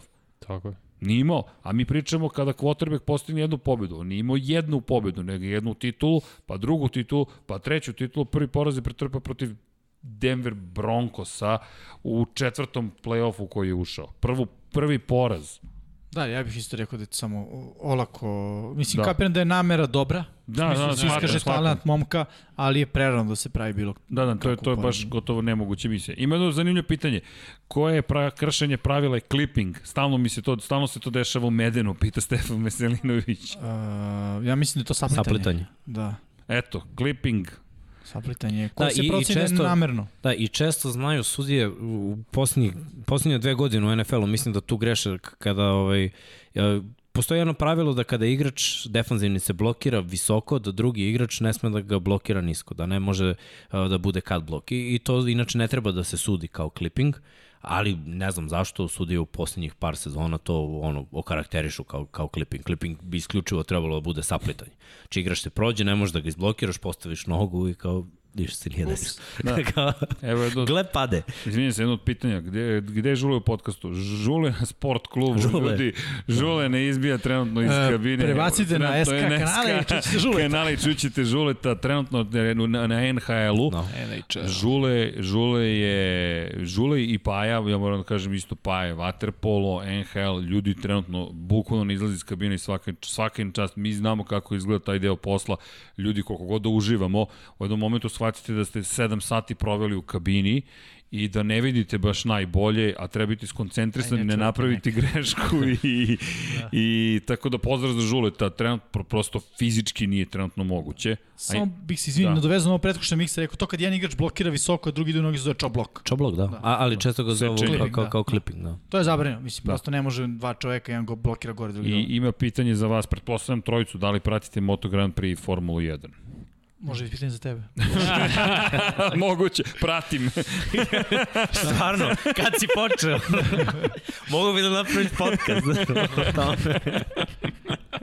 ja ću reći da se divim iz prikrika, ali iskreno. I, i uh, prosto od, od toliko nekih zanimacija, pre svega vezano za, za futbal i praćenja što NFL-a, što koleđa, što uh, Uh, jel te, trener sam u ekipi i onda moram da pratim šta se dešava i u Evropi, i u regionu i u svojoj ekipi. Nemam puno vremena, generalno gledam sport osim NFL-a, volim razne sportove, ali moram priznati da do sada kad god onako slučajno ubodem neku trku, bude odlično. ne znam da li je to pravilo, ili sam ja srećne ruke. Nastavi da gledaš. možda, Javi mi kad bi da gledam. To, to, to. Možda je svaka trka odlična. Da. To kažem, da. Ajde, lobiraj malo. Ja inače ne gledam. ja gledam, ja volim da gledam. To je tradicija kući i nedelja je samo za sport. Tamo ćeš, kad ima i MotoGP i Formula, onda je NFL uveče, to je milina. Lepo. Čovjek koji uživa. Da. Čovjek koji uživa. Osim kad je u studiju na kraju univerzuma, a i onda, i onda o, uživaš. O, to ni... Ej, sad potkopam. Koliko spavaš? Malo. Čemu? San je precenjen. da. Koliko spavaš i zašto ne? I zašto ne, bukvalno. E, kako se na nas, Vanja, nosiš sa po nekim hejterskim komentarima, komentarima ispod podcasta svako dobro? Pita Ozren. Pa iskreno ne čitam ih i nije da mi nešto pre, preterano briga, tako da Tako. Ima svoje mišljenje, Vanja. Pa da, evo, Don Pablo je sada udahnuo duboko zbog ove moje reče, ali istina je, stvarno, ljudi imaju svoje mišljenje to je totalno okej. Okay. Ne, zvučalo kao da ti nije stalo, zapravo poštujemo svačije mišljenje. Pa ne, poštujem ih, ali nije mi sad stalo do njih. To je totalno dve različite o, sfere. O, Vanja nastavlja, kod Vanja samo tvrdo, nema la, pa laba. I, pa i, to je istina šta sad treba. To je Viš kako si sad morao da mu e, daš aj, Kačket Browns. Da, za ja bi da se na, nadovežem na to pitanje. Ja nekad, kad vidim neki oštar komentar na svoj račun, stvarno e, prihvatim kao kritiku. Nije prijatno, u smislu kao naš, neko ti javno, ali Upravo. s druge strane to je, to je deo igre. Mislim, tu si ispred kamere, Vidi, si neko gleda, ja sam... ti komentar, mi komentarišemo tamo nekog Brady, šta bi on, mislim, rekao meni, ajde da. ne. Coach. Srbiji, da, da. Čekaj. Coach čega. Pazi, ovo je postao najjači segment. pa ne, mislim, ko ću da kažem ono, ka, kada imaš neku izloženost, e, pa to je ljudima sve okay, to da prihvatiš, okay. tako je. Ja imam drugačiji pristup, ja sve čitam i Isto. trudim se da, da razumem da, da li zaista je to samo neka neka emocija koju sam stvorio, bilo dobra, bilo loša, da. ili je objektivnije, svi smo mi subjektivni, i da li mogu da ja budem boljim zahvaljujući tome i da napredujem. I, i znaš, saslušam, aha, možda sam pogrešio, čekaj da razmislim, pa mo, ni, čak možda ni nije greška, samo razlika u mišljenjima, i samo je bitno da se poštujemo i da na kulturan način izražavamo nesuglasice. Ja bih samo da, rekao da ne volim samo komentare koji nemaju veze, tipa s našim podcastom. Ne, da, ili sa emisijom. To, pa Komentari dobro, bilo ne znam, nekom reklamnih. Pol reklamni ili, ili neki koji okay. nemaju nikakve apsolutno veze ni sa futbolom, ni sa NFL-om, ja, ni sa nama. Ja često, izvini, pričam priču o komentarima na, na, na, na, na sajtu sport kluba, gde, gde još nisu, nije forum, forum jeste funkcionisao, ali nekako nije toliko bio korišćen i očigledno nismo imali takvu dvosmernu komunikaciju, to je bilo davno, 2008. 9. 9. 9. 9. kad smo uh mhm. -huh. počeli prenositi Moto Grand Prix. I to sam već, već ponovio sto puta tu priču, ali iskoristio bih priliku. Čovjek mi napisao, recite ovom majmunu da ne priča tokom starta trke. I sad, moja prva reakcija je, fight. Ali onda shvatiš, čekaj, čekaj, čekaj, ajde da saslušaš šta je. Ne, ne, ne, ne, ne, ne, ne, samo pomisliš šta je čovek rekao. Ok, očigledno želi da me uvredi, nadam se da, da, da, da, da to ne sprijemi, ne sviđa mi se što je me tako nazvao, ali razmišljam šta je rekao. Ja pričam tokom starta trke, a to je engleska škola komentarisanja, To je nešto što su mi učili na prethodnoj televiziji na kojoj sam radio i onda kad razmišljam, čekaj, čekaj, čekaj, čekaj, zašto ja moram da pratim to neko pravilo? Ajmo mi da napravimo naša pravila, sport klub pravila, konkretno u mom slučaju moje pravilo, ja stojim iza tog pravila, sport klub me podržao, ajde da ćutimo tokom starta trke kad se čuju svi motori u tom slučaju, pa svi bolidi Formula 1, a da napravimo tenziju pre nego što krene start. I da nisam pročitao, možda bih i dan danas drugačije to radio. Tako da ja to uvek gledam kako da, da ja budem bolji. Zahvaljujem, I zahvaljujem se čoveku ako ikad je čuo ovaj komentar. Ne na komentaru da sam majmun, a nadam se. Ali, ali, ali mi je pomogao da budem bolji. Ne, treba, stvarno poštene, sva, to. treba poštene svačije mišljenje. Umira se. ja ne mogu da će da mu... ne, svako ima pravo da izrazi svoje mišljenje, stvarno, to je apsolutno, mislim. E, pitanje za Jimmy, da li je kasno početi trenirati NFL sa, sa američki futbol sa 18 godina? Uh, nije. Dođi.